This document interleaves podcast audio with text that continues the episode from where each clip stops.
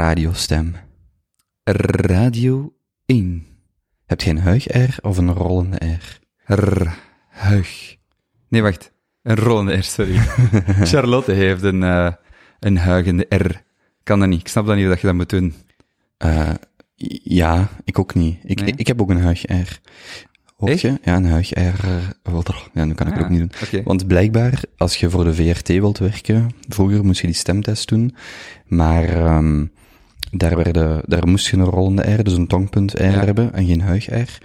Maar dat is aan het veranderen, want overlaatst was ik, um, ik denk M&M of Studio Brussel aan het beluisteren, en daar had hij, uh, dus die had een heel mooie stem, die gast, maar die had zeer duidelijk een huig-R. Oké. Dat is best mooi.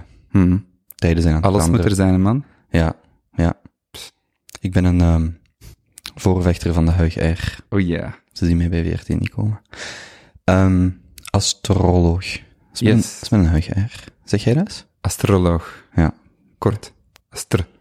Astra. Astroloog. Oké. Anyways. Um, mic check. Alles werkt. Yes.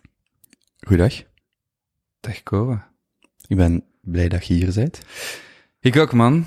Um, ik, uh, ik, allee, wij kennen elkaar via Charlotte uiteraard. Ik wil al echt eens een tijdje met u gewoon chillen, samen zitten, niet per se dit of zo, maar... En um, dat hebben we juist al even gedaan. En, en dat is nice. Gewoon, je bent een goede maat um, van de vrouw van mijn leven. Dus ik heb zoiets van, hey, kan niet slecht zijn. Ik wil er eens mee samen zitten. En ook, weet je, je bent fucking goed bezig met wat je aan het doen bent. En um, ik ben heel dankbaar dat ik hier mag zijn. Uh, want als twee mensen samenkomen die dingen doen met passie en die fucking goed zijn in wat ze doen, that's magic. Hmm. Ik moet zeggen, er zijn, er zijn twee dingen. Eén, extern. Er zijn best wat mensen die uh, mij de afgelopen weken sinds de aankondiging zeiden, hmm, daar kijk ik eigenlijk echt naar uit. Dus uh, hmm. dat viel mij op. Oké. Okay. En er is nog iets, er is een van die, Nassim Taleb is een van mijn absoluut favoriete schrijvers. In zijn boekje met aforisme heeft hij, schrijft hij over een, een lens om naar vriendschap te kijken, die, uh, waar ik direct bij, uh, mee aan u moet denken. Mm -hmm. En als hij zegt, je moet u, denk eens over uw vriendschap, niet, um, al herinnerend hoe goed de eerste ontmoeting was, maar hoe goed de laatste ontmoeting was. Dat is een, Oeh. een goede manier om naar uw de waarde van een vriendschap te kijken. Nice. Hoe goed was uw laatste ontmoeting? Ja. En ik was daar uh, over u aan het denken. Ik weet niet of de laatste keer de verjaardag van Charlotte was of ah, ja, ja, er is voor de quarantaine nog bij jullie. Ja. En ik kan mij geen één keer herinneren van alle keren dat we elkaar ontmoet hebben, dat ik niet met meer energie vertrok. Hmm. Je bent iemand dat elke keer als ik u zie, als ik u gezien heb, dus door de lens van die, van hoe is de laatste ontmoeting, dat wordt precies alleen maar beter. Mm. En uh, ik vond dan zeer, ik dacht, als ik dat ga meegeven, zit jij uh, de geknipte persoon, want ik heb dat gevoel integraal bij u. Vet. Ja. Absoluut insgelijks. Alright. Yes. Alright. It's a crescendo. Ik ben, ik, ik heb um, veel nagedacht over uh, waar we zouden beginnen, waar, waar niet, waar wel. Ik denk, ik denk dat ik vandaag um, de zogenaamde interviewerrol een beetje ga proberen loslaten. Mm. En vooral ga focussen om met u gewoon een goede babbel. babbelen. Ja, een babbel, alsof wij hier uh, op café zouden zitten of hadden Ah, gezeten. Plan. Mogen we al iets meegeven over het instrument, of blijft dat, want het ligt net buiten beeld en mensen die luisteren weten het niet, mogen we al iets meegeven of is dat een verrassing voor straks? De gitaar. Oké. Okay. Oké. Okay. Tot zover de verrassing. Oké, okay, goed, dat is, dat is alles. Um, even denken. Wilt jij jezelf voorstellen? Willen we ergens beginnen? Waar knopen we aan? Waar beginnen we uw verhaal te vertellen? Volgens u. Um, goh, mijzelf voorstellen vind ik een beetje zo, ja, zo officieel. Mm. Dat doe ik al elke dag, weet je. Als ik uh, in company trainings aan het geven ben, in bedrijven, of als ik mijn filmpje aan het maken ben voor YouTube of Instagram. Hey, what's up? This is the Leo Mystic. Ja, dus nee, weet je. Um, goh, ik denk dat ik het daarmee al een beetje heb gedaan ondertussen. Mm. Uh, maar, um, goh, ik, uh, ik vertel altijd mijn uh, eerste verhaal of, of wie ik ben. Ik deed dat vroeger altijd zo van, ja, ik heb, ik heb angstaanvallen gehad, et cetera. Maar dat is zo de, de marketingtaal. Nu, ik, um, ik geloof heel hard in, uh, in liefde, in blijdschap, in um, positief uh, focussen en uiteraard de, negatieve dingen ook uh, omarmen. Maar ik, ik ga altijd naar, ik ben de eerste foto die ik heb gezien van mezelf, um, was ik die als klein kindje, twee jaar, drie jaar oud, met mijn handen op mijn rug stond, aan het kijken naar uh, kinderen die, die voetbal aan het spelen waren. En dat vat ook zo'n beetje samen wie dat ik ben. Um, ik, ik ben heel nieuwsgierig, ben curieus naar hoe dat dynamieken werken, hoe dat personen werken. En dat heeft mij een beetje gedreven naar waarom dat ik doe wat ik doe. Ik ben heel hard bezig hè, met, met astrologie, kundalini yoga, maar dat is allemaal om uh, het mens zijn te begrijpen. En daar een passie bij om ja, de mensheid te, um, om daar liefde en, en, en beterschap in te brengen. En dat kan zo cheesy klinken, maar dat is wat aan mijn hart heel hard voelt, doet. En dat is waarom ik hier op aarde ben. En um, dat is mijn missie. En die foto is, is, dat valt alles eigenlijk samen. En een ander ding, wat ik nu ook vertel, is dat uh, mijn ouders vertellen mij altijd van, weet je, Michael, vroeger als je klein was, dan, um, als we op een, een event waren of zo, ineens waarde jij weg en wij wisten meteen na een tijd, Michael die staat vooraan bij de spreker. Uh, gewoon ook opnieuw dat nieuwsgierige, maar ook het ontdekken. Ik, ik ontdek hmm. graag, ik exploreer graag, ik reis graag. Ik heb de hele wereld rondgereisd. Um, en, en ook vooraan staan bij de spreker, omdat ik die spreker wil zijn, omdat ik, uh, ik ben ook leeuw, we daar misschien wel eens een beetje over spreken, maar leeuw in astrologie is iemand die oh, wil stralen, wil shinen, en dat zit ook heel hard in mij. En ik denk het omarmen van um, het, het kind zijn van waar je begint, je origine. Weet je, dat is een belangrijke. Wat was ik aan het doen als kind? Hmm. En, um, en dan plaats kunnen geven. Is dat omdat dat kind iets uh, on, on, onomwonden heeft? Iets, iets, iets vrij van, hmm. van zorgen van de toekomst, vrij van ah, wacht, ik moet misschien mij zo of zo draaien. Dat is gewoon, is dat die puurheid van een kind waar je naar terug wilt yes. gaan om jezelf te interpreteren of puurheid. beter te kennen? Hm. Yes, dat, dat, is het gewoon. Een kind is nog altijd ongeconditioneerd door de maatschappij. Dat is de puurheid hemzelf. Uh, en je wordt geboren, ik geloof heel hard dat je wordt geboren um, met, met een ziel, eerst en vooral, uh, en met past lives, uh, dingen die je uit vorige levens hebt meegenomen.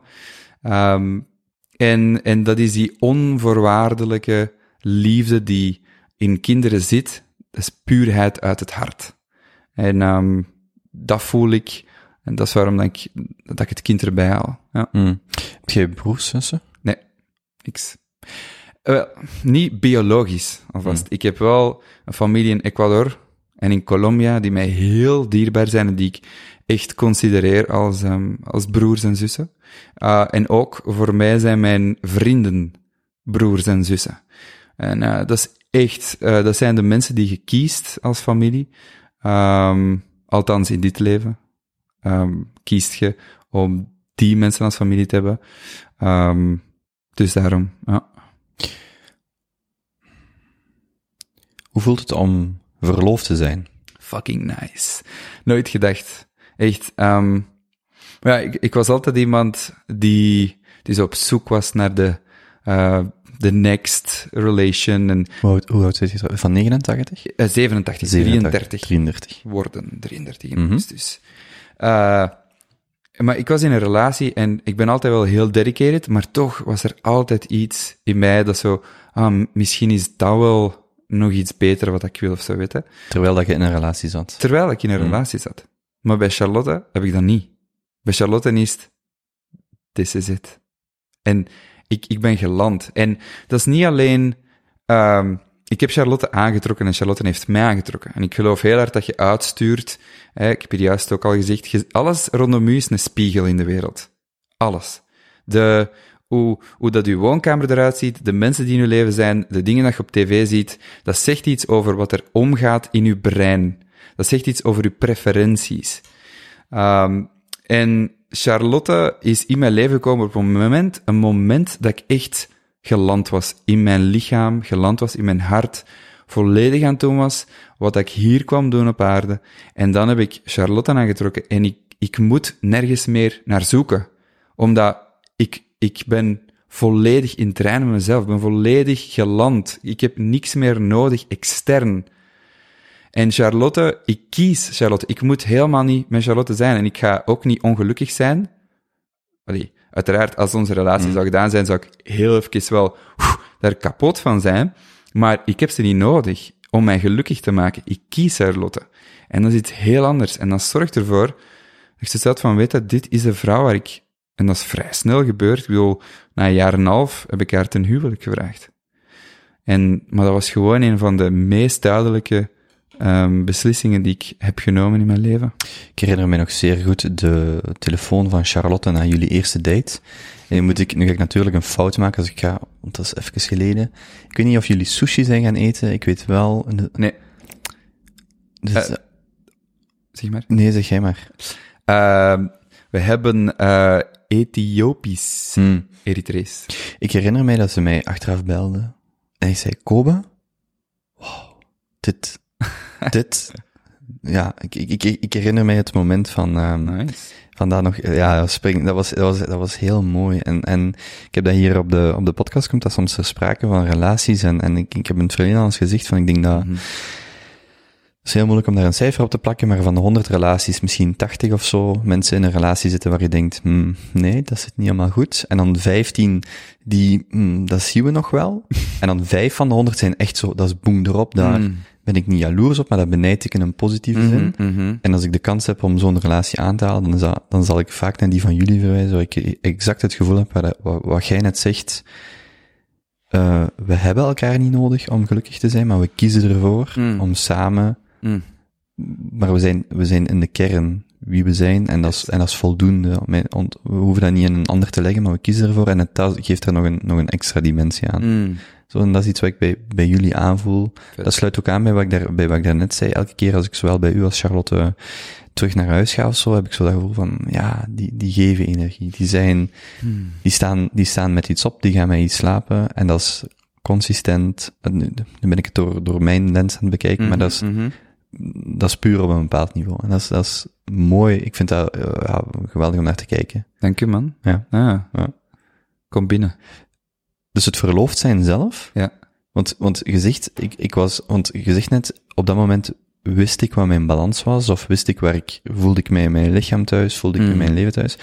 Is dat retrospectief dat je dat voelt, of wist je dat op dat moment?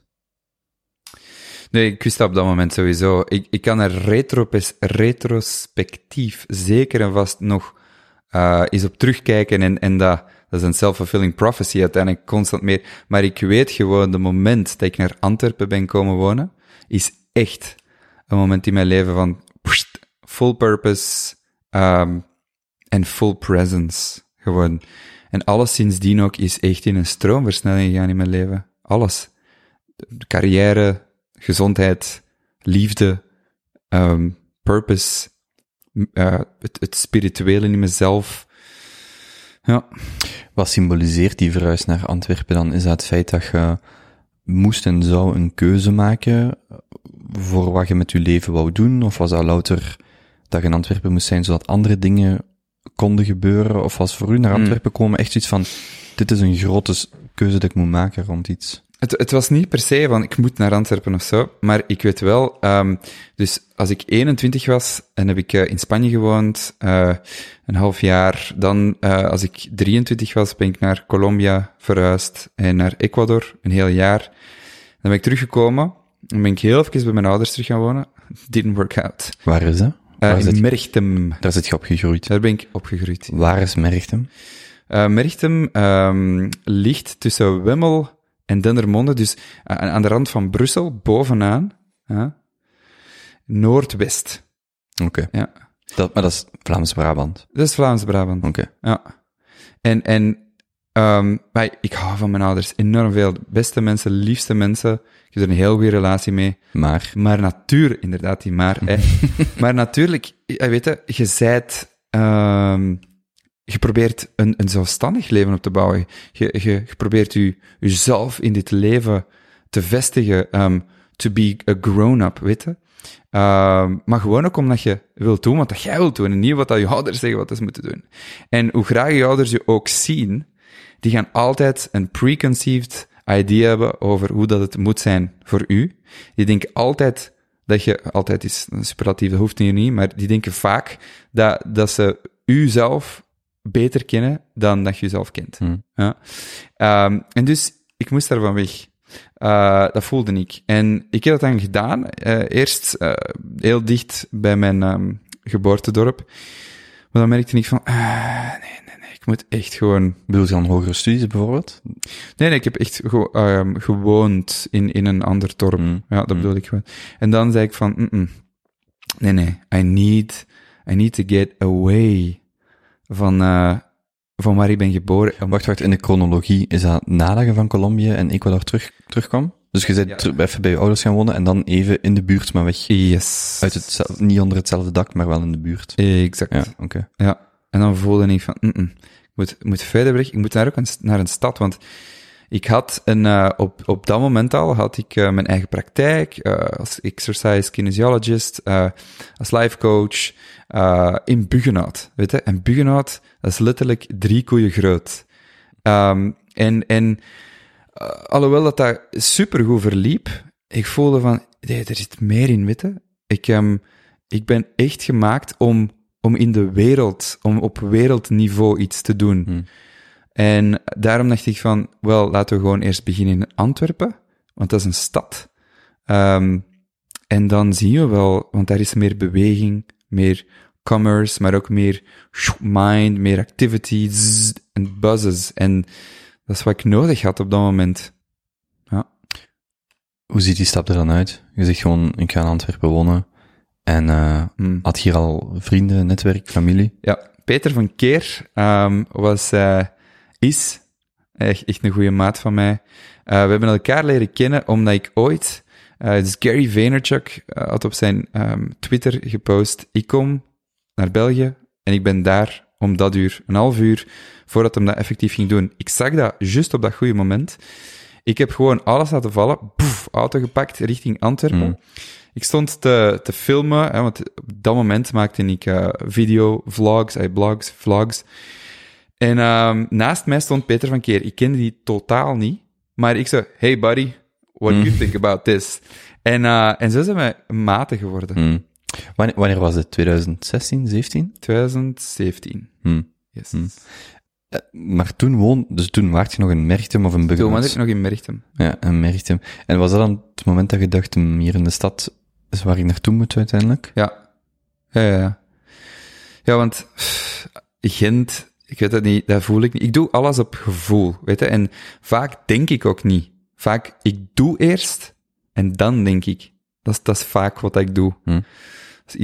Echt pure gut instinct. Ik volg mijn gevoel.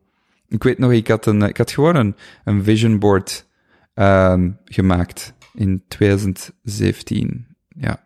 En um, ik zei tegen mei 2018, dan woon ik in een huis met dit, dat, dit, dit, dit, dit. Ik had foto's geplakt en um, ik, ik ben dan effectief gezet er geweest. Het zag er volledig uit, hmm. hoe dat het op mijn vision board stond. Um, en ik denk, ik geloof daar ook heel hard in, vibrationeel gezien, de frequentie van dat huis en mijn frequentie hebben zich elkaar aangetrokken. En dat is waar ik moest eindigen op dat moment.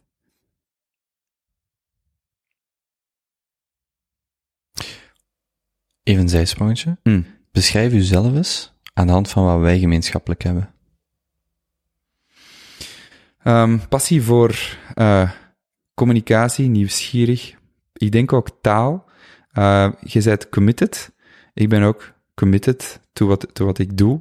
Dat is wat ik ook zo waardeer in u. Dat is wat ik echt naar opkijk ook.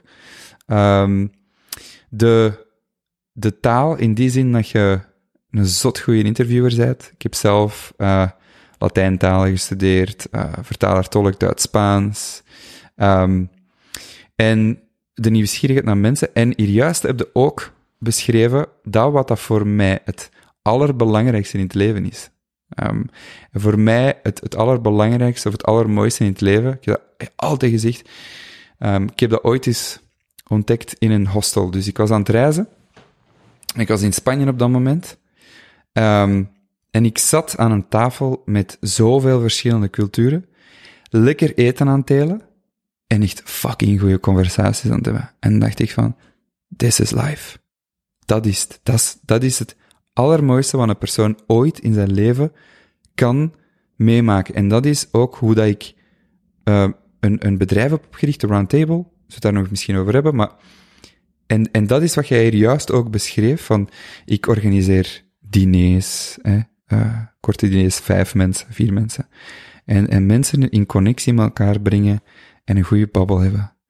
En um, ik denk dat, dat het daarom is waarom dat wij zo'n goede vibe hebben. Hmm. Wat wij niet gemeenschappelijk? Oh, um, ja, uh, opinies.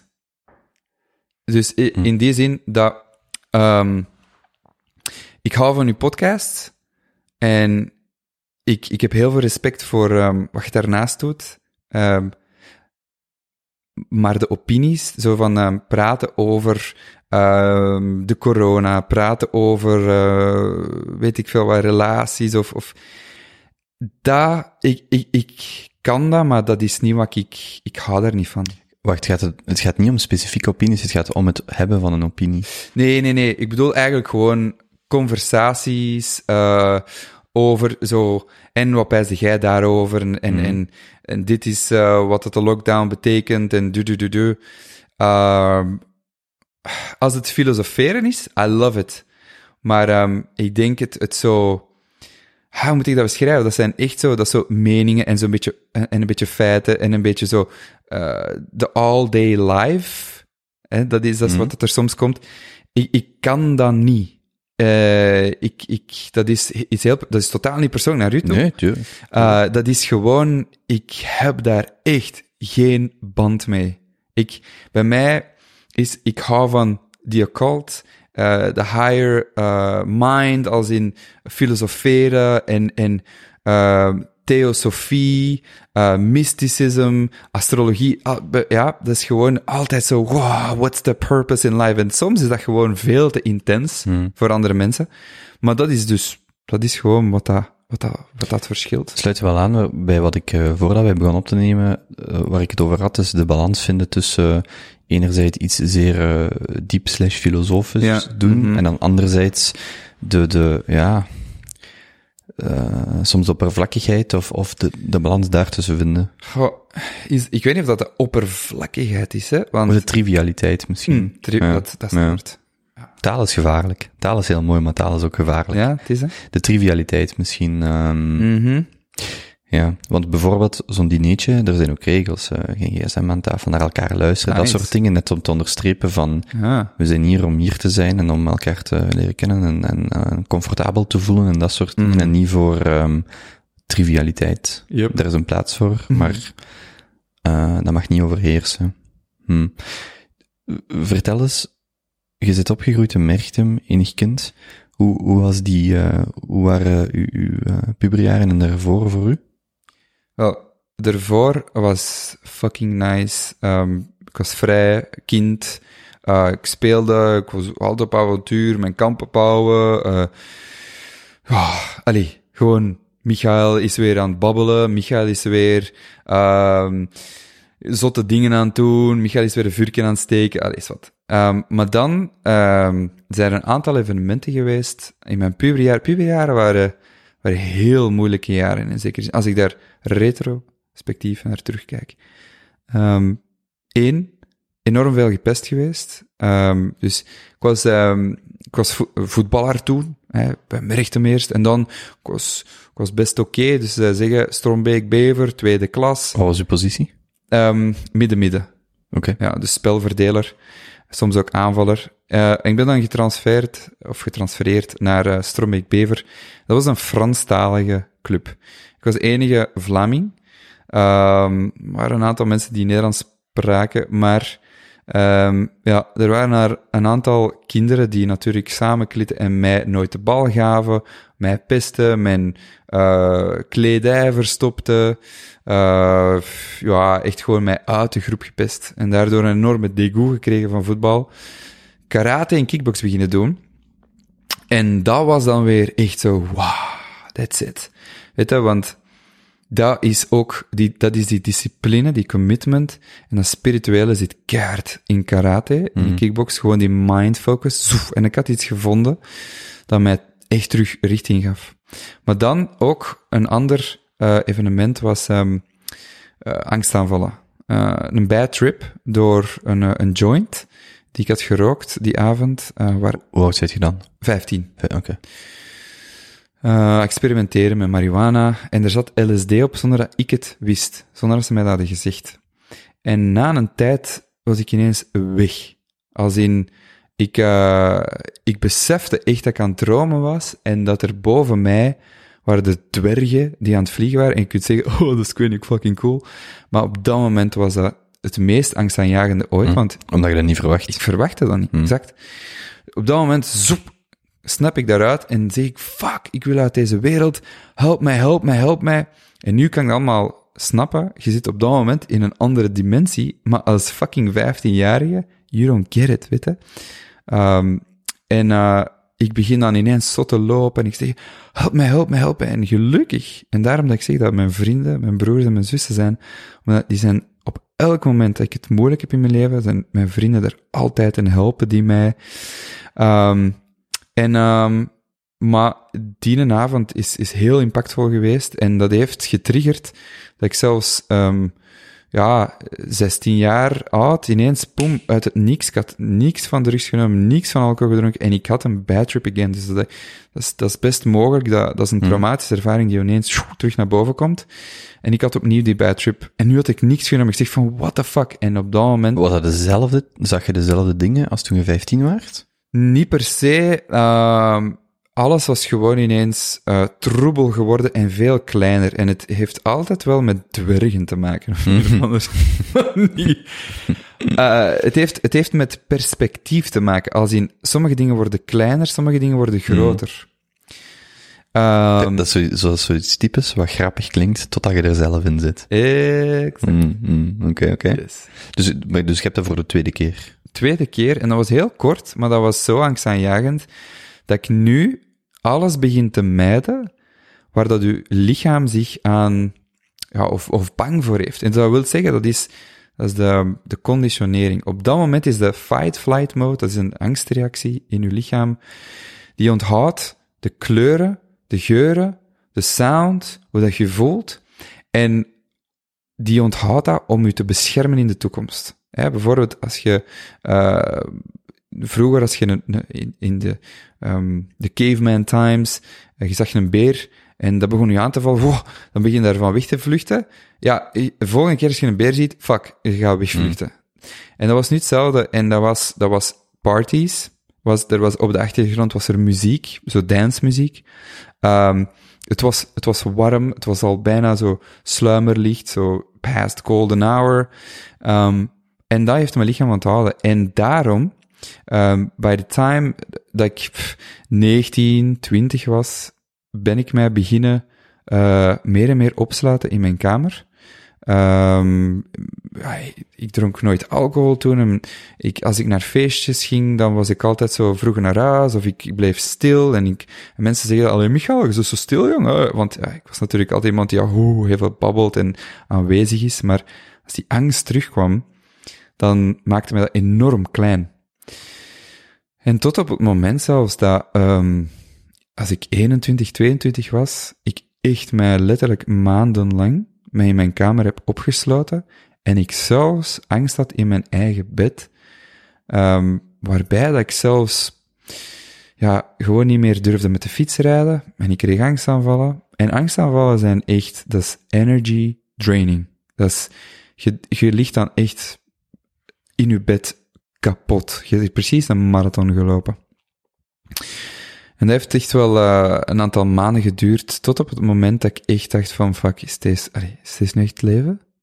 Is, is, Zelfs als er een vliegtuig voorbij komt, boven, heeft, heeft dat zodanig een angst dat je, dat je nergens weet naartoe gaan. Je zit precies achter, vol achter, door een beer, door een panter, door whatever.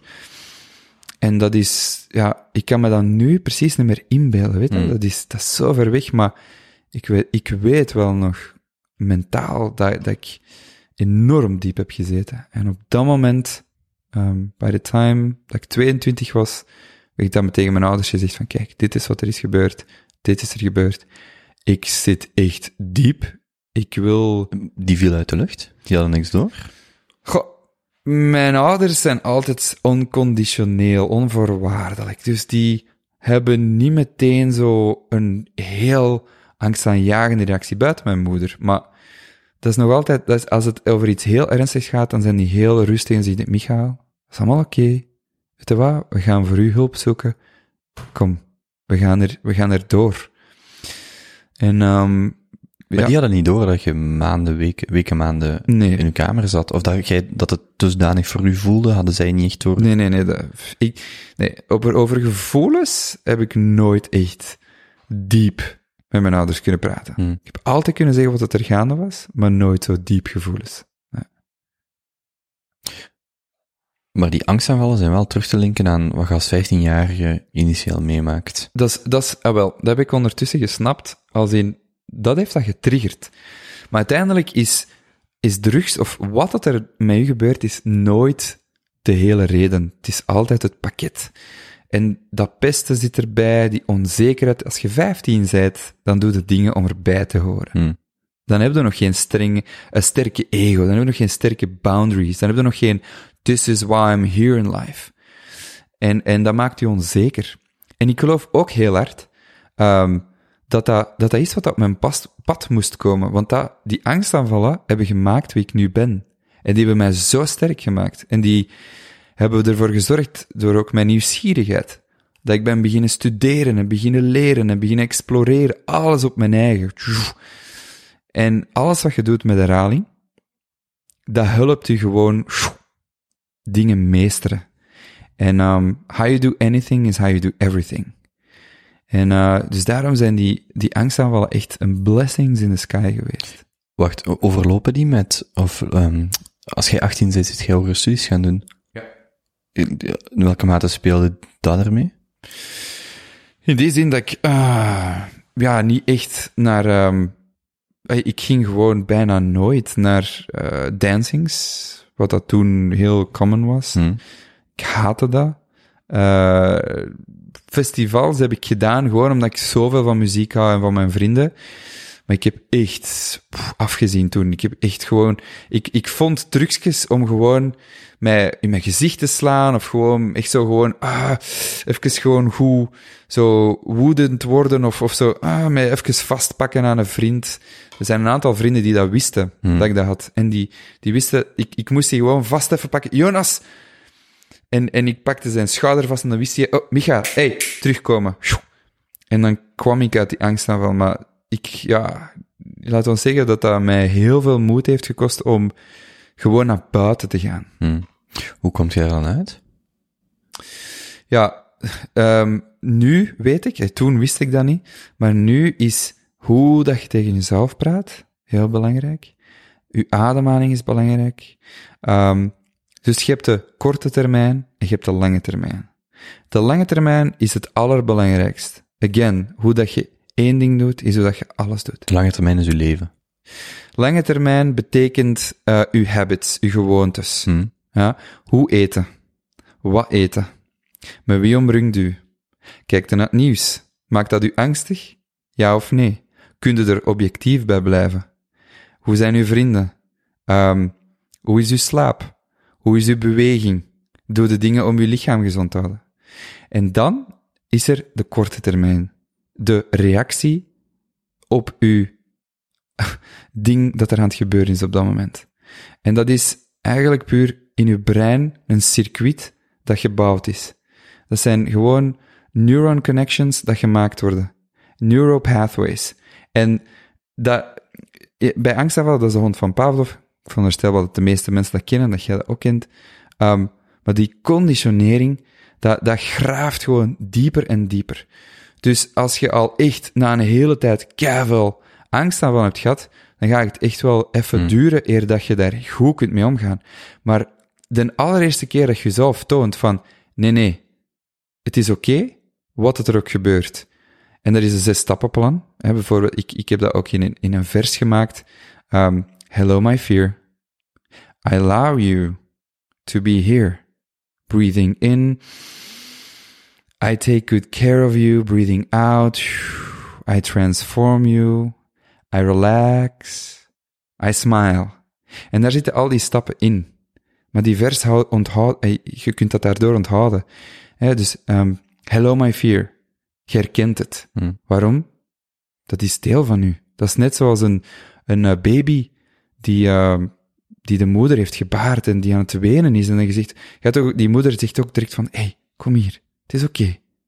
Hello my fear. I allow you to be here. Heel veel mensen vechten met hun angsten. Niet alleen met hun angsten, die vechten ook met hun, hun woede, vechten met hun, hun verdriet. Maar dat wil u juist iets zeggen. Dat is kei mooi. Laat het er zijn. I allow you to be here. Breathing in. Het is door ademhaling. Uw ademhaling is beweging. Uw ademhaling beweegt de nadies in uw lichaam, de, de energetische baan in uw lichaam, waar dat, dat je dingen vasthoudt. Maar ademhaling zorgt juist dat je terug alles laat bewegen. En uw ademhaling is ook gelinkt aan uw brein en aan uw hartritme. Dus als je aan het ademen bent, ja, gaat uw ademhaling en uw hartslag en uw brein natuurlijk kei snel gaan. Your mind is on. Maar als je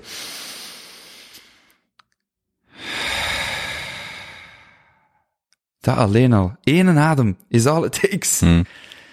Dan, dan kalmeert uw brein, dan kalmeert uw hart, dan kalmeert uw lichaam. Je zegt tegen uw lichaam op dat moment, it's alright. Heel dwaas, zo heb ik mij als tiener leren rustig worden. Ik ben van nature heel onrustig en heel volatiel. En, Nice. En eh, ik heb toen op een bepaald moment gezegd, ik moet en zal rustig zijn. Ik wil altijd zo de calmest person in the room zijn. Altijd. En als ik dan bijvoorbeeld horrorfilms, ik ging soms expres in de cinema horrorfilms kijken, omdat ik wist dat ik daar, en wat er dan gebeurt als je een horrorfilm kijkt, en je, je zit dus meer met jezelf bezig als met de film, je voelt dan, oh, ik ben aan het verstijven, want er gaat iets gebeuren. Hmm. Dat ik echt zo, nee, blijven ademhalen. Vet. En wanneer ik nu bijvoorbeeld emotioneel word, wanneer ik bo, dat is echt zo, dan voel ik van, ah, ik ben aan het stoppen met ademen, en dan gewoon Hey man. blijven nice. ademen komen. Ik heb dat echt, ik ben een horrorfilm soms gaan kijken, gewoon om te oefenen, en dat, dat klinkt een beetje dwaas, maar Nee, echt dat van, rustig blijven. Wat er ook gebeurt, inademen, uitademen. Hoe bewust is dat, man? Hoe bewust, dat, dat vind ik zo fucking nice. Dat is, dat is de wijsheid van je lichaam, maar dat is ook de wijsheid van jezelf. Hè? En dat is, we hebben het er juist even over gehad, dat is wat dat spiritualiteit is voor mij. Mm. En, en je zei meer spiritueel dan dat je denkt. En as a matter of fact, iedereen is spiritueel. Iedereen. Je kunt niet, niet spiritueel zijn. Mm. Je kunt het alleen niet zien. Ja, of hoe ik dat dan zou verwoorden, en ik denk dat we daar elkaar tegenkomen, is, je hebt er misschien niet de juiste lens voor, of niet de Mm. juiste woorden, of, of Exact. je staat ergens anders, maar ik, ik bedoel, eh, mijn grootmoeder, mijn grootvader zijn zeer belangrijke figuren geweest die al twee gestorven zijn. Ik, ik zal soms nog eh, omhoog kijken. Of er nog op bepaalde manier eh, een bepaalde waarde geven aan hen, of zij die zich manifesteren in mijn dagelijks leven. En de ene noemt het misschien religieus, de andere spiritueel, maar er, hoe je het ook noemt, er is iets wat dat representeert en, en, en misschien geef je er een andere term aan. of- maar ik geloof wel dat heel veel van die dingen zo, ja kijk, ehm, er, er, er, je had het er daarnet al over, eh voor we begonnen op te, no- op te nemen, dat linker en rechterdeel, dat mannelijk-vrouwelijk of feminin-masculien, van, Mhm. er, er is echt veel meer dan louter de dingen die je kunt benoemen, en, Ja. en, en daar gaat het grotendeels om. Exact. Niet enkel het onzichtbare zichtbaar maken, maar ook je bewustzijn dat er iets onzichtbaar is, of, of zo. Mm. Wacht, ga eens verder met uw vers. Dus breathing in, um, I take good care of you. Dat is echt het, uh, speaks for itself. Breathing out, I transform you. Want we, we moeten begrijpen dat angst is een energie. Ja? Dat is, een, dat is een, een vibratie, dat is een frequentie. Als je dat gaat meten, Zeg eens, als je vibratie, het woord vibratie gebruikt, wat bedoelt je dan? frequentie, waves, golven. Dat is beweging, Maar dat is iets wat je voelt. een sinus wave. Uh, dat is iets wat je kunt meten. Oké. Ja, Gelijk jij in je appartement bijvoorbeeld, je kunt vibraties meten. Ja, tuurlijk. Je kunt frequenties meten. Je kunt uh, de frequentie meten van uh, uw lamp, uh, de frequentie van de elektriciteit, de voltage, de hertz. Um, en alles is gewoon hertz. Alles is frequentie. Alles is beweging. Alles zijn golven. Dat is wat de, de um, zijn de theorie van de Big Bang een beetje aan het herzien, maar uh, dat is nog de meest uh, aanvaarde theorie momenteel, wat dat wij weten als mens. Uh, de Big Bang heeft alles in gang gezet. Dat was ooit, wetenschappers zeggen dat de ooit, de, de universe was ooit zo groot als een erd. Hmm. Um, en dat was miljarden, miljarden, miljarden, miljarden graden warm. En op een bepaald moment is dat ontploft. En dan is dat beginnen uitdijnen, uitdijnen, uitdijnen, uitdijnen. En dat heeft een shockwave veroorzaakt. Je moet gewoon maar ook eens hè, een pebble in het water, een, een steen in het water, dat veroorzaakt ripple effect. Hmm. Ja? Dus um, je moet maar eens kijken naar de scale of consciousness. Oké, okay? dat, dat is een, een frequentie van emoties. En de frequentie van ons uh, menselijk lichaam vibreert op 200 hertz. Alle gevoelens daaronder zijn... Gemiddeld of standaard? Standaard. Standaard, oké. Okay. Ja, um, ja oké, okay. ik veronderstel standaard en gemiddeld. Mm, mm. Het is en en. Um, alle gevoelens en emoties, frequenties daaronder zijn destructief. Makes sense. Ja? En dat zijn allemaal emoties zoals schuld, schaamte, angst, woede. Dat zijn allemaal dingen die energie van u nemen. Hmm. En het makes sense als je daaraan denkt. Bijvoorbeeld, schaamte en schuld zijn de ergste energieën, frequenties die je jezelf aan je lichaam kunt geven. Moet daar maar eens bij nadenken. Ook als je schuldig voelt, dan ont ontkent je jezelf. Hmm. Boven je lichaam zitten liefde, compassie. Ja? Dat zijn allemaal vergeving. Dat zijn allemaal, zeker ook vergeving is compassion, is de hoogste frequentie die er bestaat. En dat is pure liefde. En dus eigenlijk is dat, je moet dat een beetje zien zoals koud-warm. Wij noemen dat koud-warm. Maar eigenlijk is dat niet koud-warm. Dat is een spectrum van het meest koude naar het meest warme. Hmm. En dat is gewoon temperatuur. Wij maken dat warm, wij maken dat koud. Omdat we dat ervaren via onze zintuigen. Anyway, um, dus breathing out, I transform you. Je transformt het omdat het een energie is. En je beseft dat die angst iets is. Fear, feel everything and release. En dus, angst is iets dat je vasthoudt. Um, want angst is iets wat, dat je, wat je brein heeft onthouden. Die een beer. Dat is een gevoel. Dat is een, een emotie die gelinkt is aan een gedachte. Of een gedachte aan een emotie. En wij um, leven 90% in het verleden. En dat is waarom dat zo moeilijk is om hmm. onze angsten en onze schuld zo weg te werken. En, maar jij hebt een bewust brein, waarmee dat jij keuzes kunt maken. En dat is waarom dat keuzes bewust zijn. Dus dat wat dat jij deed, als jij in de cinema zit, van, ik ga bewust naar de horrorfilm en ik voel dat ik mijn adem aan het inhouden ben, jij kiest op dat moment om verder te beginnen ademen. Dat is een bewuste keuze. En dat is wat dat ons mensen zo onderscheidt. Dat wij die bewuste keuze kunnen maken. Dat we geen slaaf zijn van... Dat we geen slaaf mm. zijn. Of hoeven te zijn, want er zijn Mm. heel veel mensen van Mhm. slaaf. En dat is waarom dat je, by the way, niet naar het nieuws moet kijken. Um, maar um, die emotie kan dan getransformeerd worden omdat je kiest naar een, een betere energie. En um, dus daarom, I transform you. En dan, um, I relax. Speaks for itself. I smile. Je kunt niet lachen Hm. en verdrietig zijn of angstig zijn tegelijkertijd. Hm. Dat zijn de stappen. Wie heeft u die vers aangeleerd? Geert Verschaven heeft mij die vers aangeleerd. Um, die, dat is de persoon die ik ook heb gevonden als mijn ouders zeiden van, we gaan u helpen. agorafobie.be Voor de mensen die um, echt hulp nodig hebben in angstaanvallen. Check dat echt uit. Dat is een Agora, agrofobie. agorafobie. Agora, ja, ja. Um, ik heb toen, uh, want ik ben iemand die altijd alles in zelfstudie doet en altijd alles zelf heeft gedaan.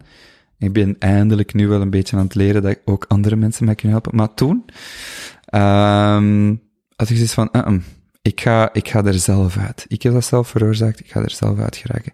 Dat is een 15 weken programma, um, waar dat je leert, wat is die angst? Hoe leer je ermee omgaan?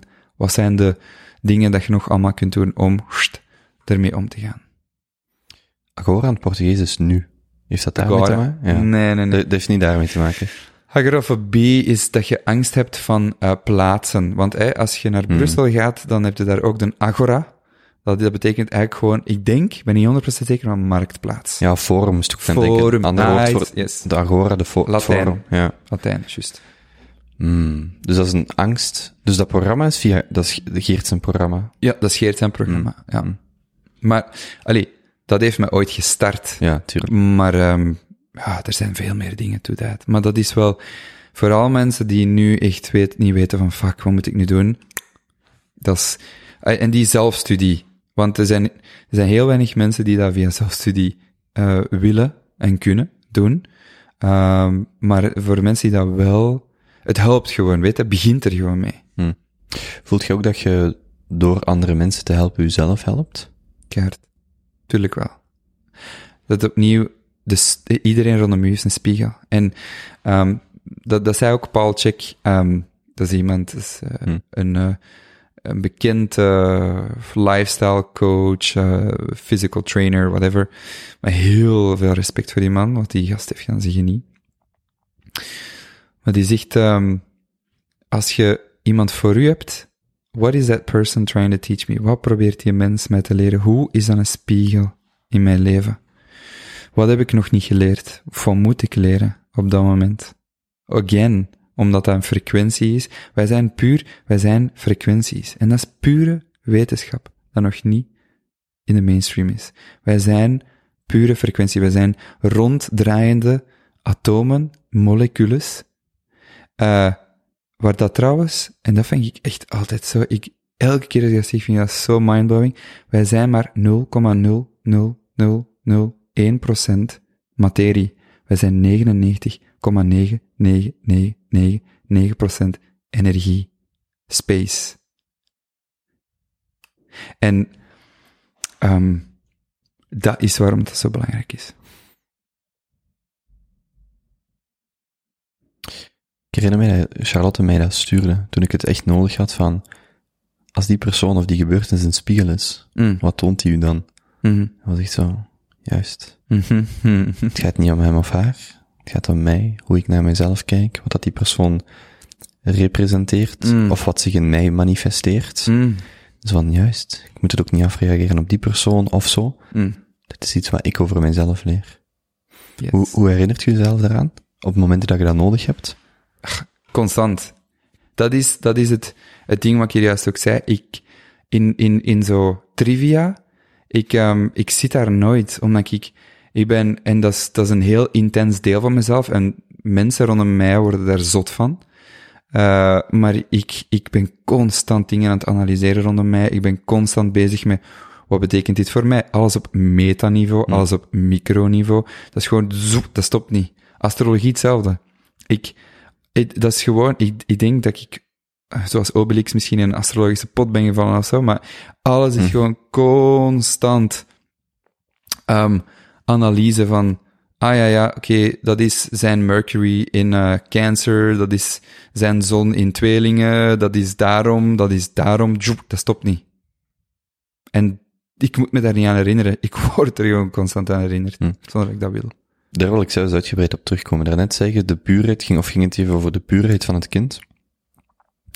Is dan de staat die je ambieert of naartoe werkt, als dat al de juiste terminologie is, Hm. eerder teruggaan, een terugkeer naar die puurheid van een kind? Of gaat het erom om die puurheid te kunnen erkennen, herkennen als volwassene en daarin verder te evolueren?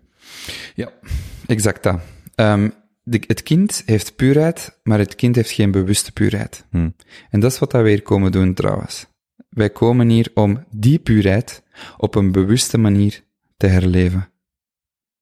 En dat is wat dat spiritualiteit trouwens is. Dat is die staat van puurheid, van liefde, van onschuld, van, van nieuwheid, van nieuwsgierigheid, van ontdekking, bewust in het brein te manifesteren.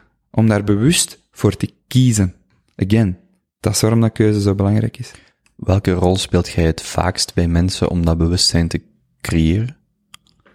Wel- Welke mensen komen op welke momenten bij u? Wel, wacht hè, want ik was even verward door het woord rol. Want wat bedoelt je met rol? Is dat, want je kunt een rol spelen, als in Hmm. niet authentiek, of je kunt ook gewoon een medium zijn of een facilitator zijn van, welke van de twee is het? Tweede. Oké, facilitator. En dus de vraag was, welke facilitator zijt je om, wat? De achterliggende vraag was, met, als jij het hebt over dat bewustzijn, die kinderlijke puurheid proberen te combineren Ah, ja. met een bewustzijn en dat spiritualiteit, wat, wat houdt mensen het meeste tegen om die stap misschien te maken, of welke rol als facilitator speelt je om mensen daartoe te helpen? Ja.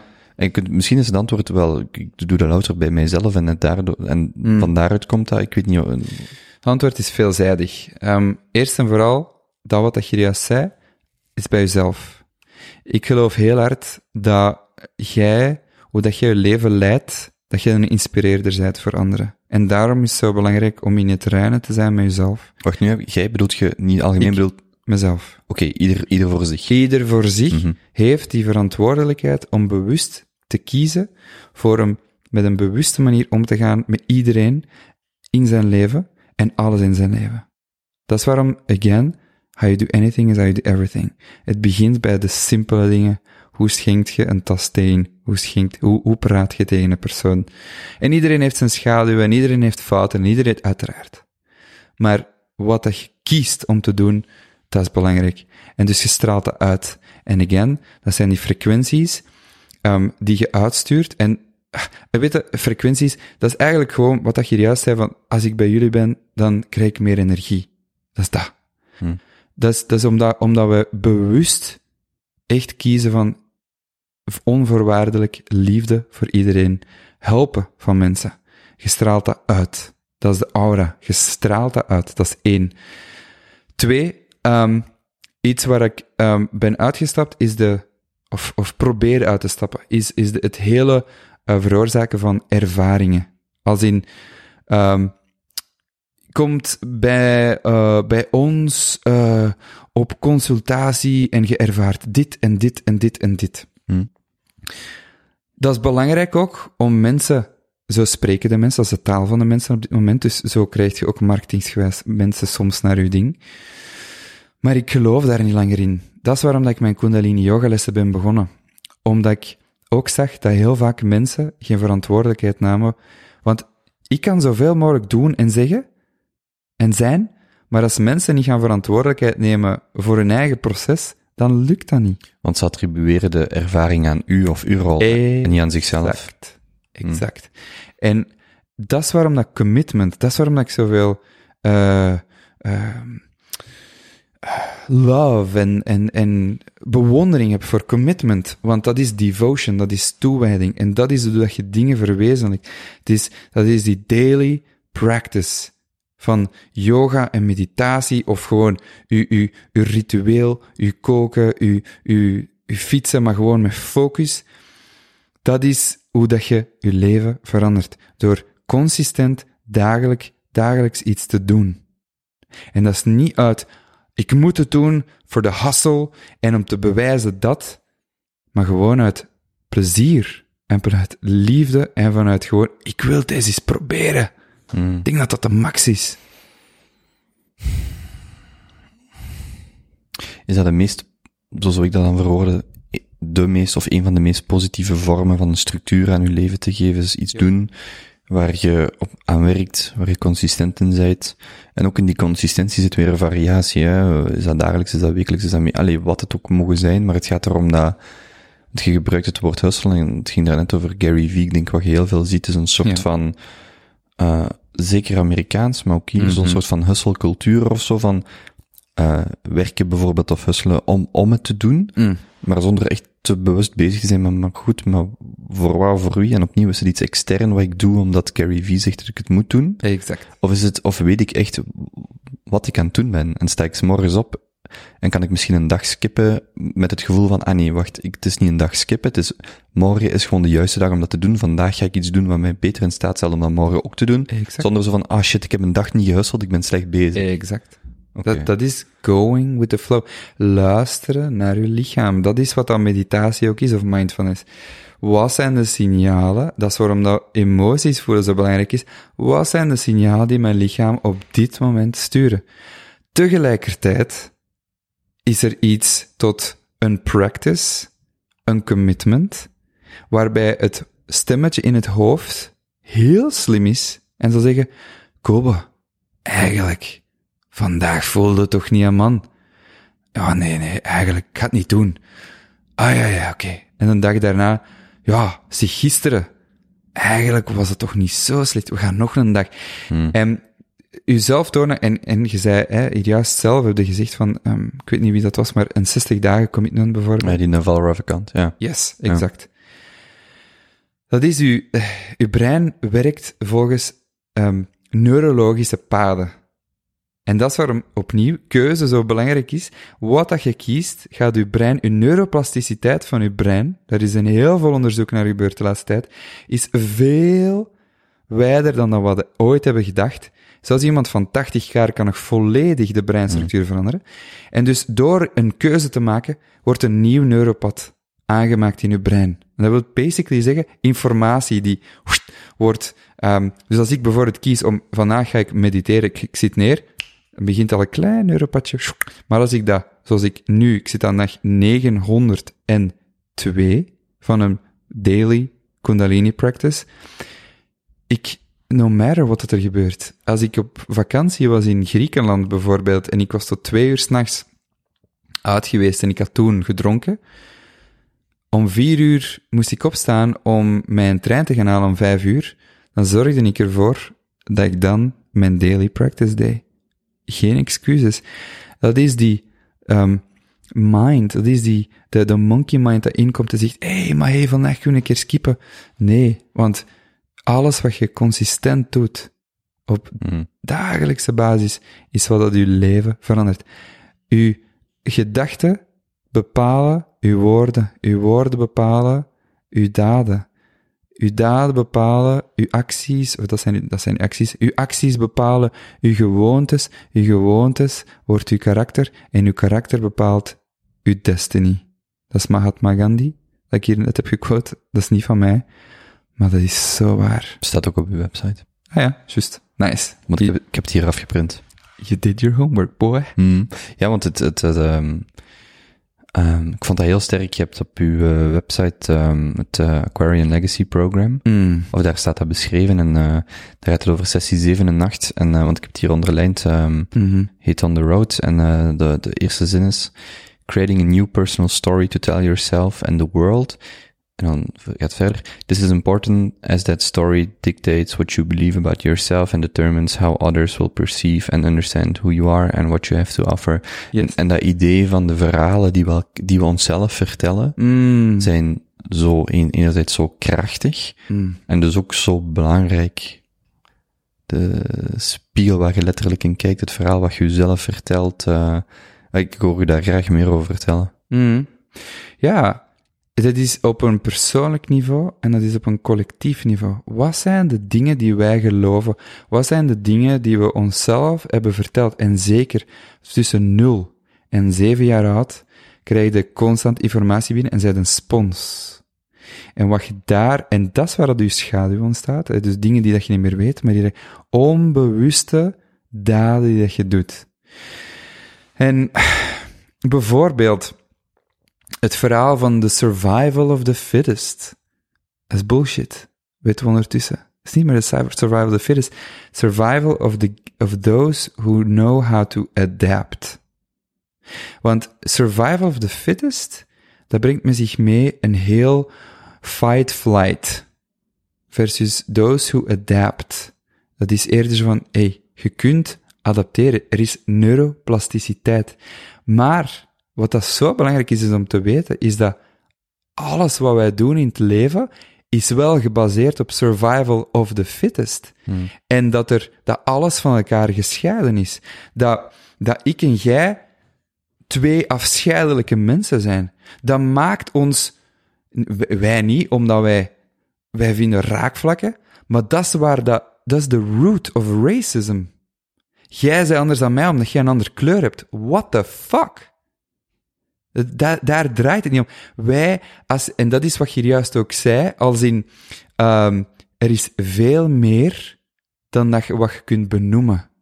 En je moet alleen al maar een keer kijken naar de scale of colors. Je hebt rood tot purple. Maar je ziet infrarood niet. Infra betekent onder. Maar het bestaat wel. En je ziet niet ultra boven, violet niet. Maar het bestaat wel.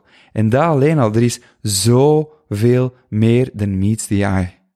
En er is zoveel meer dan dat wij weten. En, en, en de wetenschap, de quantum theory, quantum physics, quantum dynamics, etc., is allemaal heel duidelijk aan het. Dat wat dat de yogis 5000, 10.000, 20.000 jaar geleden allemaal wisten. Dat wij één zijn door de atomen die ons gelijk maken. Alleen noemden zij dat niet atomen, zij noemden dat fohat. Een fohat is de energie, prana, orgoon, chi, ki, hoe dat je het ook wil noemen. Dat is waarop dat, dat is de essentie van al het leven. En daaruit ontstaat alles, wordt alles gemaakt in vele vormen, in mineralen, in planten, in mensen, in... Alles is prana, alles. Alles wat je ziet rondom u, alles leeft, alles. Alles heeft een bepaalde energetische atomenstructuur. En dat als je dan gelooft dat als we ouder worden, dan beginnen we rustig te sterven, of als je gelooft, hoe ouder ik word, hoe meer ik mezelf kan helen. Hmm. Dat is een heel andere mindset, en, maar het bepaalt wel uw acties. En iemand die gelooft, die hoe ouder dat die wordt, hoe, hoe, hoe meer dat hij sterft, ja, die begint af te takelen gewoon omdat uw mind zo krachtig is en alles in uw lichaam dicteert, uw proces in uw lichaam dicteert. Dus het verhaal dat je zelf vertelt, is hoe dat je uiteindelijk gaat leven. En dat is hetzelfde met mijn angstaanvallen geweest. Ik vertelde mijzelf, nee, nee, als ik naar buiten ga, dan ga ik angstaanvallen krijgen. Als ik met die persoon ontmoet, dan, dan ga ik het ook niet goed gaan. Als ik dat doe, maar dat is de essentie, ook in dat programma zelfs, 15, 20 jaar geleden ondertussen, of vijf, uh, ja, 18 jaar geleden, zwart, was dat, het, wat ik moest doen was visualisatie, meditatie, mij voorstellen, hoe zou het zijn? En hoe zou het voelen? Moest ik geen angsten meer hebben? En dat begon rustig mijn verhaal te worden. Hmm. Ik begon rustig de uitjes te pellen en gewoon een nieuw verhaal te vertellen. Schiet ik, al- al in het hele uur dat we aan het opnemen zijn, schieten er constant dingen door mijn hoofd, raakvlakken dat ik denk, dat ik intuïtief dezelfde mening heb, maar er volledig o- er op een heel andere manier toe kom. Hmm. Maar dat je iets vertelt en denk van, ja, juist. Ik denk dat, of de conclusie, denk ik, die wij trekken, hoe het bijvoorbeeld, hoe je theorie dan in praktijk zou omzetten, dat Mm. zo, ja, exact hetzelfde. Alleen zo van, ah ja, ik denk dat wij exact dezelfde, Zalig. Heel vaak dezelfde conclusie trekken. Was Ah. want ik was net aan het denken, als, jij dat, als het bijvoorbeeld ging over die dineetjes en zo, wat jij nu vertelt van, hè, dus de verhalen dat wij onszelf vertellen, zijn zo fundamenteel in ons gedrag, dat ik zelf aan het denken was, maar wacht eens, bijvoorbeeld op zo'n dineetje, je brengt mensen samen. Is dat ook niet, en zo voelt het voor mij intuïtief, is dat ook niet al een aanzet om, wacht eens, er is iets anders wat je jezelf kunt vertellen, zoals, Mm. Er is een plek om dingen te delen met mensen. Er is een plek om, Mhm. om meer mijzelf te zijn dan die red race of de zoveelste meeting of zo. Wacht, het is misschien belangrijk om tijd te maken voor mensen. Ah, wacht, ik ben misschien het type persoon wat wel tijd maakt voor de dingen te Mhm. doen die ik niet op voorhand kan inschatten. Hoe Allee, zo, dat was ik net aan aan het denken. In welke mate dat zelfs zo, omdat ik, ik geloof vrij hard in impliciet dingen tonen. Niet expliciet van, jij moet, dit zijn de tien geboden. maar impliciet het feit dat we een opname doen van, maakt niet uit hoeveel uur, Ah, dat is impliciet meegeven van, ah, wacht eens, ah. een gesprek waar rust en kalmte is, dat geef je Yes. expliciet mee, dat is iets wat je uitstraalt. En dat is dan, dat is dan mijn, dat is dan mijn framework. van toon iets impliciet, niet expliciet. En dat sluit, denk ik, volledig aan bij, bij wat, je- allee, vanuit mij, als ik u hoor vertellen, is dat van, ja, inderdaad. Ik hoef niet extern iemand te tonen of te zeggen, dit zijn de tien geboden die jij moet voeren, volgen. Dit is gewoon, Mm. dit is hoe ik dat probeer te manifesteren of te tonen. Yes. En jij pakt ervan wat je wilt. Exact. En neem het niet allemaal misschien te letterlijk, maar gewoon kijk, oké, wat, wat is hier waar? Wat is de waarheid? Wat, wat, wat, voelt juist aan? Nee, juist is niet het juiste woord, maar wat voelt? Goed is ook niet het juiste woord. Maar je hebt zelf, je, je, eigen filters zijn sterk genoeg om, Mm. om, om te erkennen wat waar is en wat Amen. niet. Hm. Amen. Eh, Maar dat is wat dat vandaag de dag ontbreekt, hè, man. Mensen beslissen niet meer voor hunzelf. Mensen kiezen niet meer voor wat dat zij intuïtief, hè, want Hmm. je zegt het hier juist, Hmm. diep van binnen voelen. Vertrouwen op jezelf. Dat is hoe dat intuïtiviteit ontstaat. Door te tonen dat je vertrouwt op wat er in je lichaam, in je gevoelens en in je brein, je gedachten omgaat, gaat dat opnieuw zich beginnen manifesteren en zeggen van, hé, hey, ik kan dat. En dan wordt dan een sterkere ego, een sterkere zelf, tush, met boundaries. Terwijl dat heel veel mensen, de dag van vandaag, zich baseren op wat de overheid zegt, op wat een guru zegt, op wat een masterchef zegt, of Pascal Nasus. En niks tegen Pascal Nasus of een masterchef, Mhm. maar het gaat erover, waar is die wijsheid in Ja, jezelf? dat is niet uw wijsheid of uw waarheid, dat is de waarheid die je uit iemand anders haalt. Of, Exact. Dat is weer, dat is weer, en dan ga ik stoppen met daar voorbeeld over te geven, maar ik heb jaar geleden een essay geschreven. Ik heb dat nooit gepubliceerd, maar het, het, de titel was, ehm de betrouwbaarheid van uw intuïtie. Het was zoiets, en dat ging erom dat, dat mijn aanvoelen was, als je, u, als je wilt dat de betrouwbaarheid van uw intuïtie 100% is op het einde van uw leven, dat, als referentiekader. Je wilt, je wilt niet dat elke keuze, je kunt niet verwachten dat elke keuze die je altijd maakt, dat die 100% boem erop zit. Mm. Maar je hoopt dat misschien, dat tegen het einde van je leven, dat je aanvoelt wat de waarheid, eigenlijk is dat gewoon zoektocht naar de waarheid. Ja, en, dus, ja, ja. en dus dat essay, of de, die tekst ging erover van, doe, door de ervaring die je in je leven hebt, gaat die, door de, de keuzes die je maakt, zowel goed als fout, de mensen die je ontmoet, de, de zoektocht in jezelf, gaat die betrouwbaarheid altijd stijgen. En het gaat er niet om dat de Mhm. keuze goed of fout is, maar het gaat erom dat je elke dag opnieuw werkt aan die betrouwbaarheid zo snel mogelijk, zonder er een reis van te maken, maar zo snel mogelijk, zo hoog mogelijk. Dat je zo snel mogelijk kunt zeggen, ik ga hier een keuze maken, intuïtief. En vorig jaar was de betrouwbaarheid 70%, dat wil zeggen 7 op de 10 zat ik juist en 3 op de 10 fout. En een jaar later is die misschien al 85%. Mhm. En dus het gaat het over alle keuzes heen. En ik heb dat echt een paar jaar geleden geschreven en dat zo, zo heel nauw gehouden. Zo van, oké, hoe meer je naar de waarheid gaat, hoe hoger die betrouwbaarheid is en hoe minder je voor verrassingen komt te staan.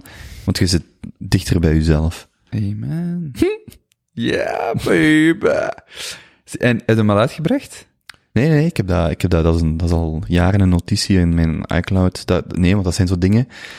Dat is misschien de stap, ja, de stap die ik moet zetten van, Exact. ik denk dan, ja, Hou je tegen? Ja, dat is een goede vraag. Ik weet dat niet. Eh ja, ja. Ik heb dat bij nog dingen, hè, dat ik voel van, hmm, ik heb eh, veel meer te zeggen, veel meer te doen, veel meer te delen. Mhm. En toch, want, dus Bojana was vorige week hier voor, om, om te babbelen en, um, was gisteren opnieuw hier en, en het ging exact over, van we hebben al veel besproken, maar we zijn zo semi-diep gegaan. We zijn op veel dingen, we hebben over veel dingen gesproken, maar er zijn een aantal dingen waar we voelen dat we nog veel, veel dieper kunnen gaan Mm. echt naar wat is, wat is hier nu de kern? Ja. En daar waren we gisteren al een beetje aan het praten en dat, dat sloot daarbij aan, privé off the record, en dat ik ook dingen zei van, kijk, ik wil dit wel vertellen on the record, maar dat is echt, ja, daar houdt iets u tegen. Terwijl, het voorbeeld wat ik daar straks gaf, al is er maar één persoon die je verder helpt in zijn of haar zoektocht door gewoon een verhaal van iemand te horen, waarom zou je het dan niet vertellen? Waarom zou je het dan voor jezelf houden? Zo, Waarom? ja, dat weet ik niet. Dat is een, Wat een denkt je zelf? misschien een beeld wat je van jezelf hebt. Mm. Een, iets waaraan je denkt dat je moet vo- voldoen, hoewel dat ook niet helemaal is. Misschien de, ik denk een van de, allee, ik denk dat niet, dat is, dat is, dat is iets wat ik meerdere keren ben tegengekomen. Ik denk, een van de pijnlijkste dingen dat als mens kan gebeuren, is dat je je sociaal uitgestoten voelt. Yes. Van ik ben niet deel meer, ik ben niet langer deel van de groep. En ik denk dat dat er misschien mee te maken heeft van, wat transformeer ik eens dat ik die mening, emotie, ervaring in de wereld zet en uitspreek? En natuurlijk is dan de paradox, ik nodig mensen uit en ik laat die, ik heb de verwachting impliciet, soms expliciet, dat die hun hart op hun tong leggen en praten. Maar zelf voel ik een terughoudendheid. Dus misschien op een of andere manier is dat programma bijvoorbeeld een manier voor mij om te zeggen wat ik zelf niet kan, durf, wil Mhm. zeggen. Mhm. En dan kom ik opnieuw terug op, maak ik een podcast als interviewer, journalist? Of is dit een verwerkingsproces? Is dit een, een, een dagboek? Ben ik zelf op een traject om die dingen te vertellen, maar Mm. ik voel nog een terughoudendheid? Voor mij is het meer dan dat. Ik voel dat er iets heel diep ehm, is dat jij in de wereld moet sturen, dat andere mensen echt kan helen. En ik zeg, ik zeg dit nu op een heel eh airy-fairy, flu manier, maar ik denk gewoon dat er heel veel wijsheid is dat, dat zich in u bevindt. Als ik hoor gewoon, als ik wat jij al de laatste tijd hebt, of de laatste minuten, uur hebt gezegd, er zit zoveel wijsheid in je man, dat de wereld in moet. En wijsheid heeft de neiging om zich te willen delen. Dat is Mm. onvoorwaardelijke liefde. En op dit moment zijt u zelf aan tegenhouden. Is uw ego is zich aan tegenhouden, omdat er waarschijnlijk nog een of andere conditionering is van, ah, weet ik veel, vroeger hè, eh, gepest zijn of, of, of eh, uw moeder die u eh, heeft ontkend om dit te doen. En dat is een programma. En dat programma Dat is doorbreken. een verhaal wat je een zelf verhaal, vertelt. Exact. Mm, mhm. En het gewoon doen en het tonen aan jezelf dat je het kunt. Al was is dat iets heel klein, dat moet niet direct dat hele verhaal zijn, maar gewoon ene zin Mhm. of zo. En dat consistent elke dag doen. En voor je het weet, zeiden alles aan het telen. En ik geloof opnieuw, dat is een frequentie dat je gaat uitsturen in de wereld. En dat gaat weer opnieuw mensen aantrekken. Dus het is het oude verhaal loslaten, het nieuwe verhaal zich laten Mhm. manifesteren. Ja, want wat ik bijvoorbeeld voel op dit moment is, ik voel heel, heel veel verdriet in mijzelf om, om, Mm. omwille van allerlei dingen die in het verleden gebeurd zijn. En het verhaal wat je vertelt is, dat is verdriet, ik heb dat niet verwerkt, in die zin dat ik daarmee naar buiten wil komen. Maar een even, even oké verhaal is, ik heb verdriet, ik ga het verwerken door het bespreekbaar te maken, Mm. of zo. Ja. Ja en nee. Ja, omdat je ruimte geeft om, om andere perspectieven, maar je gaat het nooit verwerken als je die emotie, ja, aan elke emotie zitten letterlijk duizenden tot miljoenen gedachten aan één emotie. En dus daarom bestaat er een, een soort van loslaattechniek. Letting Go, David Hawkins, beste boek ooit. Ehm, ik zie dat van veel boeken wel. maar ehm, daar heeft hij een loslaattechniek, als in de emotie voelen. En dat komt een beetje terug tot de vers, maar ook niet, dat is nog dieper. Mm. Als in, laat die emotie zijn wat dat is. Heb er een, alsof een goede vriend een, een kopje thee met je komt drinken en, en voelt waar is dat in je lichaam. En als het bijvoorbeeld mensen met astma, hij geeft dat als voorbeeld, astma is een label dat je mind heeft gegeven, want astma bestaat niet. Het is een bepaalde fysiologische uh, uitdrukking in je lichaam, van de longen en de, de alveoli die dichtklappen, allee, wat. Hmm. Um, dat is wat er aan het gebeuren is. Maar het benoemen is een mentaal beeld dat jij in je hoofd opnieuw een soort van verhaal Hmm. vertelt. En iedereen heeft astma op een heel andere manier, terwijl het dezelfde expressie is. En dus gaat het erover om het te voelen en het niet te judgen, maar het te laten zijn. En daardoor, als, door dat te doen, kun je jezelf, um, David Hawkins praat zelfs over mensen, duizenden mensen die zelfs zien, een bril, niet meer moeten dragen, omdat het een verhaal is dat ze hunzelf hebben Hmm. verteld. Mm. Zo sterk is het brein. En dus het aanvaarden en. Het is een en-en verhaal. Hmm. Ja, want en dat, dat is iets waar, waar, waar jij ook wel ervaring mee hebt, denk ik. De mate waarin je je werk, en met werk bedoel ik dat waarvoor je hier bent, bedoel ik Hmm. niet carrière of job, maar Nee. bedoel ik echt het werk waarvoor je hier bent. Yes. De mate waarin, dat gaat altijd in contact komen met de buitenwereld. Allee, Mhm. Ja. zowel bij u als bij mij. En um, de mate waarin je dan die uh, buitenwereld, dat externe, weer dat interne laat uh, dat dat vangrails ervoor vormt, of wel of niet, hoe dat je daarmee omgaat. Hoe, zoek, hoe vind je een balans tussen enerzijds wat jij wilt bieden, wat jij hebt te bieden, anderzijds de mate waarin je misschien van buitenaf daarin geremd wordt, of net, net in versterkt wordt? Ik snap de vraag niet. Ik denk niet dat er een vraag was. Oké. Hoe vind je, ik zat, ik zat, um, ja, ik heb dat ook heel vaak dat ik iets zeg en denk, maar... Ja, dat is nice. Ik vind, I, I agree with it though. um, de mate waarin je voelt, wat jij bijvoorbeeld zegt, ik zit op een pad, dat leidt mij tot astrologie, mm -hmm. tot het worden van of het zijn van astroloog. Mm -hmm. Maar dan is er een moment waarop je dan de wereld moet zetten, waarin dat je daar yes. mensen mee wilt gaan helpen. Ah, en, en de balans tussen jij die vanuit een puurheid, of vanuit een missie, of vanuit een rol, of wat, nee, vanuit een puurheid dat wilt delen, maar dan de wereld dat daar een mening over heeft, Mm. feedback op geeft, en daar de balans tussen vinden. Ja. Wel, um,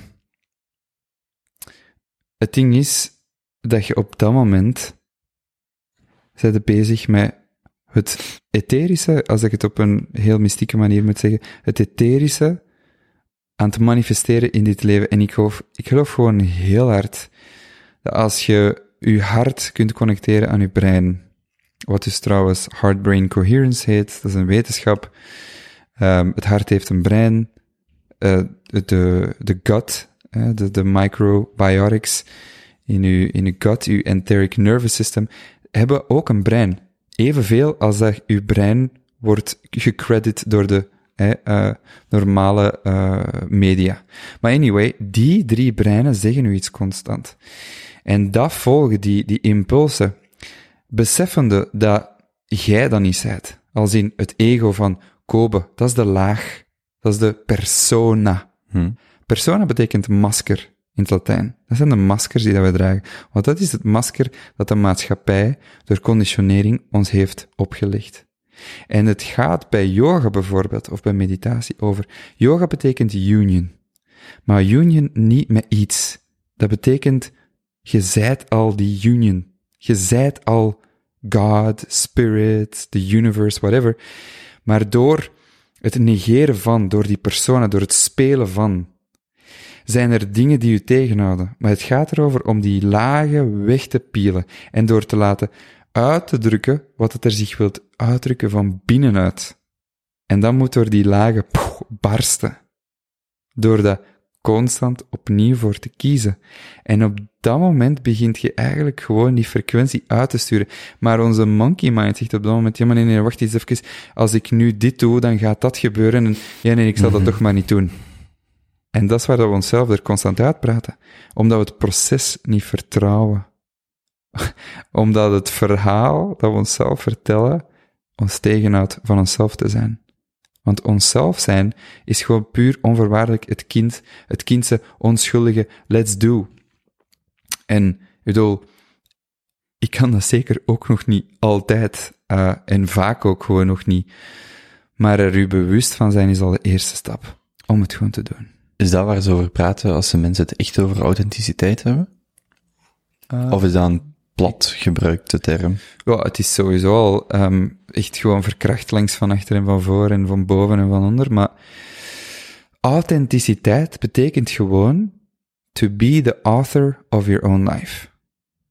En, en dat betekent dat wat dat wij allemaal zijn, het één zijn van alles, ja, samen, dus dat is de, eigenlijk de fate, de, het lot, als je het zo wilt noemen, tezamen met will. Dat is particle and wave in quantum mechanics, quantum physics. Het deeltje en de wave. Als je er naar gaat kijken, dan wordt het een deeltje. Als je er niet naar kijkt, dan wordt het een wave. Dan is het iets, dan kan het terug iets worden als je er terug naar kijkt. En daarom gaat het hem gewoon. Daar straks gebruikt je het woord theosofie. Mm -hmm. Wat betekent ze?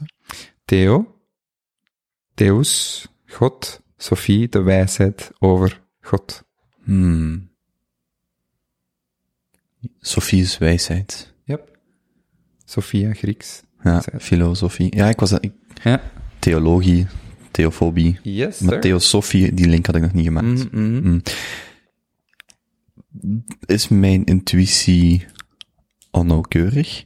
Als ik nu een um, soort van verbindingspersoon zie tussen, om de een of andere reden moet ik aan Alan Watts denken, maar je hebt een enorme bagage, sorry, kennis, bagage, Ja.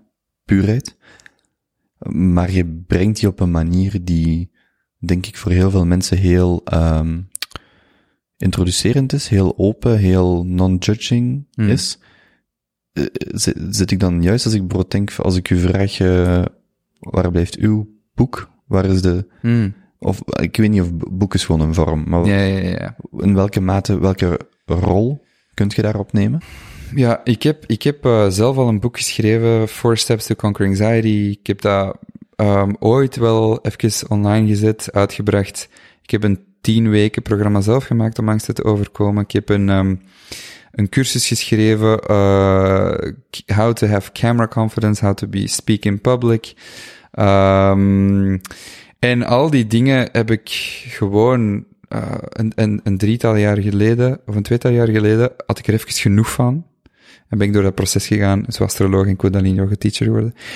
En dus nu zit ik in dat proces om, uh, ik ben opnieuw een boek aan het schrijven. En, en dat is er bijna, die pdf. Dat is een pdf om mensen te helpen uh, te zien van, hey, kijk eens, hoe maak je bewuste keuzes? Hoe beginnen we mediteren? Wat is mindfulness? Wat is yoga?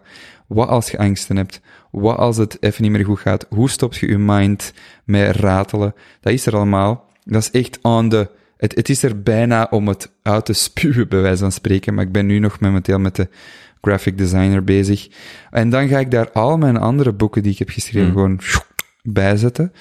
Uh, en um, Kundalini Yoga Teacher is nu de... En, en het astrologie gedeelte, samen met in bedrijven teachen, uh, is, is mijn manier om, om, om het boek uit te brengen, bij spreken.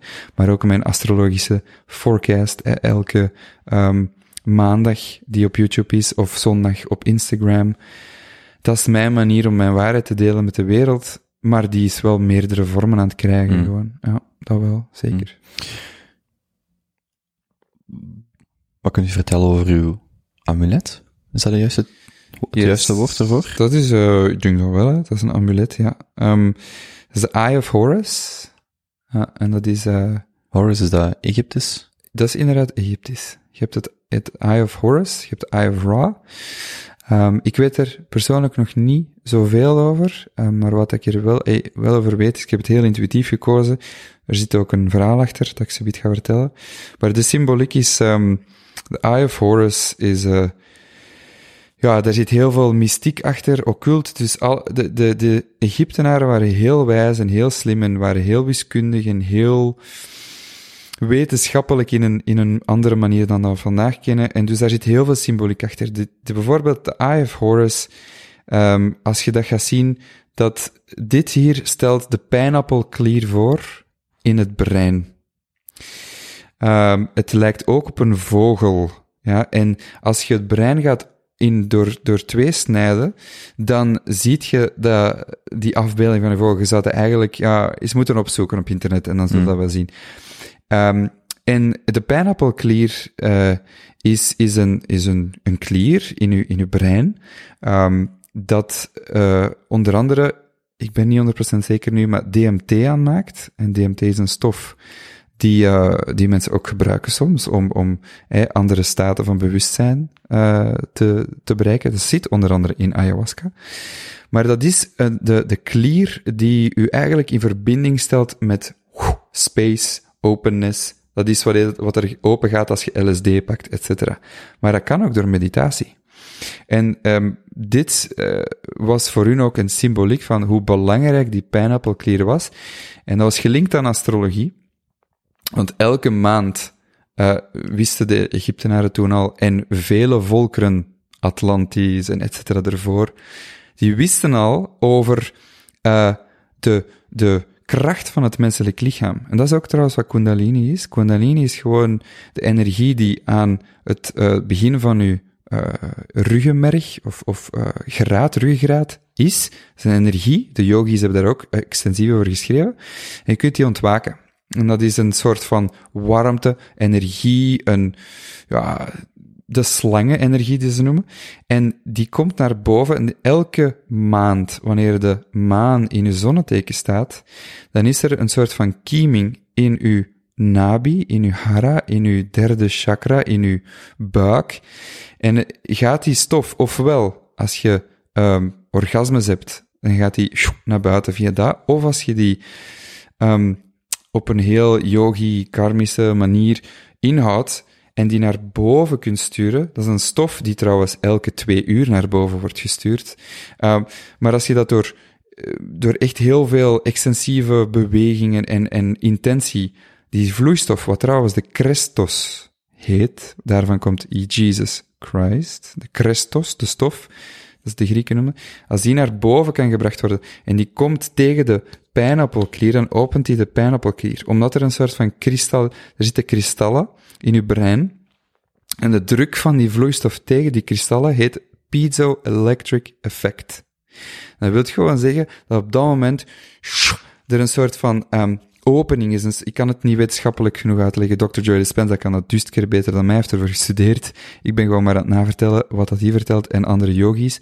Maar um, op dat moment zorgt dat het de pineapple clear uh, gewoon kan doen wat hij moet doen en uw hele brein wordt aangesproken. De, de Egyptenaren toen hadden 360 zintuigen. We hebben er maar vijf meer.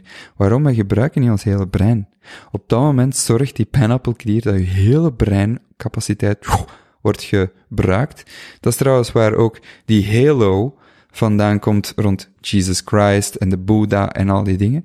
Dat is gewoon de, de Sarah en Abraham, Sarah Bellum, Sarah en Abraham, de maan en de zon en, en de Promised Land en de, de Rode Zee. Dat is allemaal, dus daarvan komt die analogie. Dat is, de Egyptenaren waren eigenlijk zotte fysiologen en, hmm. en theologen.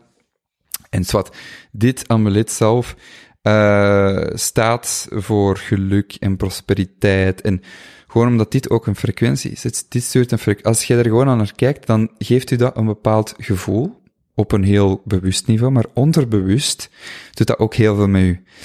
Um, en het is ook een organiet. Je ziet hier zo, een, uh, voor de mensen thuis, het is een, een soort van coiled, een soort van, uh, hoe zeg je dat in het Nederlands?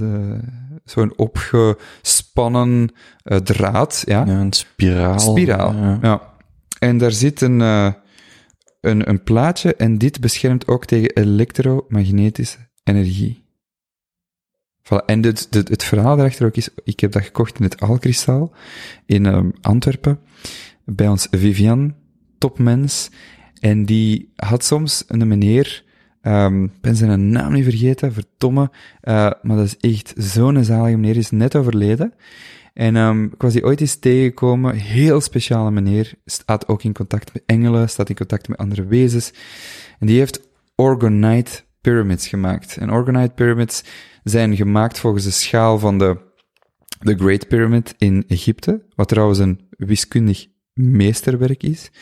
Um, en basically, dat, dat brengt energie naar binnen en dat uh, door de kristallen dat erin zitten, door de, uh, het spiraaltje dat hierin zit, zorgt dat dat die onpure energie, wat eigenlijk gewoon positieve ionen zijn, worden omgezet in negatieve ionen, waar dat bacteriën en slechte energie zich niet kan vestigen. Maar dat is, dus, dat is die goede prana, goede chi, goede energie, dat eigenlijk alles zuivert. En dus die meneer is ook heel speciaal voor mij. Um, ik had er een heel diepe connectie mee en ik heb dat gewoon gekocht als een herinnering aan hem. Hm. Ja. Wanneer is hij overleden?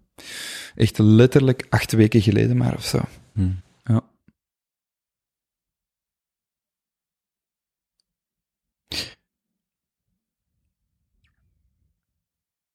Ik wil sowieso verder ingaan op wat is een astroloog? Mm Wat is exact Kundalini Yoga? Mm Ik ben nog even aan het denken of we daar al, of we daar al aan zitten. Um, ja, ik zat ook, en dat is dan weer uh, iets waar ik mee in mijn hoofd zit.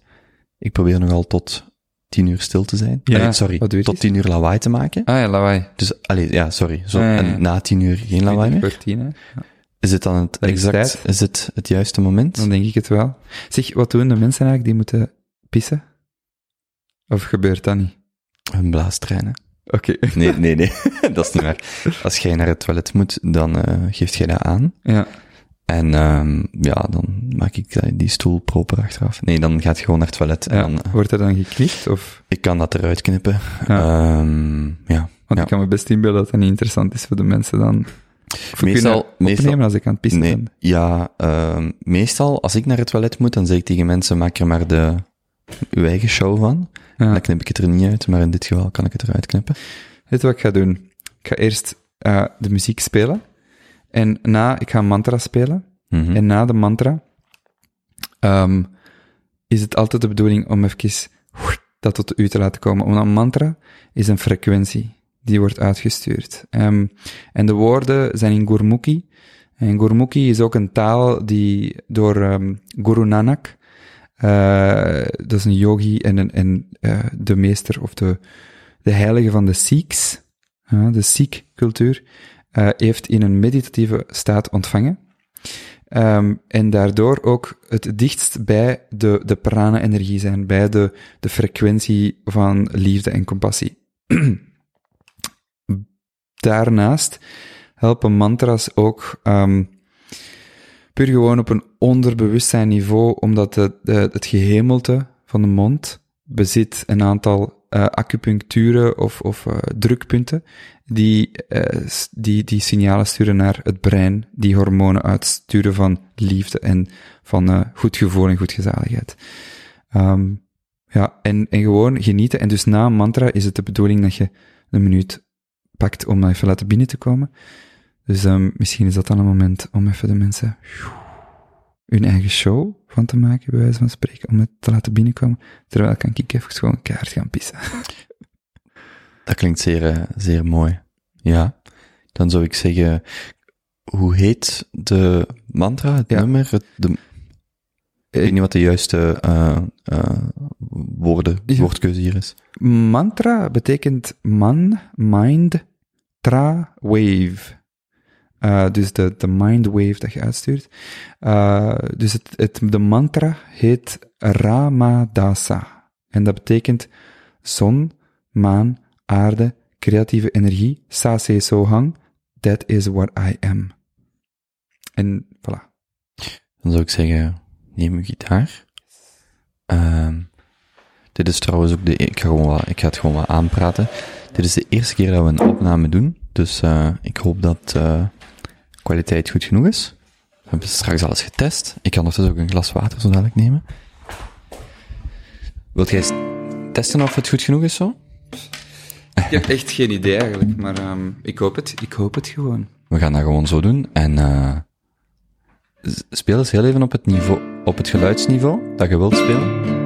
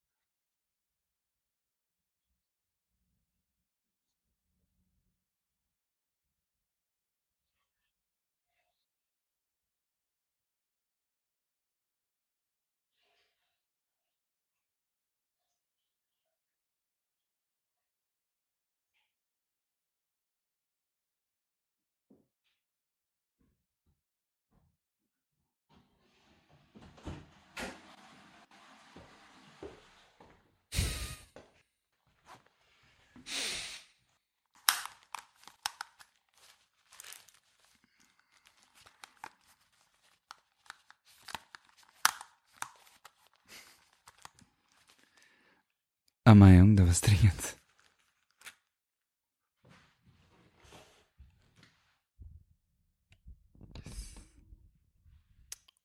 Alles oké? Yes, alles oké. Dank u wel. Ja, heel graag gedaan. Dankjewel dat ik het eh mocht komen brengen. Dat was heerlijk. Speel- Is dit iets wat je... Even mijn microfoon, microfoon terug luider zetten. Mhm. Is dit iets wat je dagelijks speelt? Ja.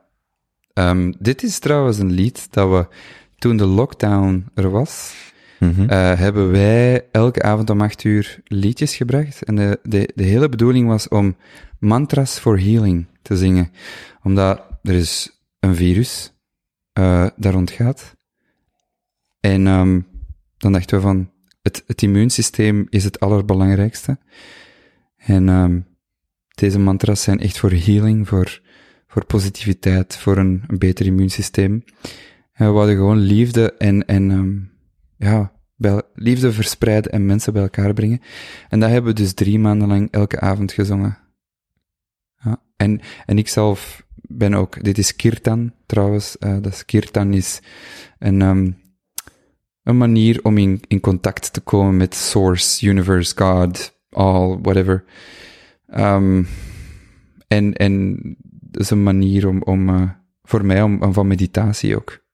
En eh, dat speel ik elke dag. En binnenkort ook ehm, een cd uitbrengen misschien zelfs. Met mantras Ja. die je zingt? Of brengt? Yes.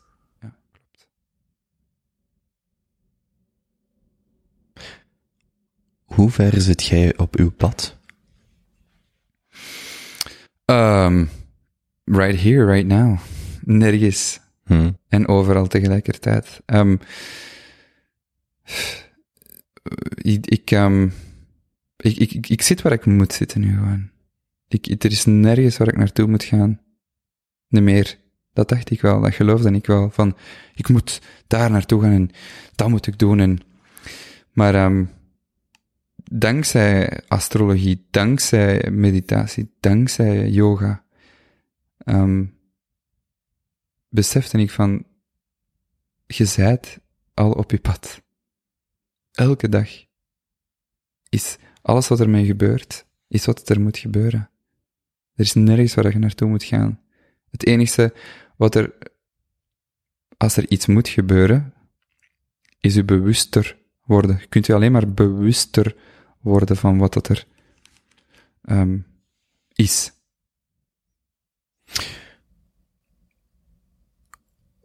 Wil je graag vader worden? Zeker. Dat is, dat is no doubt. Hoe ver denk je daarover na? Eh, momenteel nog niet veel, omdat ik er eigenlijk momenteel nog geen zin in heb. Ik, allee, Charlotte is daar, eh zij is klaar om mama te worden, al een jaar geleden of zo. Hoe weet je dat zij klaar is? Dat kun je, dat. Dat kun je niet, niet weten gewoon. Eh, dat is, eh, ja, die zegt dat heel expliciet. Ehm, maar zij respecteert, en zij, zij is ook wel nog van, wow, misschien is dit nog niet moment, het moment, maar haar biologische klok is daar zeker, schreeuwt dat gewoon van de daken. Eh, maar ik heb zoiets van, wacht even, ik, ik voel me er nog niet klaar voor, maar binnen één, twee jaar misschien om eraan te beginnen, yes, zeker. En als dat komt, komt dat een man. Als dat morgen is, dat ze zwanger is, dan vol plezier, hè. Maar bewust ervoor kiezen, twee jaar ongeveer, voel ik. Denkt je ook aan de hoeveelheid kinderen? Ja, ik denk dat dat wel belangrijk is uh, om geen vijf kinderen te hebben, want uh, dat is gewoon niet voor mij weggelegd. Waarom niet? Qua geduld. Uh, nee, um, ik weet dat niet. Ik, ik, kijk, het, het is wat zeveren, hè, maar um, ik denk dat dat komt. En ik denk, vanaf het eerste, vanaf het eerste kind zullen dat weten van, hé, hey, misschien wil ik er nog wel één. Hmm. Maar op dit moment zegt mijn rationele brein twee. Als ik kan kiezen, een jongen en een meisje. Hmm. Ja, maar dat moet niet. Weet je? Wat dat komt, dat komt. Hoe, hoe lang wilde, ik, ik weet niet wat de exacte plannen zijn. Um, nee, wacht. ik heb een andere vraag beginnen. Hoe ziet uw droomhuwelijk eruit? En ik bedoel met huwelijk niet uh, per se de nauwe of enge definitie die de meeste mensen hebben, maar een huwelijk in uw uh, hoofd. Ja, ja, daar heb ik al met Charlotte over gesproken. Het is heel belangrijk dat dat een, een spirituele, maar again, hè, dat wordt spiritueel, dat is zo, uh, maar als we het toch zo moeten noemen, dan begrijpen de mensen het. Een spirituele uh, ritueel is een spirituele betekenis. Het is niet iets fysiek twee mensen die, die met elkaar verbinden. Dit is door het feit, zij, ik zie het zo, zij is mijn andere helft die mij weerspiegelt en samen wordt dat een eenheid. En, en in dit geval is het een man en een vrouw, um, maar dat kan van alles zijn, maar het is het de masculine en de feminine principle, wat dat verder gaat dan man en vrouw, by the way, dat verenigd worden. En Charlotte is iemand heel feminine. En ik ben iemand, ja, masculine gewoon. Zij beschrijft u ook als zeer masculin. Ja, dat ik zeer masculin ben, dat weet ik niet. Ik voel dat mijn feminine en masculin echt in balans is. Wacht heb ik nu, als hij dit nu hoort, gaat hij nu zeggen, Kobe, dat heb ik helemaal niet gezegd. Ik, ik weet, nee, wacht, ik denk waar ik naar refereer is dat zij zo, zo zei van, Michael is ook wel echt een man. Ja, ja, voilà. Ja, dat weet ik ook nog, dat hmm. heb ik gehoord. Ja, klopt, echt een man. Ja, dat is, dat is haar perspectief en ik denk dat daar wel mensen mee zullen eens zijn, ik ben er ook mee eens. Uh, maar ik ben even goed een vrouw. En ik, ik, allee, niet dat ik, uh, fysiek of zo, maar ik aanvaard de vrouw in mij. En puur genetisch is iedereen helft mannelijk. Exact, androgyn. Ja, ja, helft man, helft vrouw. Ja, Anders kun je niet geboren worden. Yep.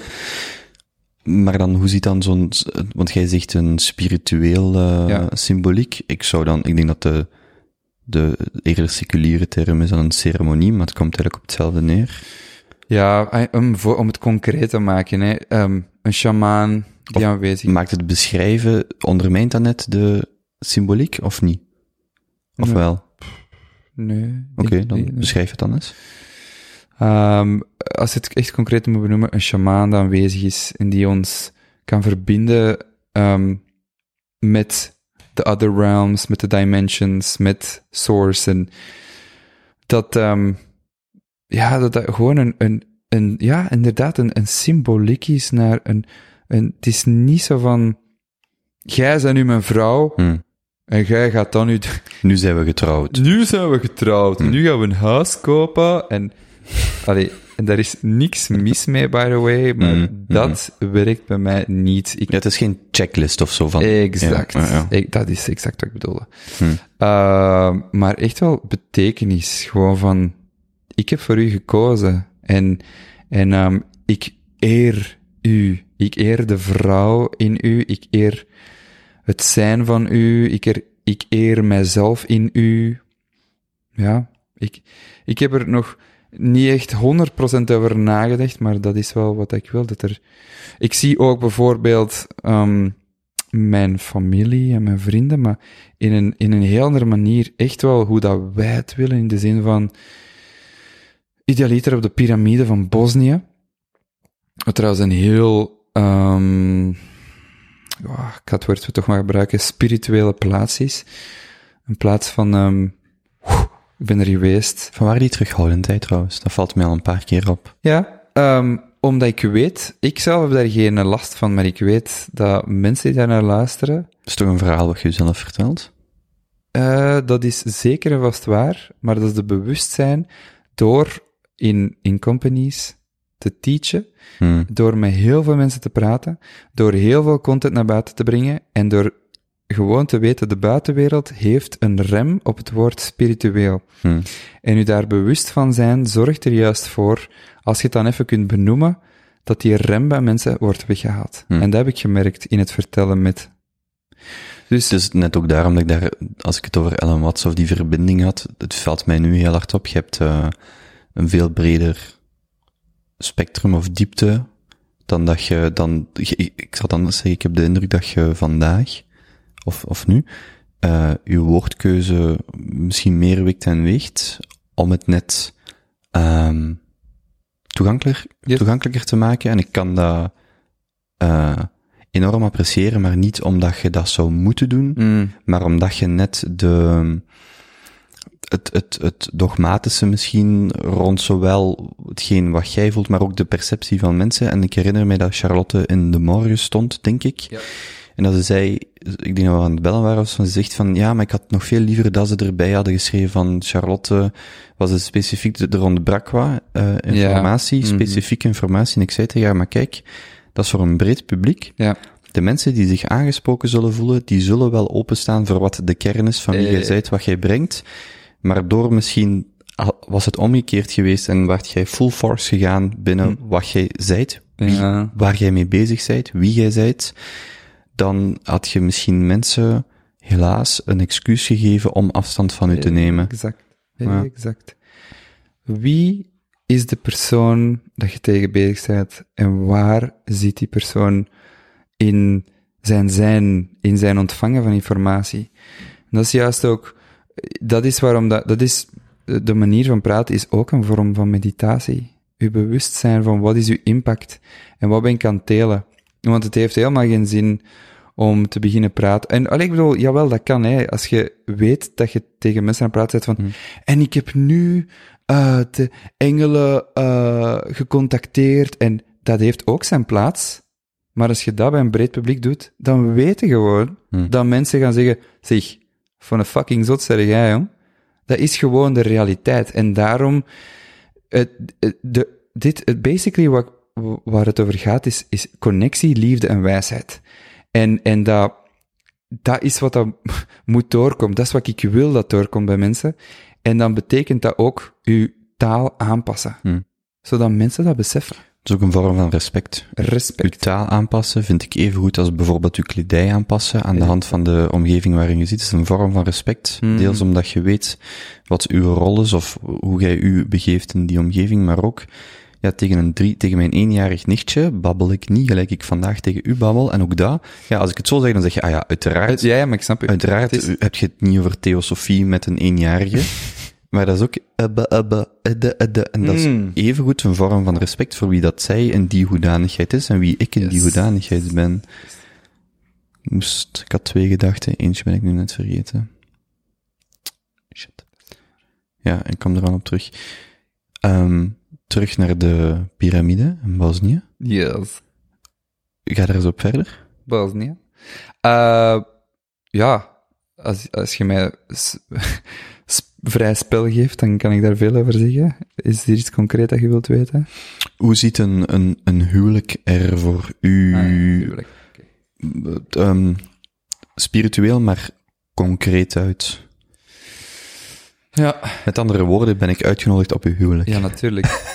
Ik moest dat aan Charlotte vragen. What? Why would you not? Nee, ik had Charlotte daar straks gestuurd. Eh, zijn er een aantal dingen die ik hem zeker moet vragen? En zo, Oh, Charlotte. Echt. Ah. zit je, oh, had ik dat niet mogen vragen? Nee, nee, maar ze was ook al zo te zeggen, zeg schat, en misschien kun je dat zeggen op de podcast, en misschien kun je Mm. dat zeggen op de podcast.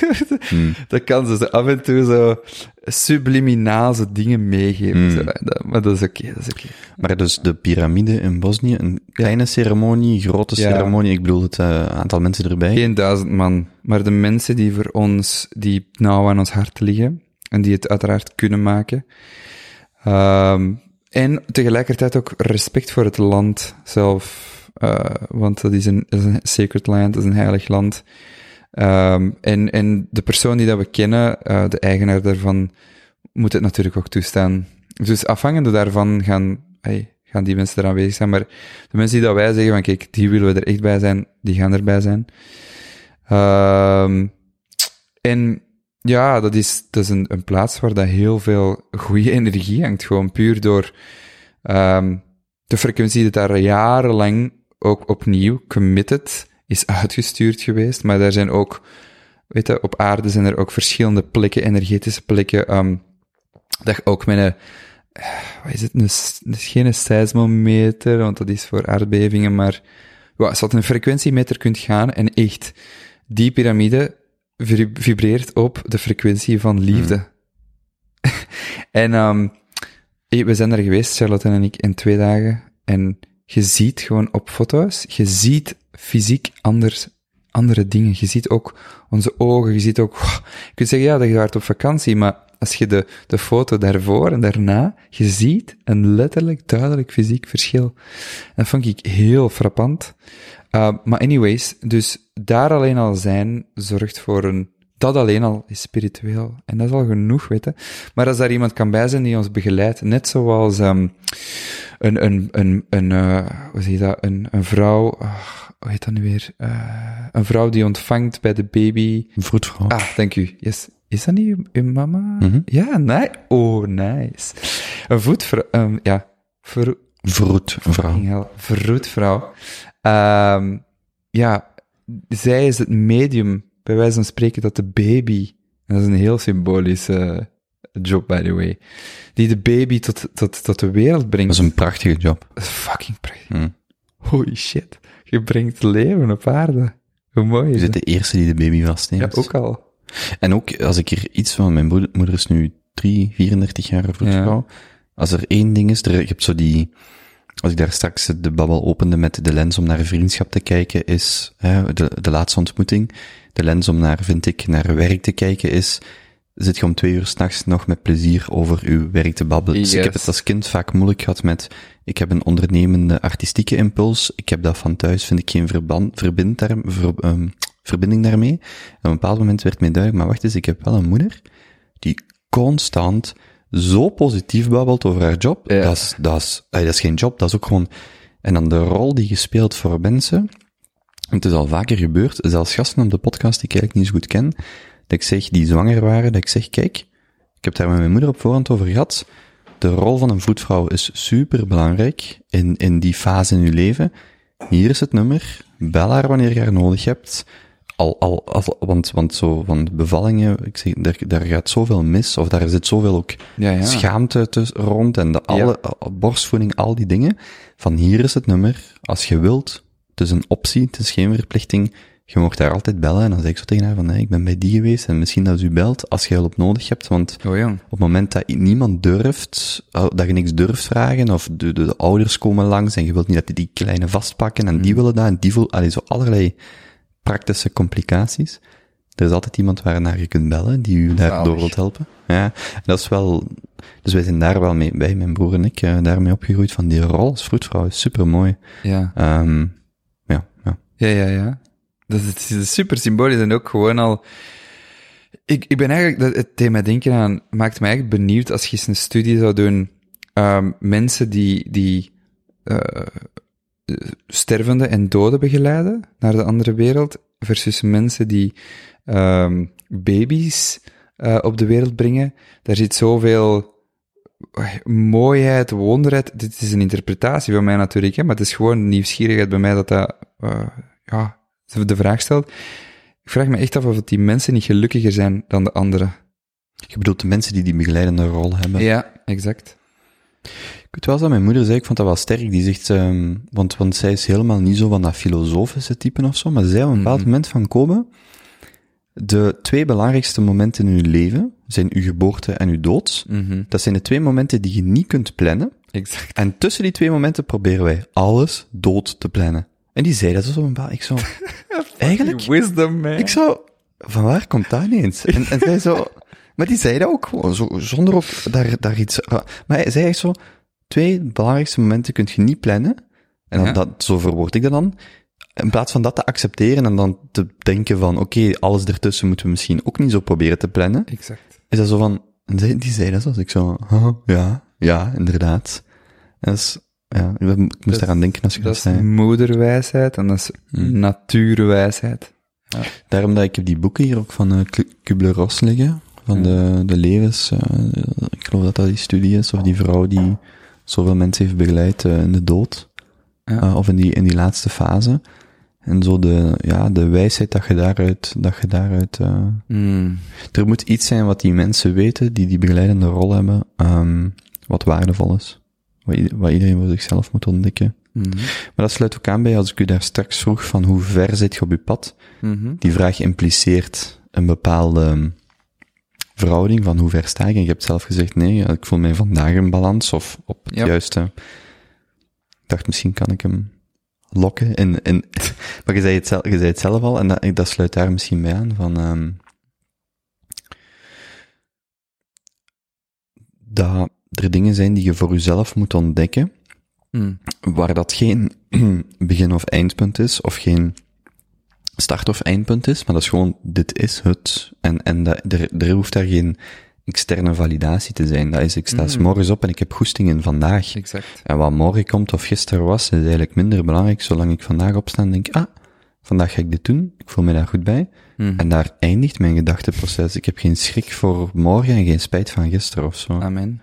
Hm. Dat is het. Die externe validatie. Je hebt de, dat moet er nog eens denken, hè. Die externe validatie die je krijgt. Jij bent nog altijd de persoon die die externe validatie binnenlaat en zelf beslist, ja, dit is wat ik Hmm. aanvaard. Dus waarom niet gewoon al bij jezelf beginnen?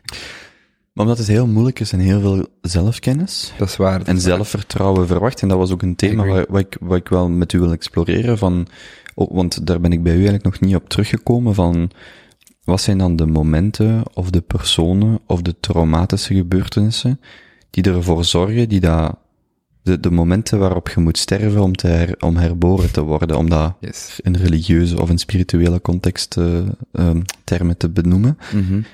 Heel veel, ja, je kunt wel zeggen, externe validatie is een vanity metric of is, is iets wat van buiten komt, maar het vergt een, een, een, een bepaalde situatie, Mhm. misschien ook een bepaald trauma, verdriet, pijn, extase, om dat, die zelfkennis te ontwikkelen. En, en Ja. ook daar zijn we daar, want jij vertelde nu pad, maar ik was daar nog naar benieuwd van, van hoe, hoe, hoe dat je dat ziet. Gelijk wat, wat u geholpen heeft om echt wel die, hè, je zegt bijvoorbeeld, ik was die filmpjes aan het maken, ik was coach, ik deed coaching, Ja. en dan op een bepaald moment heb ik gekozen voor um, astrologie, Mhm. of een leven als of, uh, astroloog en kundalini uh, uh, teacher. Wat zorgt er dan bijvoorbeeld voor dat je dieper in jezelf kunt gaan, dat je je, je eigen waarde daarin kunt ontdekken? Ja, de mate waarin dat je toelaat, hè. De mate waarin dat je je niet begint te storten in alcohol, Netflix, drugs, escapism, partying, reizen.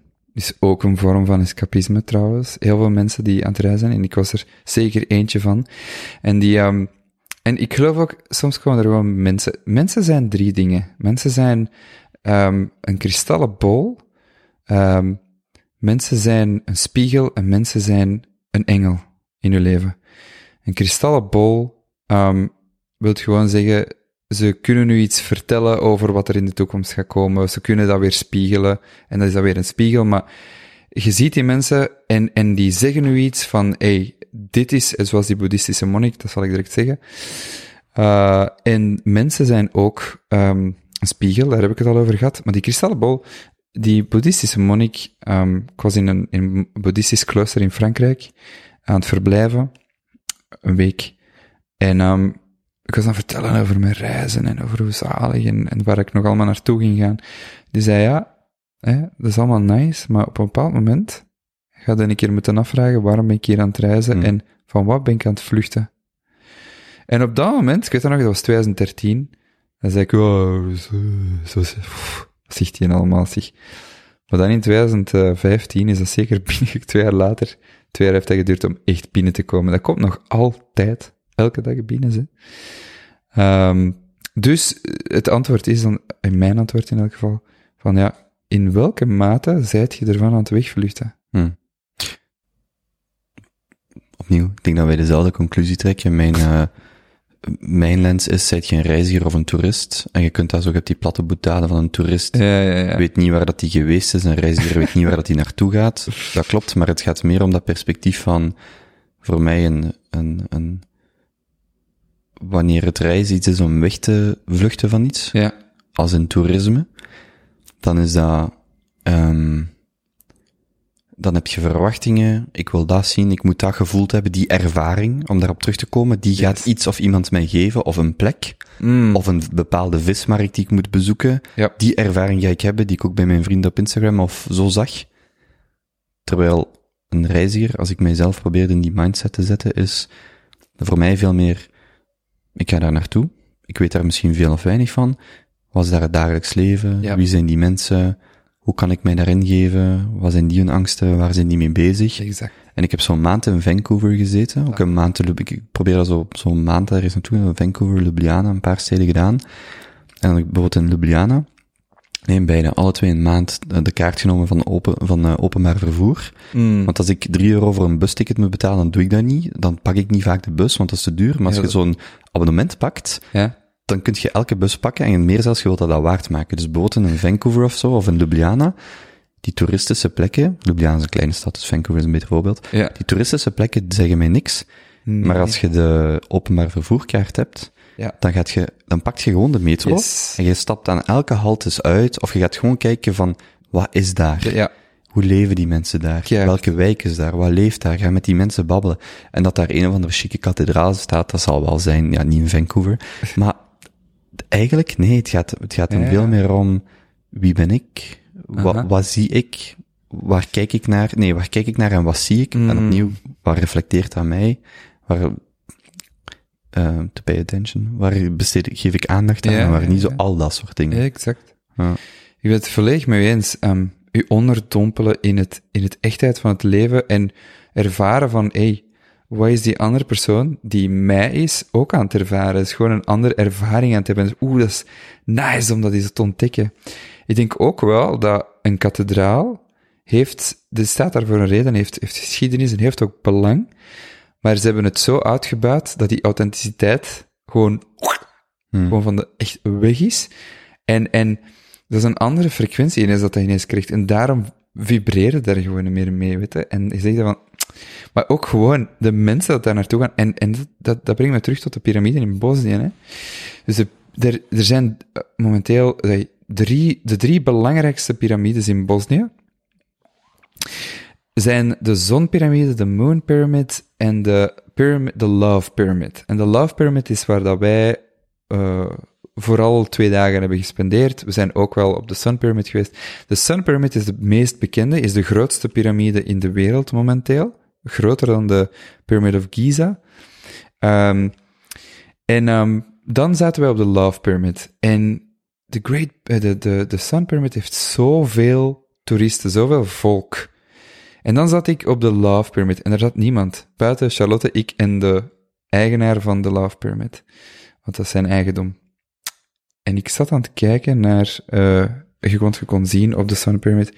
En ik zag iedereen binnengaan. En ik zag daar toeristen komen en auto's en... En dan herinnerde ik mij, toen wanneer ik daar was, de, de, het verschil in energie en de, de energie van nemen. Dat, dat is ook wel een toeristisch, hè. Wat kan ik hier nog nemen van ervaring? En dan dacht ik van, what the fuck zijn we allemaal aan het doen? In de zin van, gewoon naar een plaats naartoe gaan, gewoon om die ervaring. Dat is een heel vampire energy, je weet, dat is ook taking energy. En dacht je van, daar wil ik echt niet, dat wil ik niet ondersteunen. Ik, ik wil juist terug, zoals vroeger, de mensen die naar een bepaalde, naar oord gingen, en daar was die kathedraal dan toen voor, om respect te tonen aan het land, aan de cultuur van de mensen, om daar te komen bidden, om daar één te zijn met God, om daar één te zijn met iedereen rondom u. Dat is wat daar, waar het om draait. Maar de consumptiemaatschappij, waar trouwens niks mis mee is als je, als je consumeert op een bewuste manier, want we hebben dingen nodig en, en om te overleven, maar veel minder dan dat we denken alvast. Um, maar die zorgt er wel voor dat ons ego enorm wordt aangesterkt en waar dat we ah, niet meer naar binnen kijken. En dat we iets willen buiten, wat dat eigenlijk van binnen het licht is, en dat zegt van, hé, hey, kijk eens naar mij. Terwijl dat buiten, je denkt van, ja, nu is het die wafel. Nu is het die jacht. Hmm. En de rijkste mensen in de hele wereld zijn niet altijd de gelukkigste mensen, terwijl dat die wel al alles hebben. Hoe fucked up moet het zijn als je alles hebt in de wereld dat je ook maar kunt hebben, Hmm. en dan zo van, nee, waarom? Omdat het juist die, dat verlangen is, diep van binnen, om één te zijn terug met je bron, waar dat je altijd één mee zijt, trouwens, maar het bewust manifesteren daarvan, in je brein, dat je dat weet en kunt rememberen. We zijn hier om te herinneren waarvan dat we komen als zielen. En dat is wat die, wat dat zo zalig maakt, om, om, dat is dat verlangen dat daar naar op zoek is. En dat is niet buiten, dat is binnen. En dat is wat de consumptiemaatschappij zo, dat, en dat weten bepaalde mensen geloof ik ook heel hard. En dan beginnen we in Illuminati en elite en zo te komen. En is wat, of dat dan nu bestaat of niet, dat weet ik niet.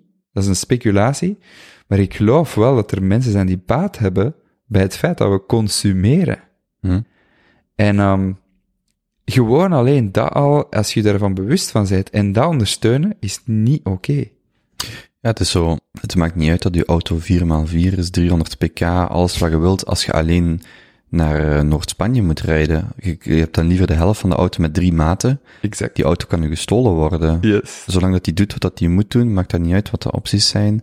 Omdat de, de, de, de kern is niet hoe, hoe hard dat die rijdt, maar is hoeveel plezier je er, welke rol dat dat vervult Mm. voor u om dichter bij uzelf te komen. Exact.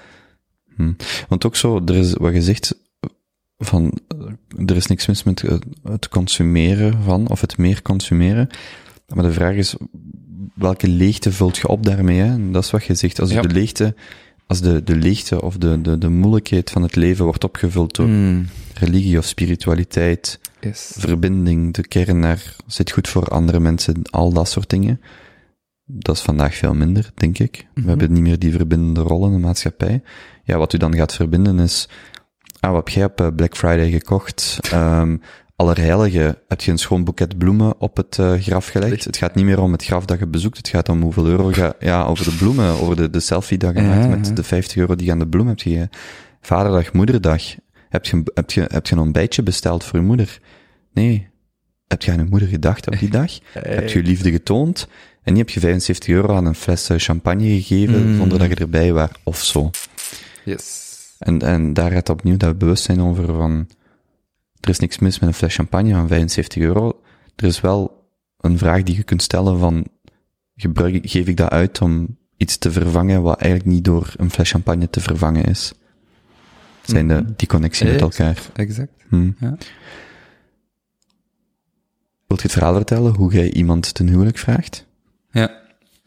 Ja, iemand, wel, ik kan alleen maar vertellen dat ik Charlotte heb ten huwelijk gevraagd, natuurlijk.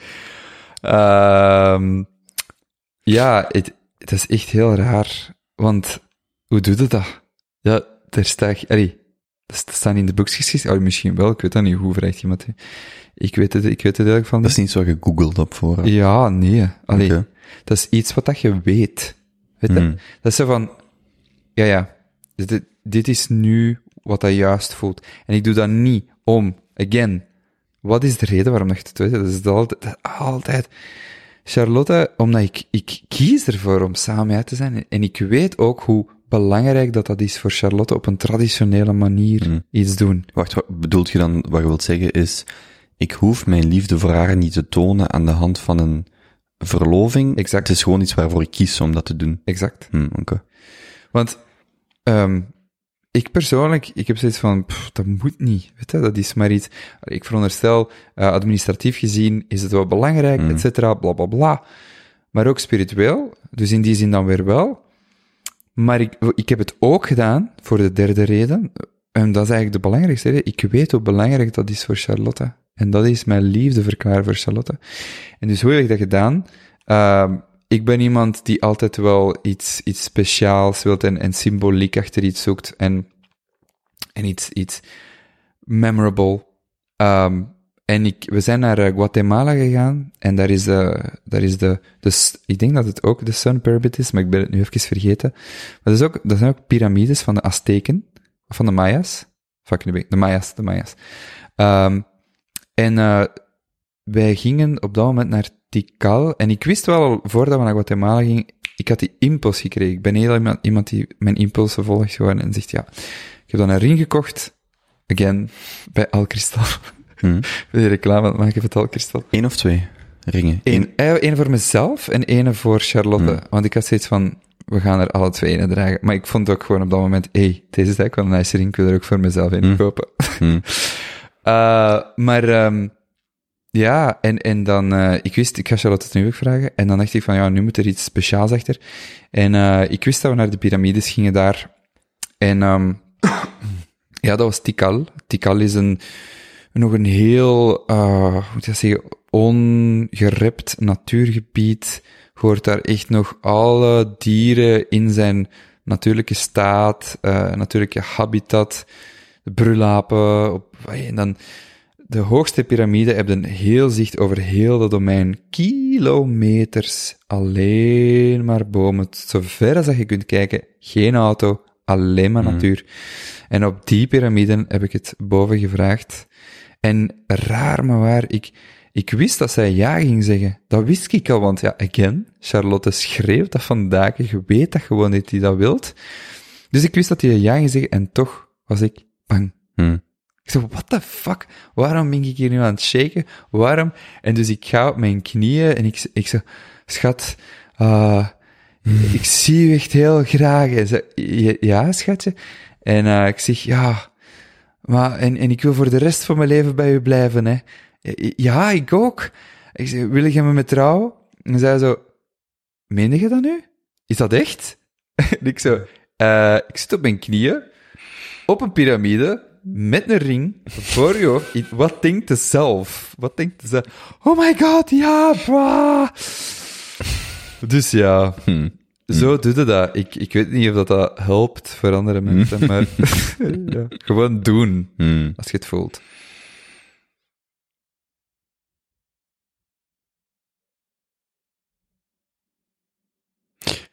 Denken jullie nog over eh, verhuizen naar het buitenland? Ja, twee jaar Valencia.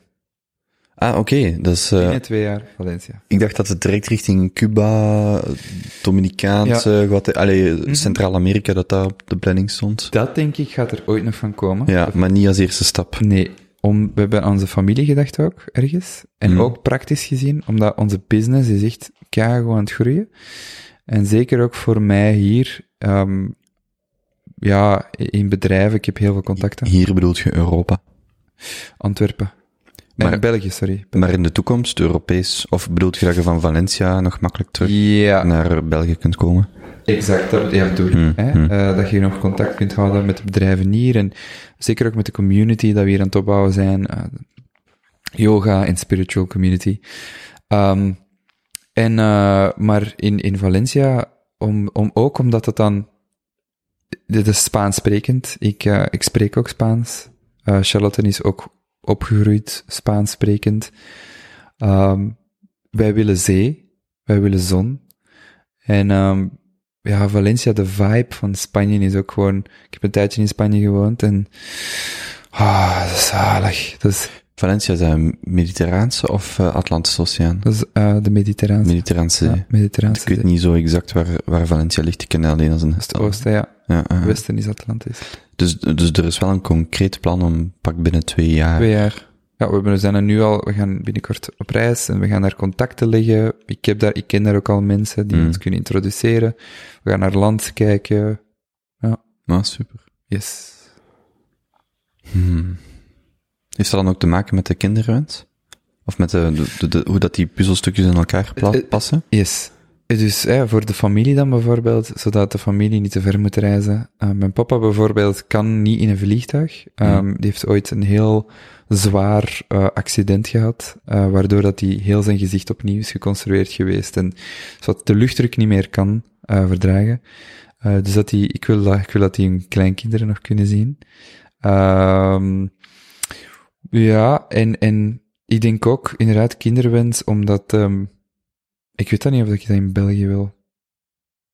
Iets, maar ik weet niet, rationeel kan ik dat niet uitleggen. Dat is, ik voel dat gewoon. Ik, Leg je dus emotioneel uit? energetisch misschien ook wel, hè. Gewoon um, emotioneel misschien, goed punt. Uh, zijn wij misschien, maar dat is dan weer een projectie, hè. Maar dat we daar relaxter gaan zijn omdat er meer zon is. Dat is, dat is toch Ja, dat is, dat is toch... heel aannemelijk. Ja, zwaar. Dus je gaat op zoek naar de zon. Ja, Dat is wel belangrijk. Echt, er is niet genoeg zon in dit land. En daar kunnen veel mensen beamen, maar voor ons is dat extreem belangrijk. Wij verschillen in gemoedstoestand. Hmm. Punt. dat is echt niet normaal. En dan liever Spanje als pakweg Frankrijk, Zuid-Frankrijk. Ja, gewoon praktisch gezien. Hè. Ik heb ook contacten met Spaanse bedrijven al eerst en Mhm. vooral. Charlotte houdt van Spaans. Ik spreek ook, ik ben vertaler tolk Spaans. Ja, en Spaanse eten, Spaanse mentaliteit. eh, ja, zeker. Hmm. Ja. Zeg eens, wat is, doet, sorry, is slash doet een astroloog? Ja. Een astroloog vertaalt simpelweg. Dus eigenlijk is dat vertaler-tolk, dat ik ooit heb gestudeerd, mij goed van pas gekomen. Ehm, het is een, een manier om de energie die op dit moment aanwezig is, te interpreteren. Dit moment bedoelt je in zowel uzelf als in de omgeving. Klopt. Dus ehm, astrologie, astro, de sterren, logie, making sense of the stars, ja, terwijl de astronomie, de namen van de ster. Ehm, dus dat is, een, dat is een echt letterlijk duizenden, dat is een van de eerste wetenschappen, de mensen die naar boven keken. Uh, de eerste records komen uit Babylonië, uh, ongeveer drie à vierduizend jaar geleden, misschien zelfs vijfduizend jaar geleden. Um, en waar die dus een correlatie maakte.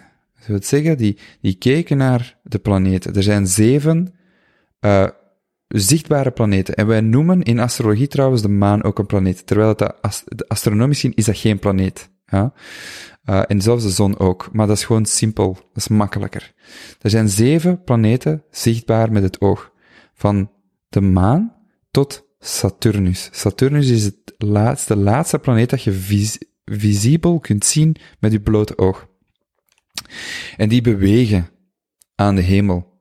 Bijvoorbeeld de maan, weten we, 28, 29 dagen, één cyclus. De zon, 365 of 366 dagen. En zo beweegt elke planeet volgens zijn um, cyclus. Wat trouwens opnieuw waves zijn. Ja. Um, en waarom die dus enorm in verbinding staan met ons. Dat is quantum astrology. Um, maar dus zij maakten een uh, verbintenis met als de planeet Mars in deze zodiac staat. Zodiac betekent de ecliptic en de ecliptic betekent waar het er eclipsen gebeuren. Er komt er trouwens een aan. Wat is een eclips? Een eclips is wanneer de zonne-eclips, die nu 21 juni eraan komt, zondag, om 8 uur 47 s ochtends, um, wanneer het de maan voor de zon komt, tussen hmm. de aarde en de zon, en de zon exact kan verduisteren. En dat komt door geen toeval. Dit is hoe georchestreerd het hele universum is. Dit is divine made, stuk voor stuk. De maan is 400 keer kleiner dan de zon, maar staat, de zon staat 400 keer zo ver van de maan. Dus daarom kan er een eclips gebeuren, een exacte eclips. Alles is gebaseerd op wetten. Alles is wiskundig in dit universum. Alles is wetenschappelijk. Het enige is dat we dat nog niet hebben ontcijferd, ontrafeld, ontdekt. Anyway, um, dus die wisten van, hè, als er uh, bijvoorbeeld, je hebt het sterrenbeeld, de zodiac, dat is een sterrenbeeld, uh, aan de hemel. Dus bijvoorbeeld op dit moment staat de zon in tweelingen. Technisch gezien is dat niet, maar ik ga het niet te moeilijk maken. Laat ons dat even zo aanvaarden. Zon staat in tweelingen. Um, happy, birthday, happy birthday trouwens, uh, drie weken geleden of wat? Of Nee, of wanneer? Mijn verjaardag? Ja. Nee, is oktober. Waren je geen tweelingen? Nee, weegschaal. Oh, zot. Ja, weegschaal. Oké, okay, zot. Anyway, maakt niet uit. Weegschaal, juist. Het, was een, het was een luchtteken. 10 oktober. 10 oktober, juist. Oké, okay. hm. nu, nu staat in mijn geheugen gegrift. Anyways, uh, zon zijn tweelingen. En um, dus zij wisten dat we, oké, okay, Mars staat in Steenbok. Hm, er worden koningen gekroond. Mars staat in Ram. Hm, er ontstaat een oorlog. En dit gaat niet over één event. Hm. Dit gaat over duizenden jaren van correlaties maken. Dus eigenlijk is dat een empirische um, wetenschap in die zin. Dus zeker ook meer en meer uh, be bewijzen, uh, als in concrete wetenschap, maar daar gaan we nu niet over uitweiden. Kunnen we. Um, maar dus daardoor weten we die planeten hebben bepaalde tekens gekregen. Symbolen. Dat is een symbool, dat is een taal. Astrologie is een taal. En het enige wat we dan doen is aangezien dat de sterren of de planeten bewegen aan de hemel, kunt je gaan kijken, nu gemakkelijk gemaakt door een software, en zien, hey, waar staat de maan? Waar staat Mercurius? Waar staat de zon? Oh, en wat is daar ooit over gezegd geweest? Dat. Ah, klopt dat? En je maakt zelf je eigen studie over jaren heen, waarbij dat je vergelijkingen maakt. Maar dat is ook iets heel intuïtief en iets heel energetisch. En zo kun je natuurlijk lezen, bijvoorbeeld zo weten we door duizenden jaren, dat de, de maan gelijk staat aan onze emoties. En ons thuis en aan ons verleden. Dat de zon gelijk staat met waar je straalt. Waar uw um, persona, uw ego wordt gemaakt. En dat wat dat hier komt leren. Mercurius is onze manier waarop dat we communiceren. Ons, hoe dat we denken. En afhangende daarvan kun je gaan beginnen spelen. Hmm, nice. Oké, dus die planeet staat daar, die planeet staat daar. En zo maakt je eigenlijk een vertaling. Dat is wat een astrologie doet. Een astroloog doet. En ik wil iets even zeggen over horoscopen. Horoscopen zijn echt... Zijn... Ja, ik weet niet wat ik daarvan moet denken eigenlijk, maar dat is geen astrologie. Hm. Ja? Um, astrologie, is een deel, deel van astrologie, dus, maar dat is maar één aspect van, je hebt de zon, de maan, Mercurius, Venus, Mars, Jupiter, uh, Saturnus, Uranus, Neptunus, Pluto en dan allerlei asteroïden. En dan communiceren die nog eens met elkaar in verschillende graden aspecten. Dat betekent ook al iets. En dan staan die in bepaalde tekens. En dan staan die nog eens in bepaalde huizen. Er zijn zoveel, um, hoe zeg je dat weer, uh, verschillende factoren, Hm. dat dat echt gewoon puur always on point is. En dat is wat er ook gebeurt, die magie van uw astrologische geboortekaart is laten lezen. It blows your fucking mind. Omdat dat zo specifiek concreet is. Ik kunt zeggen, ja, ja, maar um, je gaat dat geloven. En er is een deel in u, ik weet niet meer, dat is een bepaalde concept dat dat heet, uh, dat je iets gaat invullen naar wat dat je wilt dat je, Mm. hè, dat je het gelooft. Maar op, op bepaalde momenten, zo echt concrete uh, gebeurtenissen in je leven, dat je kunt pinpointen, dat je kunt zeggen, dan is dat gebeurd, dan is dat waarschijnlijk gebeurd, dat was dat de energie. Dat dat zo concreet maakt dat je niet kunt zeggen, fuck, dat, allee, dat is made up. Nee, nee, nee. Het is not made up, it's a fucking Dus science. Mijn geboortedatum en plek en geboorteuur Uur. weet Yes. op de minuut. op de minuut is belangrijk. Waarom? Dus de, um, de horizon, of, of in elk geval de hemel, ja, elke vier minuten is er één graad van de 360 graden die er zijn, ja, dat die verschuift. En dus dat gaat een verandering brengen in uw hele, um, ja, huizen heet dat, of uh, in uw hele wi- wiel Hm. in uw zodiac wheel. En dus dat gaat een heel ander beeld als scheppen. Dus tot op de minuut is extreem belangrijk. Want als je zegt van, ja, ik ben geboren rond twee uur. Ja, maar nee, nee, wacht. Het Twee uur of? Ah ja, nee, ik heb gezien twee uur twintig. Fuck. Twee uur twintig.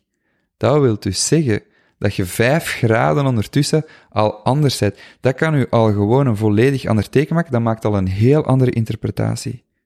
En dus daarom is dat belangrijk. Waarom? Omdat astrologie toont, pretty much, uw ziel, die via de planetensferen naar beneden gekomen zijn, zo een reis. Op het moment de ziel kiest wanneer dat hij geboren wilt worden in de flesh. De ziel kiest de familie. Daarom dat ik hier juist in het begin zei, in dit leven heb ik in elk geval gekozen om dit en dit en dit, deze, mijn familie als, en mijn vrienden als familie te zien. Maar uw ziel kiest uw familie. En dat is nog een ander punt. In welke familie zijn je geboren? En zijn ze aan het aanvaarden of niet? Anyway, um, dus op dat moment dat uw ziel wordt geboren, uw ziel kiest wanneer het eigenlijk uit de moeder wilt komen. Dat is waarom dat een vroedvrouw zo nice is, omdat die, die, eigenlijk is dat een blanket, een, een, um, een deken dat over u valt van de 3D-wereld, deze materialistische wereld. En dat bepaalt ook trouwens uw hele fysieke aspect in astrologie. En dat toont ook uw doel van uw ziel. Waarom is uw ziel hier? Welke talenten brengt het met zich mee? Uit een vorig leven? Welke uitdagingen heeft uw ziel gekozen wanneer het de, langs de planetensferen naar beneden kwam en die de wezens van die planetes u hebben meegegeven om te groeien, om uw ziel te laten evolueren, om ervaringen op te doen. En de ziel ervaart via emoties. En zo krijgt hij, daarom is dat ook, dat wordt in uw onderbewustzijn opgeslagen, omdat uw ziel die ervaringen kan zo kan uw ziel evolueren en ervaringen meemaken. En daarom is uw astrologie, wat een middel is, het kan ook via tarotkaarten, het kan ook via een medium. En daarom is dat zo belangrijk. En tegelijkertijd hoop ik, en het is mijn wens, dat mensen astrologie niet nodig hebben. Waarom? Dat brengt ons terug tot die ervaring en tot uw wijsheid ergens anders leggen.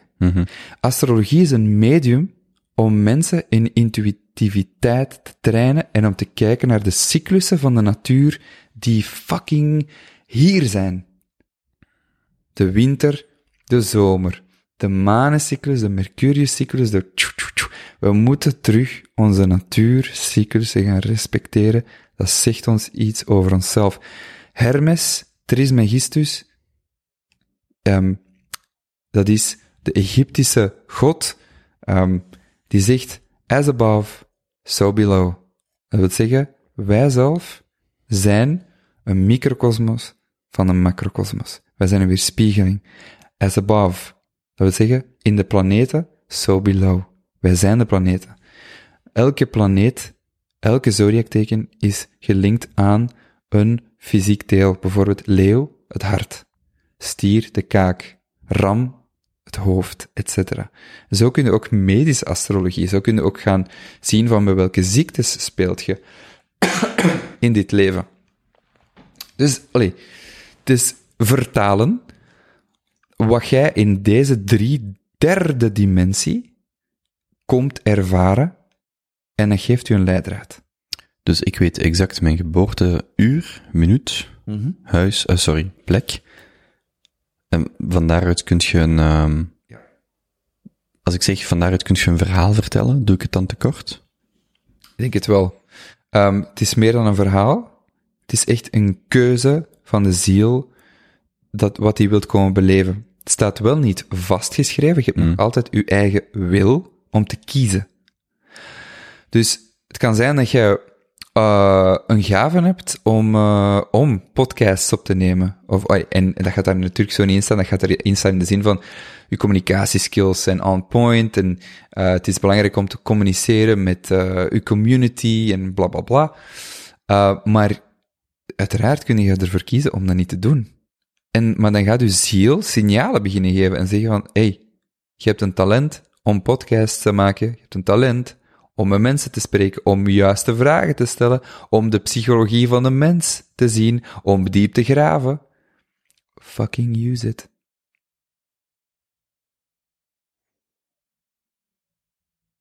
Je ziet dat, die link met de natuur, wat je net zei, de seizoenen bijvoorbeeld, ja, je ziet dat ook gewoon terug in onze taal, hè, of het nu maandstonden zijn, Yes. of lunatic in het Engels, eh, er zijn genoeg referenties naar, eh, ehm, naar,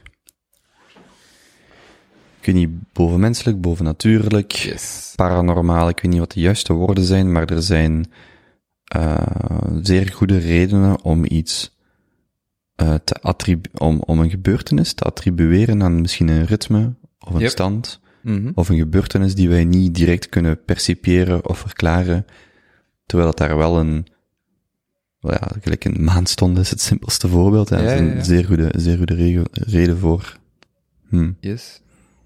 Ja, je moet dat zelfs niet zo ver gaan zoeken. Ik bedoel, allee, dat is niet eens ver gezocht, dat is, dat is, dat is de essentie. Maandstonden, maar ook maandag, zondag, dinsdag. Dinsdag is minder, eh, maar martes, dat is Mars Day. Mer miércoles in Spaans, of, of eh, mercredi, Mercury Day. Thursday, Thor. Thor is Zeus, is Jupiter. By the way, Jesus, Jezus, Zeus, Jupiter. Hm. Ehm, vrijdag, viernes, ehm, dat is vrij, dat is Venus Day. Sábado, of Ja, vendredi. Ja. Vendre, exact, vendredi. Sabbat. zaterdag, dat is Saturday, Saturday, de dag van Saturnus, de Sabbat. Um, dat is de, de, de, ja, voilà, de zevende dag, omdat de dag normaal begon op zondag bij de uh, geloven, dus daarom is Sabbat, Sept. En alles is de heilige zeven. Heel veel dingen. Het getallen 7, 12 komen heel vaak voor. Alles is zeven. Onze zeven chakras, um, onze zeven visible planets. De, um, ja, je, je kunt zo blijven doorgaan. Tot 7 maal 70 maal. Vergeef ik een ander zijn schuld. Yes. Mm. Exact. Uh -huh. uh, wacht. Shit, ik had net iets. Ik weet. Ik had net een leuke vraag, maar ik ben hem kwijt. Ah nee. Ja. Ik weet als dit, dit uh, en dat is waarom ik er daar straks uh, de, erover begon, de manier waarop je erover praat, dat die aangepast is aan de mensen die het horen of die het moeten horen. Dat wanneer het, wanneer het over astrologie gaat, uh, maanstanden enzovoort en zo verder, dat het heel snel heel afschrikkend kan werken. Mm. Voor heel veel mensen, of, of out there, of, of wat dan ook.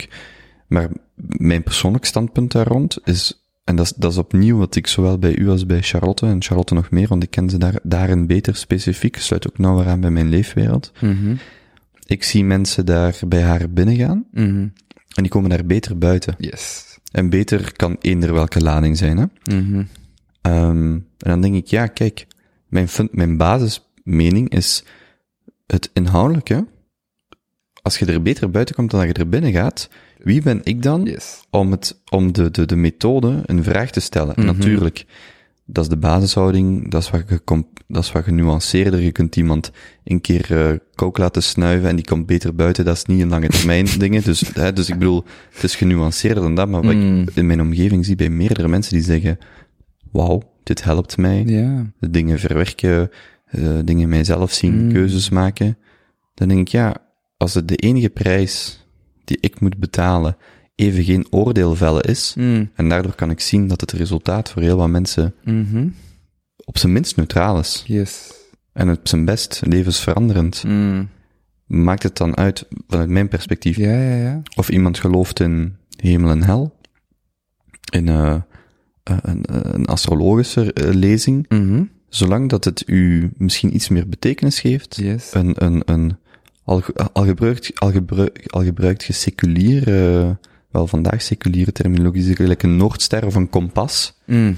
Maar dat is gewoon beeldspraak, wat eigenlijk allemaal, allee, allemaal nu gooi ik het op een hoop, maar wat tot dezelfde kern leidt van welke verhalen vertellen wij onszelf. Daarmee dat ik het daar straks ook een beetje voel, niet een verhaal als excuus of als een fairy tale, maar wel, wat geloof je, wat vertelt je tegen jezelf, hoe ontdekt je die sterktes in jezelf, mm -hmm. je zwaktes, je werkpunten.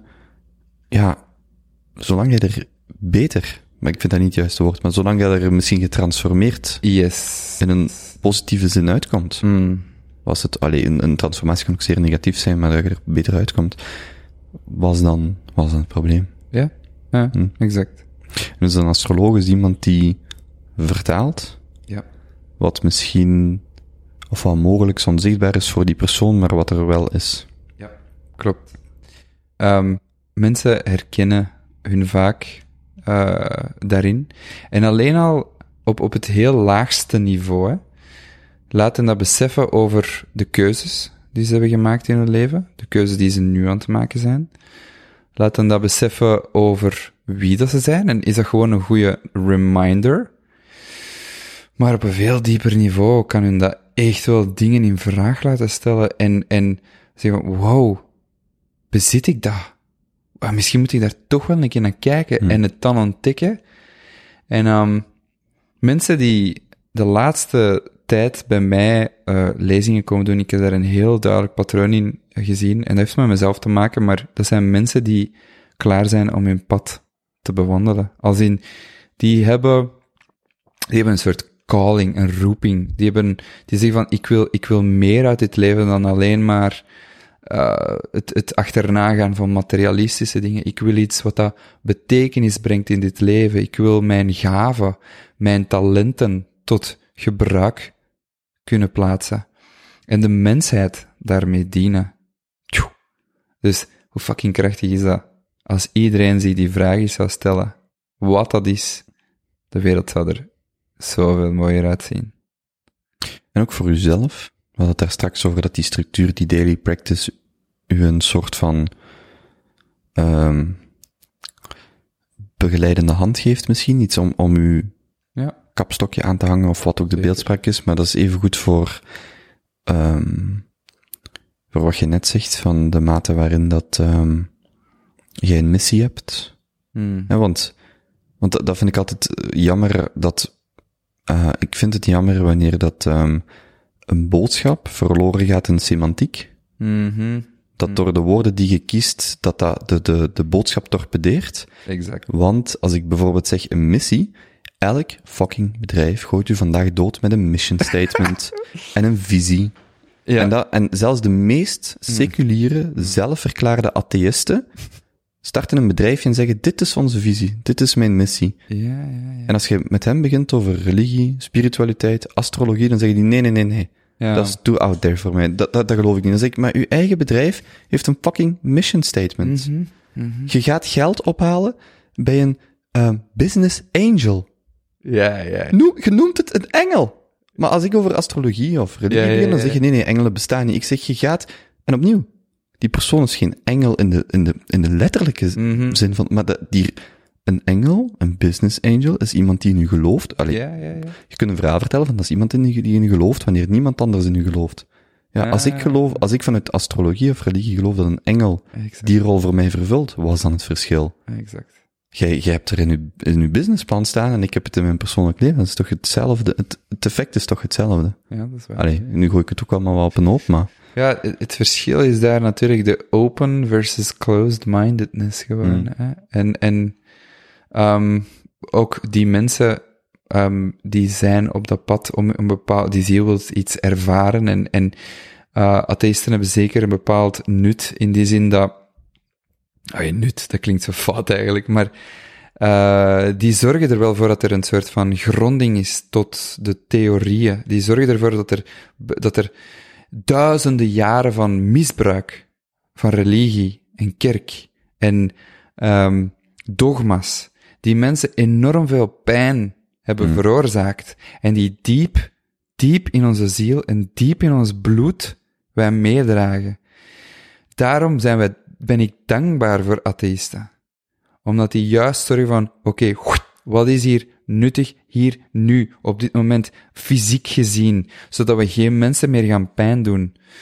Maar jammer genoeg haalt dat wel het hele, haalt dat de ziel eruit, haalt dat het hart eruit, haalt dat de verbinding eruit, de connectie, de, de, de schwung, de, de, de flow. En um, open-mindedness is, is belangrijk om, om iedereen zijn, zijn zicht te laten hebben, wat dat jij doet met de podcast, weet je. Zijn sommige mensen dat, dat je misschien niet zo goed mee vibet als met andere mensen, maar ze hebben godverdomme hun recht om te zeggen waarvoor ze staan. Uiteraard. Je zou er maar eens iets van kunnen leren. Exact. Want jij zit daar straks, want je hebt de derde niet verteld, denk ik, of ik ben hem vergeten. Mm. De kristal, de spiegel en dan het derde. De engel, ja. De engel. Maar als je het hebt over de kristal, zeg je van, ja, de mensen die je ziet, uh, waar je misschien jezelf in herkent, of een stukje van jezelf ziet, maar het omgekeerde vind ik, is dan, wat ik daar direct aan moest denken is, er zijn ook heel veel mensen die je tegenkomt, waarvan je denkt, zo wil ik niet zijn. Niet zijn, ja. En vaak is de via negativa, het, het, het, uh, de inversie nemen van iets. Het is soms moeilijk, het is veel moeilijker als ik aan u vraag, wat wilt jij van uw leven? Als ik aan u vraag, wat wilt jij niet? Ja, dat is waar. Ah, ja. overgewicht, sterven en dit, een, een, een vechtscheiding, jada, jada, jada. Mm. Dat is, dat is veel makkelijker om te definiëren. Ja. En dat is, dat is iets zo doms, maar ik, ik, ik kan niet geloven dat ik dat mijn achttiende gemist heb bij mijn studiekeuze. Ik dacht enkel van het perspectief, wat wil ik? Ah. En dus dacht ik, ah ja, marketing. En eigenlijk veel langer heb ik niet nagedacht. Ja. Had ik eens alle studierichtingen genomen en gewoon beginnen schappen, wat wil ik niet? Dan had ik gemerkt, eh, maar wacht eens. Geschiedenis, filosofie, ja. architectuur zegt mij ook wel veel. En dat is gewoon een, sim, dat is een simpel voorbeeld. Ja, maar, maar dat is echt gewoon, ik had niet het besef om eens te denken van, maar wacht, in plaats van wat ik wel wil, wat wil ik absoluut niet? En door dat zo te bekijken, had ik tenminste breder nagedacht. Of ik een betere keuze had gemaakt, dat weet ik niet. Wel, de reden is heel simpel. Wat wil ik niet, is het analytische brein. Hm. Wat wil ik, is de, het rechterbrein van expansie en creativiteit. Dat is zo een abstract concept. En wat wil ik vraagt geen linkerbreinactiviteit. Dat vraagt, dat, vraagt stilte, dat vraagt intuïtie. Een creatie. Yes. Mhm. Dus daar zijn we niet aangeleerd. Dus daarom is die manier makkelijker, wat wil ik niet. Mm. Als we mensen terug zouden aanleren om naar hun intuïtie te luisteren, dan is die wat, wat wil ik ook. Want het is niet en of, maar en en. Het is zo, uw linkerbeen is ook heel belangrijk, maar uw rechterbeen is even belangrijk. Als ik dat herinterpreteer, is dan wat je bedoelt of, of wat, wat ik zou aanvullen, is wanneer ik mij in mijn studiekeuze de vraag stel, wat wil ik niet, dan, als ik daar zelf voor, mij, voor mezelf over nadenk, dan beperk ik mijzelf eigenlijk tot de vraag welke studiekeuze ga ik doen, maar niet de onderliggende vraag wil ik überhaupt verder studeren. Ja, Terwijl als je de vraag opentrekt, wat wil ik? Ja, misschien wil ik als 18-jarige de wereld gaan zien. Of, Ja, of een stage gaan doen van drie jaar. En niet per se. Zo is, dat, dat dwingt je om creatiever na, of om open na te denken. dat en is er ook nog eens de wet van aantrekkingskracht. Hm. Wat stuurt je uit naar de wereld? Als je zegt, wat wil ik niet, dat ga je krijgen. Hm. Dus je zou maar een keer moeten vragen wat je niet wilt. En je krijgt het. Betekent dat dat als je bijvoorbeeld visualiseert of, ehm Wel, hoe heet dat, de, ehm de dingen dat je tegen jezelf herhaalt? affirmations? Ja, dat je die, Dat is één deel daarvan. ja, dat, maar dat sluit er wel bij aan. Het sluit erbij aan, maar het allerbelangrijkste daarvan zijn de emoties. Waarom? Emoties zijn frequenties.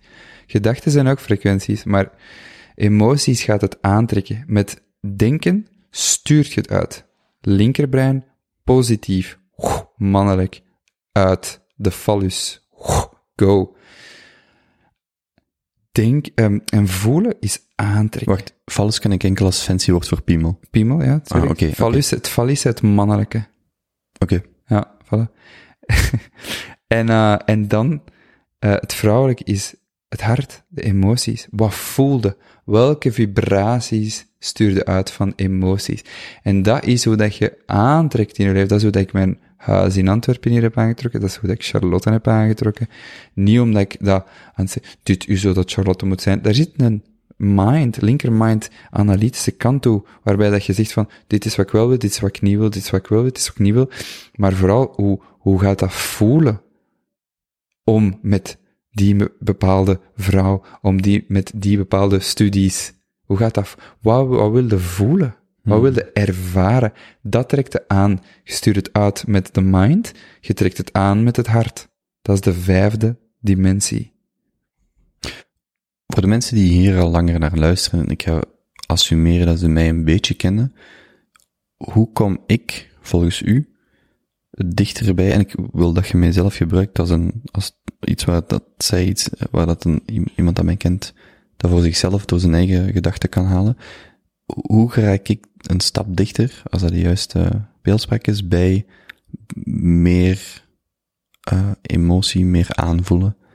Of, of, of om het negatief te maken, wat houdt mij tegen in het, het, die um, feminine kant aan te voelen, te tonen, uh, te belichten? -hmm. Er gewoon instappen in die emoties, die toelaten, die voelen, die, um, maar meer zelfs nog, hè. Um, dat zijn de rechterbreinactiviteiten. En dat zijn de creatieve activiteiten. Wat doe je van creativiteit? En alles is creativiteit. Ik bedoel, dit is ook extreem creatief wat jij doet. Maar, um, waarbij dat je niet de linkerbreinactiviteit gebruikt, maar waarbij dat je tekent, schildert, danst, seks hebt, uh, geniet van een goed pad. Al de vrouwelijke aspecten in je leven is gaat onder een groot, grote loop houden en die gaan doen. En again, how you do anything is how you do everything. En dan gaat zich dat vertalen naar gewoon simpelweg. Weet je, meditatie is een heel rechterbreinactiviteit. Yoga is een heel rechterbreinactiviteit. En dus, het gaat altijd over de twee hemisferen van de brein in balans brengen. Samen met je hart. En dus dingen die uw hart vergroten, als in, en niet fysiek vergroten, maar de, de hartchakra, die trouwens niet aan het hart ligt, maar juist achter uw sternum. Um, dat kan heel simpel zijn, gewoon mantra zingen, dat kan meditatie zijn, dat kan een kaarsje aansteken, dat kan met planten spreken zijn, dat kan hartbreincoherentie is daar voor mij de meest wetenschappelijke en beste manier voor. HeartMath Institute is een wetenschappelijk instituut dat onafhankelijke studies doet naar wat is de connectie tussen hart en brein. De coherentie. We zeggen, ze zijn samen in dezelfde wavelength aan het gaan. En dus op dat moment gebeurt er magie, gebeurt er de, de connectie tussen die twee, die beginnen met elkaar te communiceren. En uw hart is wat dat eigenlijk al scant, is scant uw omgeving. Het magnetisch veld van het hart kunt je tot 10, 20 meter, 30 meter ver gaan meten. Je kunt dat met frequentiemeter echt opnemen. En dus uw hart weet al wat er in het veld, want alles is verbonden en er is geen tijd, geen ruimte. Uw hart weet al wat er gaat gebeuren. En dus daarom is intuïtie, dat gevoel van intuïtie, hey fuck, er gaat, er gaat hier iets gebeuren, ik weet niet wat het is, er hangt hier een spanning van, of er is iets mis met u, waarom? Uw hart voelt dat en stuurt dan, hoe beter uw uh, verbinding tussen hart en brein, een signaal naar uw brein, en uw brein processeert dat en kan daar woorden in plaatsen. Ja, want dat is ook vaak bij wat er gebeurt met mediteerders en die alleen maar meditatie doen en niet in de wereld zijn en niet, en niet in deze maatschappij leven, maar die op een berg leven, die kunnen niet. Daarom is dat, dat is zo vloe. Dat is zo van, oh, ik heb de engelen gezien en wauw, en het was zo ongelooflijk. Je schrikt daar mensen mee af. Het is de balans vinden tussen de twee, mm. dat belangrijk is. Um, ja, ik weet niet meer waar we daarvoor bezig waren. Mm. Linker bijna, rechter bijna balanceren. Ja. ja, ik was zelfs om dat terug op mij, dat is misschien egoïstisch, maar om dat terug op mij te betrekken, ik merk bijvoorbeeld met die podcast, als ik vragen, zodat ik dat heel in het begin, vragen voorbereiden, afle aflezen, zo heel geïnspireerd à Tim Ferriss en zo, en wat is de beste vraag en wat zijn ja. intelligente vragen. Mhm. Sinds je hebt gezongen, maar dat is iets wat ik al 30, 40 afleveringen doe, ik heb bijna geen voorbereide vragen meer. En het angstaanjagende is wel, het is hit en mis, je weet het niet. Hè? Maar het is echt loslaten en gewoon, wat kunnen wij, wat kunnen wij niet. Exact. En niet dat analytische van, ik moet deze tien in, schijnbaar intelligente vragen stellen. Dan heb ik een goede babbel. Mm. Maar de vraag is, nee, nee, nee. Wie ben ik? Wie zit er tegenover mij? Wat verbindt ons? Wat is de waarheid? En daar heb ik geen intelligente vragen voor nodig. Als ik u daar straks vroeg, waar zijn wij gelijk en waar zijn wij niet gelijk? Dat is een mooi, dat is een, dat is een vrij intelligente vraag om een gesprek te starten. Mhm. Maar dat is maar een startpunt. Ja. Dus dat is zo, dat, dat moest ik net aan denken als je dat zei, zo van, zelfs binnen wat je doet, heb je altijd een, een, een keuze of zijn er altijd meerdere aspecten daaraan? Hm. Als je loslaat, dan zijn in het hier en nu. Um, de kwantumfysica zegt dus dat alles mogelijk is in het veld alles is het veld trouwens, van hier tot oneindig en altijd aanwezig en nooit er geweest. Dat, die mogelijkheid dient zich aan dan en die kunt je creëren en, en opvangen. Maar als je in je linker analytisch brein zit en probeert controle te hebben over de situatie, dan baseert je op dingen uit het verleden hmm. en is dat een voorspelbare toekomst gebaseerd op het verleden. Dus patroonherkenning. Patroonherkenning. Het is gebeurd, dat gaat gebeuren. Exact. Hm. En dus dan mist je zot veel opportuniteiten. En dat is waar dat je dan niet aanwezig bent met de persoon. Nu zijn wij al hm. aanwezig met elkaar en er is een, een chemistry, er is een verbintenis, er is een En dat is waar dat die vragen die in het veld zitten, trouwens, wetenschap heeft heel duidelijk aangetoond, uw gedachten zitten niet in uw brein, maar hangen hier in de lucht hebben ze, um, ik weet niet meer hoe dat het, het materiaal heet, maar het is een, een scanner die, die uit, uh, boven, dus vroeger hadden ze zo van die, um, elektroden, denk ik, dat ze op je brein plaatsen. En nu hebben ze een machine die rond je brein hangt en die de gedachte kan, meten. Waarom? Omdat uw gedachteactiviteit, uw gedachten zitten in het veld.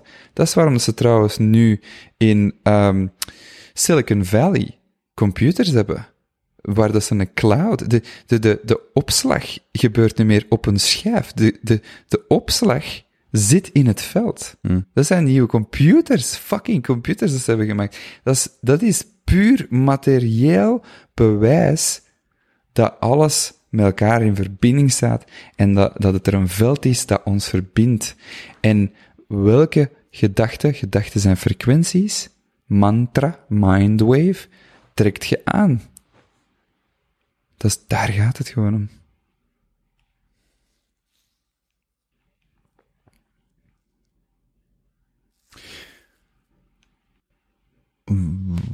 Hoe ziet, misschien een vreemde vraag, maar hoe ziet een carrière als astroloog eruit? Om, en waar ik naartoe wil is, je doet in-company trainings, je begeleidt mensen, maar waar zit voor u de, um, ja, ook daar de balans tussen ik ben astroloog of ik werk als astroloog, ik weet niet hoe jij daar naar kijkt, en was weer de, de, het raakvlak met de buitenwereld.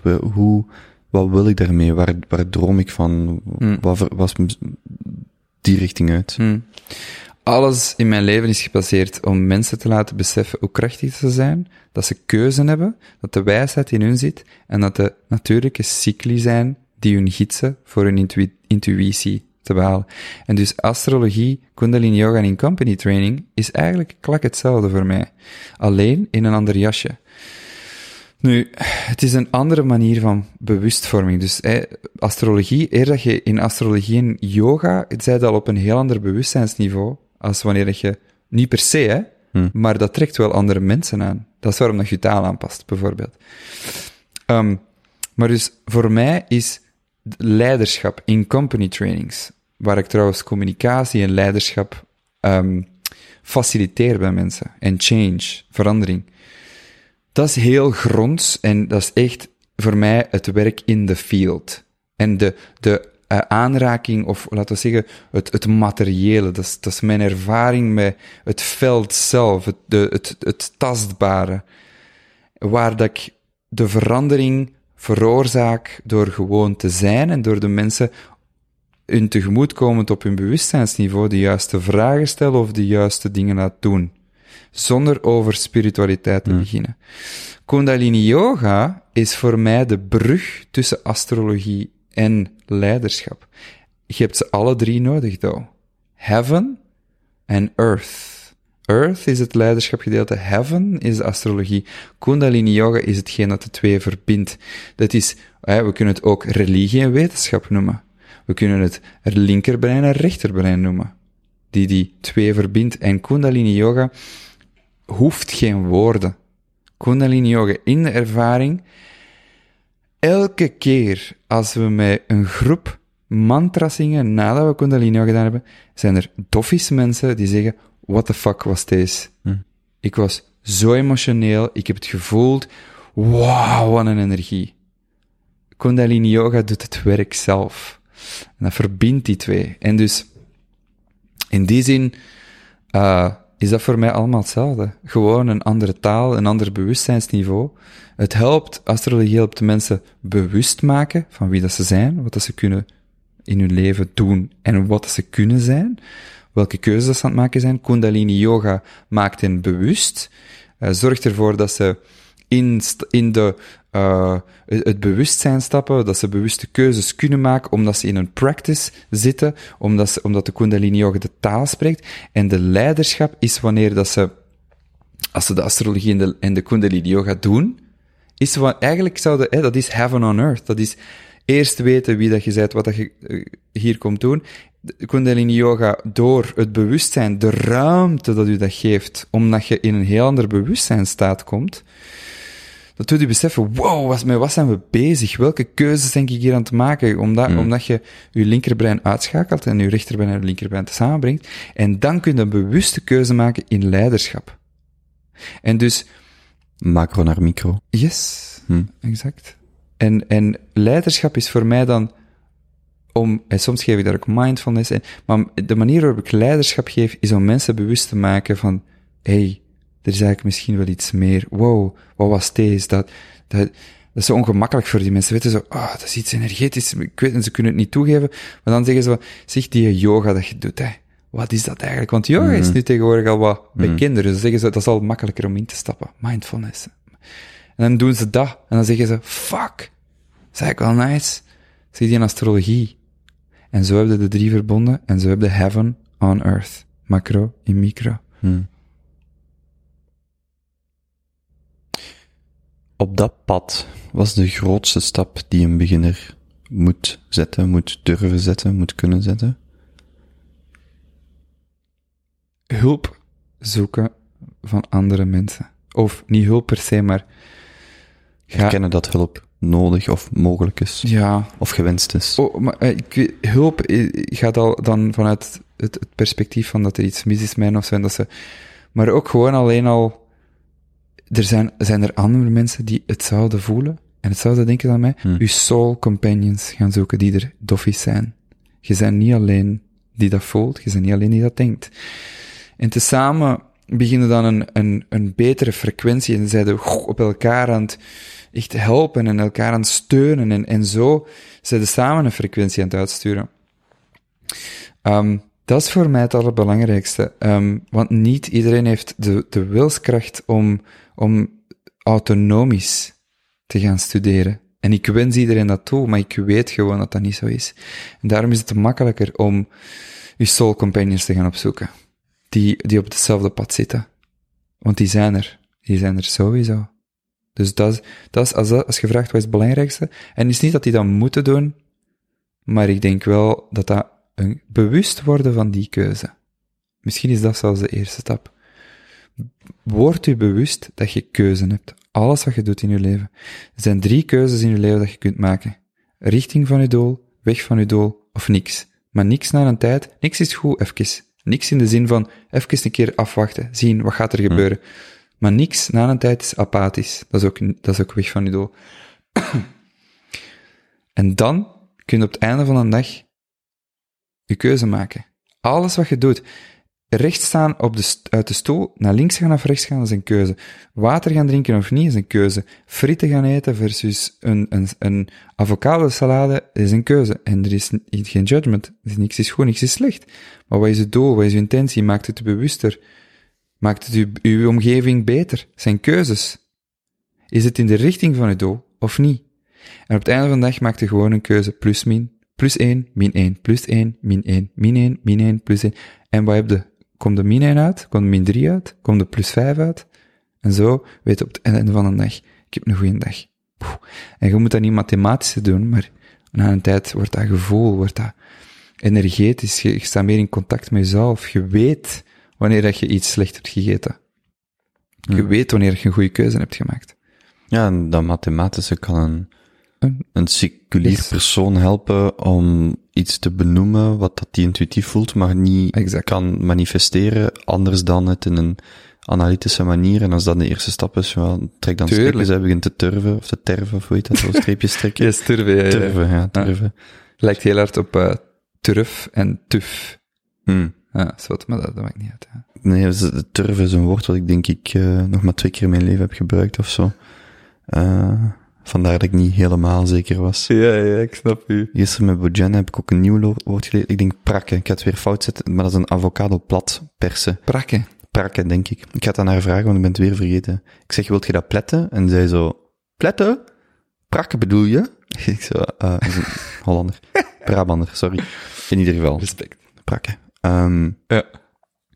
maar terug naar, als ik u vraag naar, naar uw ambitie, professioneel, Hm. Is dat dan... En, en, en ik verwacht ook niet, dat- ik, ik, dat hoeft ook niet zo helemaal benoemd te worden of uitgepland te zijn, maar, maar eh, heb je dan het gevoel van, ik wil bijvoorbeeld zoveel mogelijk mensen bereiken en daarom maak ik verschillende vormen van video, eh, boeken, e-boeken, podcasts, eh, Instagram, whatever, wat, wat je ook maakt of nog zult maken? Of gaat dat om zozeer mogelijk, zoveel mogelijk vasthouden aan de kern, namelijk elke persoon die je kunt begeleiden is, is, is een, wacht, als we het voor de opname hadden over ik die zei, eigenlijk aantal downloads enzovoort en zo verder kan mee gestolen worden in de mate dat je verbinding hebt of in de mate dat bijvoorbeeld iemand zijn of haar verhaal een andere persoon helpt om dan plaats te geven of een gesprek open te trekken. Hmm. Of zo van, oh wacht, ik heb dat ook, ik ga die persoon, allee zo, dan maakt dat niet uit of dat honderd keer, beluisterd wordt. Als, als je van vijf mensen een berichtje krijgt, ik zag het echt niet zitten, daar heb ik geluisterd, we zijn drie jaar verder en kijk eens waar ik nu sta. Mhm. Ja, of, ik bedoel, wat, wat wilt je nog meer? Mhm. Dat, dat is, en dus, vanuit dat perspectief, zo van hoe, hoe denk je daarover? Van, is het toch nobel om, om zo breed mogelijk te gaan, zoveel mogelijk mensen te bereiken? Was daar de rol die je, die je daarin wilt spelen in de toekomst? Mm. Ik heb, um, ik heb heel grote ambities. En dat, dat kun je astrologisch verklaren. Dan kun je ook zeggen dat het verhaal dat je zelf vertelt. Maar ik voel op een deep gut level dat ik op wereldniveau dingen ga veranderen. Echt. Mm. En daar heb ik ook, ah, als ik, daar, als ik daarover praat, krijg je zoveel fucking passie voor om echt de leiders van deze wereld echt gewoon, daarom dat ik met leiderschap bezig ben, Kundalini Yoga en astrologie. Dat is de visie. De visie is, en dat is wat ik ook heb gekregen in de download die ik heb gekregen in de, de piramide van Bosnië, wanneer ik die toeristen zag en het, en het heilig land respecteren, een community oprichten. Waar op heilig land, op, op heilig land, en waar mensen uh, naartoe kunnen komen, waar dat we elkaar in steunen, waar dat we uh, van elkaar kunnen leren, waar een, een, soort van retraite space is, waar ook een soort van bed and breakfast en een soort van um, ja, elkaar ondersteunend iets.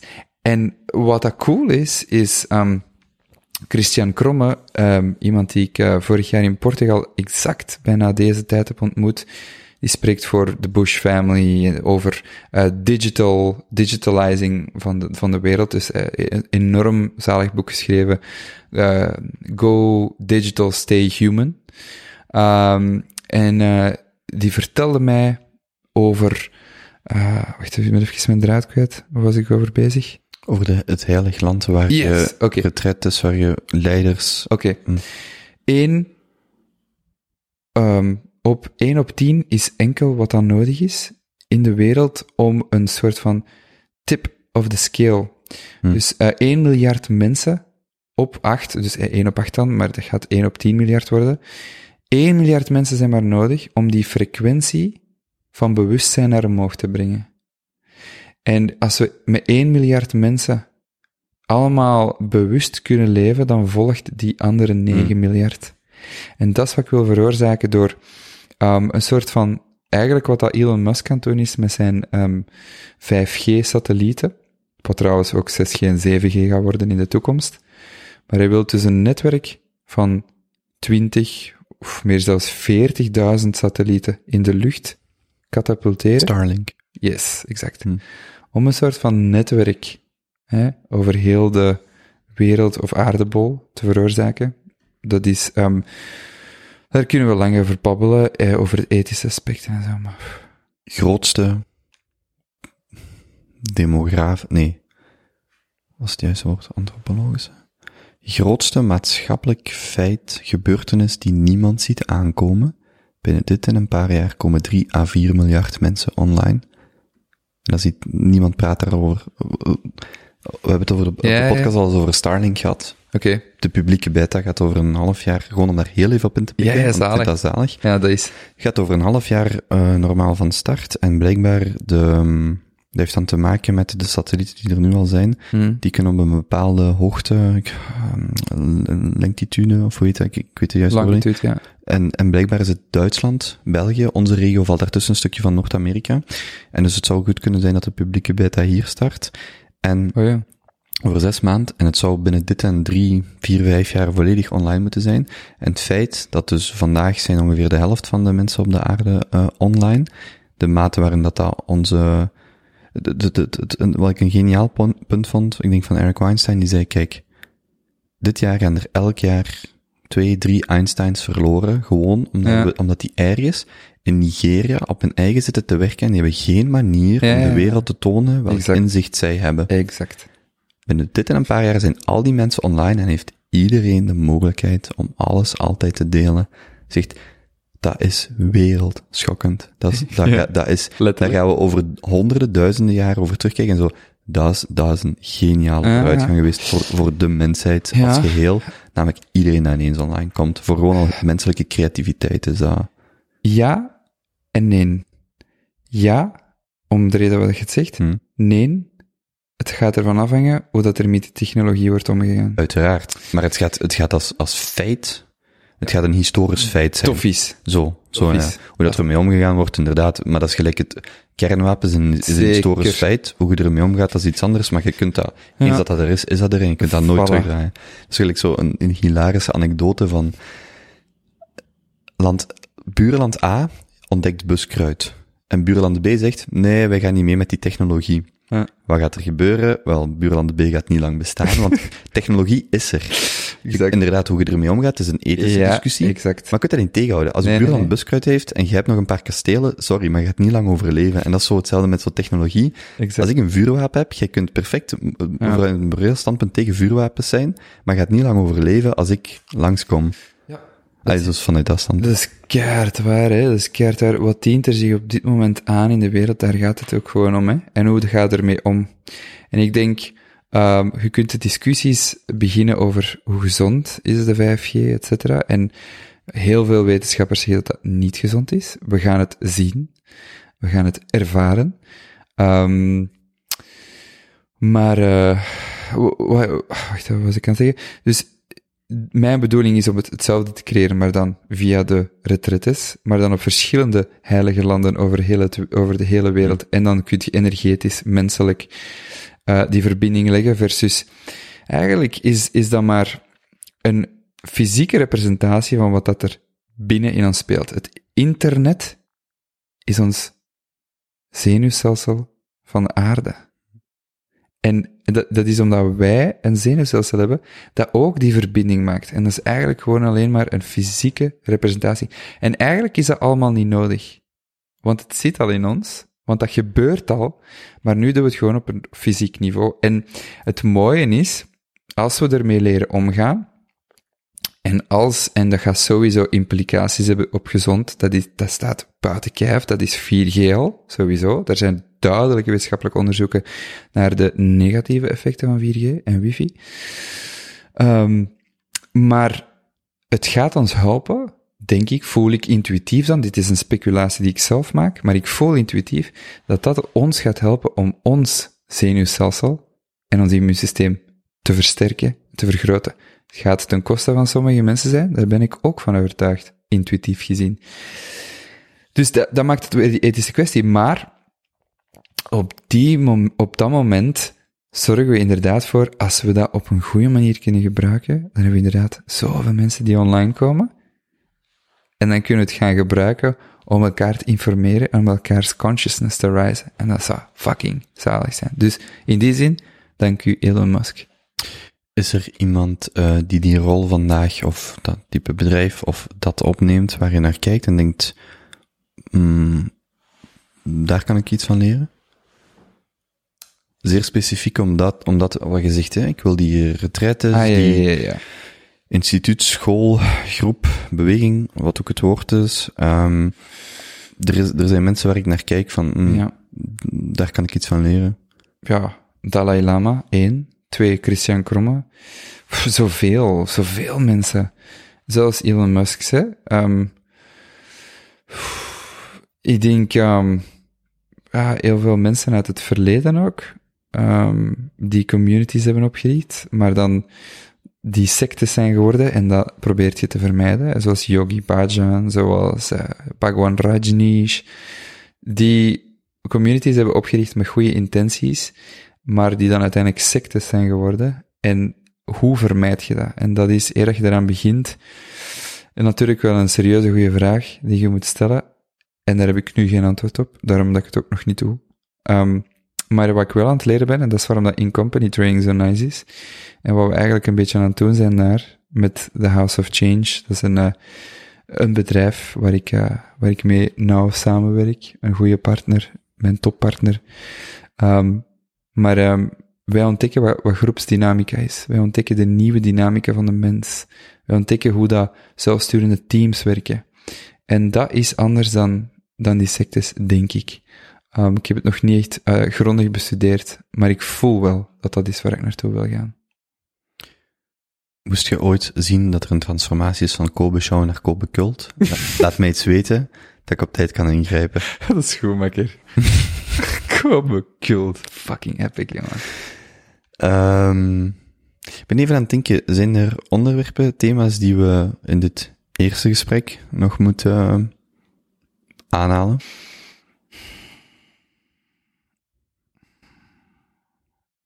Nee. Hoe voelt je nu? Ja, nice.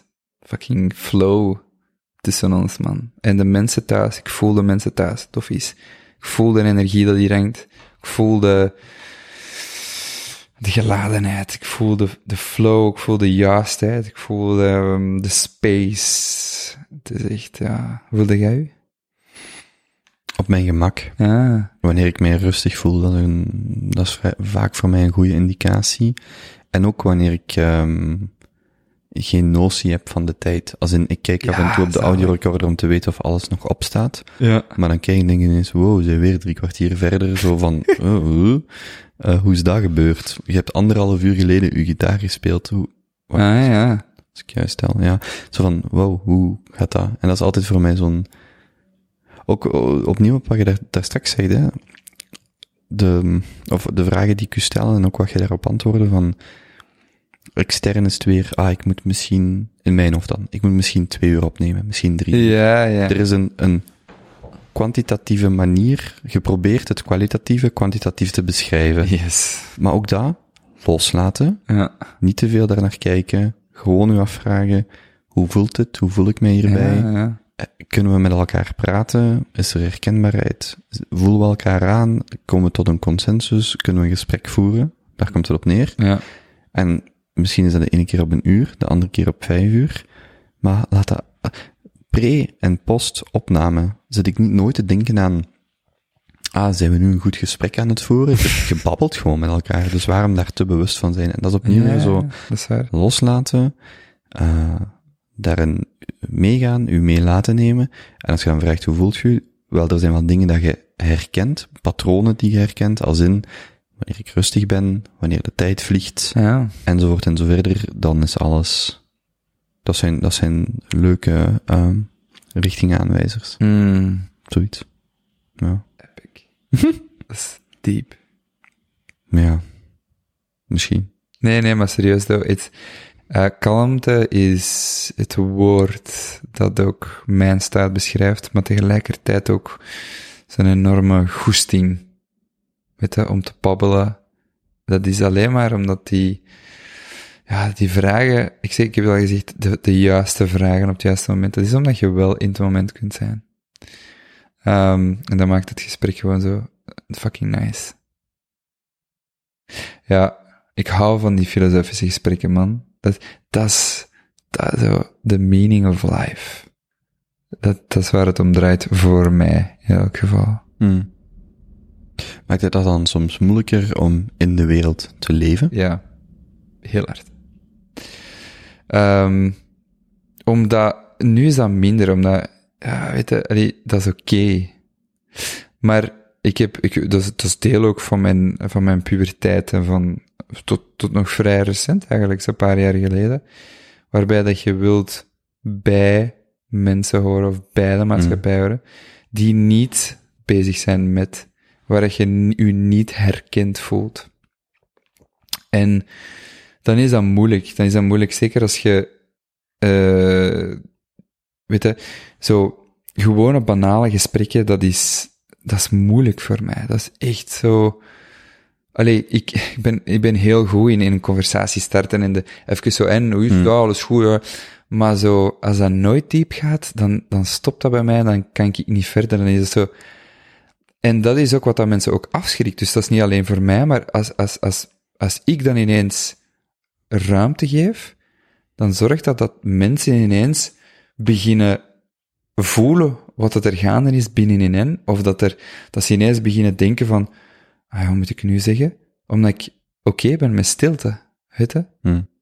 En dat zijn niet veel mensen, en dat zorgt voor spanningen, dat zorgt voor awkwardness. Plus, als je dan nog eens in een soort van um, empathische, hoogsensitief, uh, hoogsensitieve staat dan voelt je andere mensen hun uh, shit, uh, of dat ze onzeker zijn, of dat ze blij zijn, of dat ze niet goed gezind zijn. Hmm. En als je dat niet weet, dan kan dat ook voor spanningen zorgen. Nu weet ik dat al. Nu weet ik van, hé, hey, ik voel me hier niet meer angstig. Hé, hey, ik voel me hier niet kwaad. Dat is niet van mij. Ik kan die grens nu geven, omdat ik dat heb geleerd. Maar hoogsensitieve mensen, maar ook gewoon mensen het algemeen, want eigenlijk is iedereen hoogsensitief tot een zeker punt. Um, voelen die andere mensen hun dingen en dan denken die van fuck, ik ben onzeker en dat creëert awkward situations waaruit de conversatie niet ontstaat en dat heb ik ook heel vaak meegemaakt gewoon. En daarom is dat wel niet makkelijk.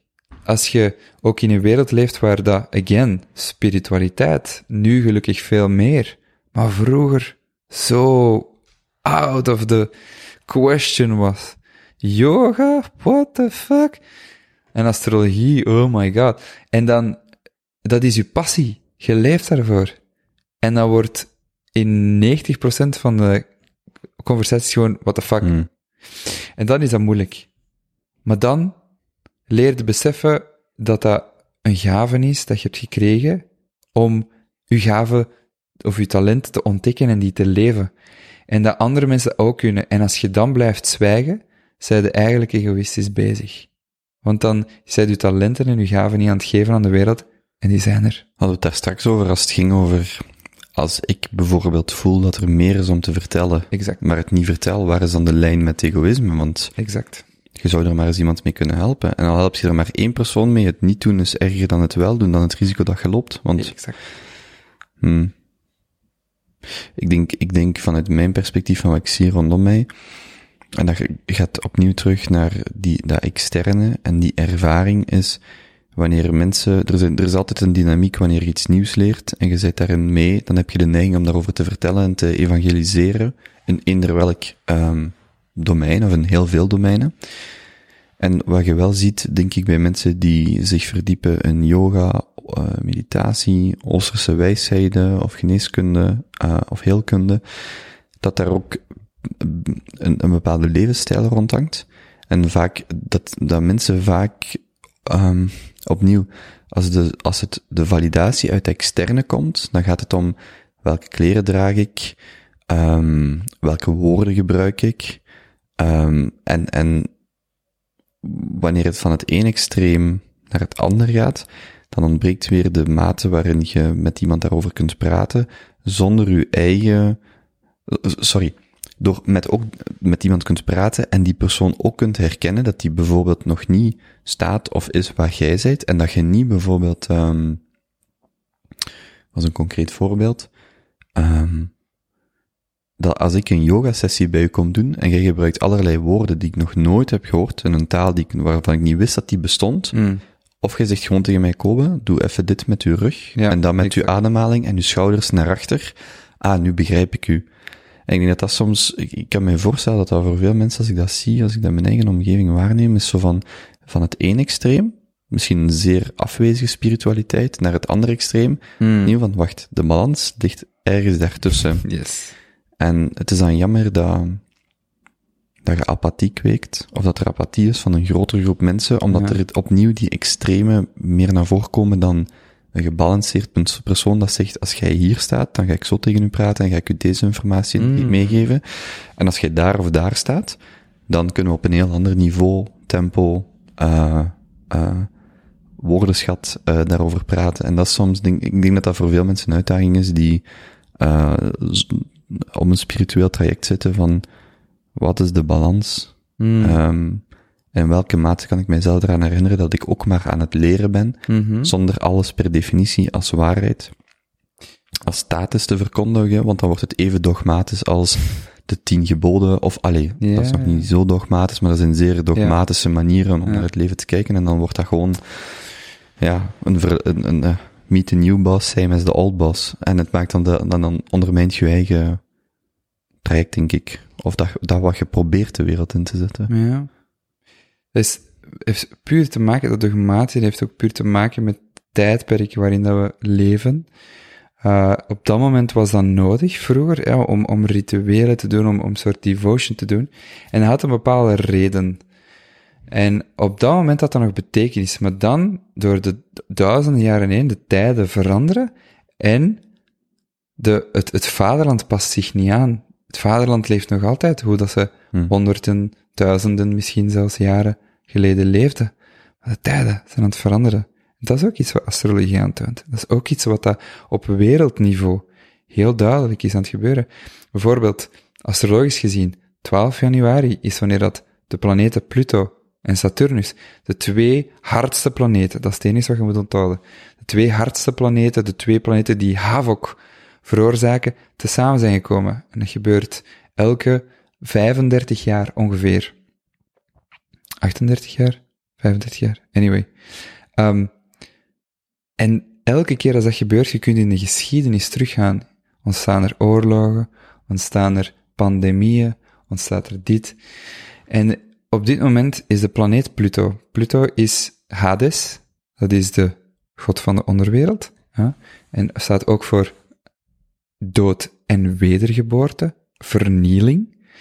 Staat hij in Steenbok. En Steenbok is het teken van het vaderlandschap, materie, autoriteit, Hmm. business. En um, dat is waar dat die twee zijn samengekomen. Wat is er aan het gebeuren? Alle tradities. Het vaderland is crumbling down, maar probeert nog zo hard mogelijk terug te vechten om die tradities te bewaren, de politiek, etc. Alles moet gewoon vernieuwen. En dat is waar dat iedereen zich aan moet aanpassen. Aan de, dat is, dat is weer dat linkerbij versus rechterbij, maar dan op collectief niveau. Waarbij dat we geconditioneerd zijn om vast te houden aan bepaalde manieren van doen. Die hadden hun bepaalde um, betekenis en, en, en nut toen. Maar nu zijn er helemaal andere en daar moeten we nu op focussen. Sluit dat aan bij dat Aquarian, Aquarian Age. Aquarian Age en het programma wat je dan de, wat de combinatie van uh, die drie... Ja, uh, Aquarian Legacy Program. Ja, want, want, ja, of in welke mate sluit dat er dan bij aan, bij wat je nu net vertelt? Alles. Um, dus we komen nu uit de Piscean Age. Pisces, Pisces vissen is het tijdperk van christendom. Jezus Christus, 2000 jaar. Ja. En zoals de, de katholieken trouwens, hè, hebben, de, de paus heeft een mijter op, en dat is een vissenmond. Als je die van boven bekijkt, dat staat ook voor de vissen. Waarom? Um, Anki en Anlil, uit de Sumerische teksten, zijn um, ja, volgens de mythologie, kan ook zijn dat het echt is gebeurd trouwens, die mogelijkheid moeten we er ook zeker bij laten, wezens vanuit andere planeten, die zijn afgedaald, en die toen, uh, volgens de mythologie, um, de Garden of Eden uh, hebben niet gecreëerd, maar toch in elk geval uh, voor gezorgd dat, dat Adam en Eva en het hele verhaal daarvan, ja.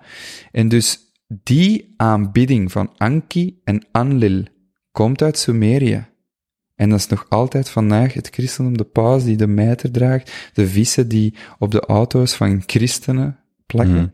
komt van het vissen-tijdperk. Dus dat, dat toont ook weer hoe belangrijk astrologie altijd al is geweest en hoeveel connectie tussen het planeten en hier is. En, en vissen, het sterrenbeeld vissen is ook gelinkt met spiritualiteit en religie. Um, maar ook met fantasieën en illusies en confusion. Paradox. Paradox betekent gewoon twee concepten die over elkaar zijn en je ziet de mist. Je ziet niet welke concepten dat, dat zijn. Je ziet de tweede merging of de twee. Anyways, we komen uit de Age of Christ, waarbij die rituelen en het goddelijke en een nieuwe spiritualiteit nodig was, maar nu komen we de Age of Aquarius. De Age of Aquarius is, Aquarius, waterman, is het teken van the people, van kennis, van community. En dat is waarom dat, dat belooft dat de kennis naar de mensen gaat gaan. En er gaat niet één hmm. christen of één Jezus Christus zijn. Iedereen is Jezus Christus. Iedereen krijgt de wijsheid. Iedereen krijgt de liefde. Maar dat is dus opnieuw wil versus lot. Gaan we er samen als mensheid naartoe? Ja of nee? En dat is waar dat we nu, op dit moment, dat is wat corona is. Dat is wat er voor de allereerste keer in ons leven is gebeurd. Een complete lockdown wereldwijd. Ondenkbaar. Twee jaar geleden. Zelfs één jaar geleden. Totdat ze begonnen simulaties doen. Wat dat al questionable is, zwart. Um, maar dus dat toont de interconnectie. En die Age of Aquarius gaat over iedereen heeft wijsheid. De wijsheid is van jezelf. Dat is waarom dat er op dit moment zoveel conspiracy theories zijn. By the way, conspiracy is gewoon een term om mensen te, bes te, te beschamen. Conspiracy, een, een theorie blijft een theorie en blijft iemand die zijn woord verkondigt. En er zijn zotte theorieën tussen, dat zeg ik zeker niet. Er zijn ook fucking gegronde, goede theorieën tussen. Dus dat woord conspiracy moet verdwijnen. Dat is iets puur uit de media om mensen schaamte aan te geven. Om niet te spreken tegen het vaderland. Um, wacht, wat gaan ik zeggen? Ja, dus de hele reden waarom dat die conspiracy theories zijn in de 5G is omdat wij kunnen een onderscheid maken voor onszelf. Wat is waar, wat is niet waar. Wij zelf moeten dat kunnen hmm. voelen en beslissen. Zodat wij kunnen een deel uitmaken via onze gaven voor in ten dienste van de community, ten dienste van de aarde op heel groot niveau, maar het begint lokaal. Think globally, act locally. Super belangrijk. Dat is een Aquarian Age kind of um, slogan. Het begint bij jezelf. Begint binnenin. Hoe verbind je met andere mensen? Welke community ga je oprichten? Wat is die intentie? Verbetert het het geheel? En dat is trouwens hoe ons menselijk lichaam veel wijzer is dan wij mensen zelf. Dat is trouwens wat dat ook opnieuw de divine construction aantoont van de universe. Miljarden, triljoenen, whatever, qua getal, atomen, die cellen maken, cellen die um, organismen maken, eh, organismen en, en die organen maken. organen die systemen maken. Dus het, verteringsstelsel en het verteringsstelsel met het immuunsysteem, met het respiratory system, de musculoskeletal system die een mens bouwt. Alleen maar omdat uw proteïnen in uw lichaam in harmonie zijn met uw DNA-strings en alles werkt in fucking harmonie. We moeten enkel maar eens kijken naar hoe dit menselijk lichaam in elkaar zit. En dat kan ons leren hoe dat wij als organismen over de hele wereld kunnen samenwerken. Wij kunnen iets leren van de natuur. Dat is waarom dat de natuur zo belangrijk is. Moeten we allemaal ayahuasca proberen? Nee. Ik ben er echt geen voorstander van trouwens. Hm. Mijn lichaam zegt ook al nee.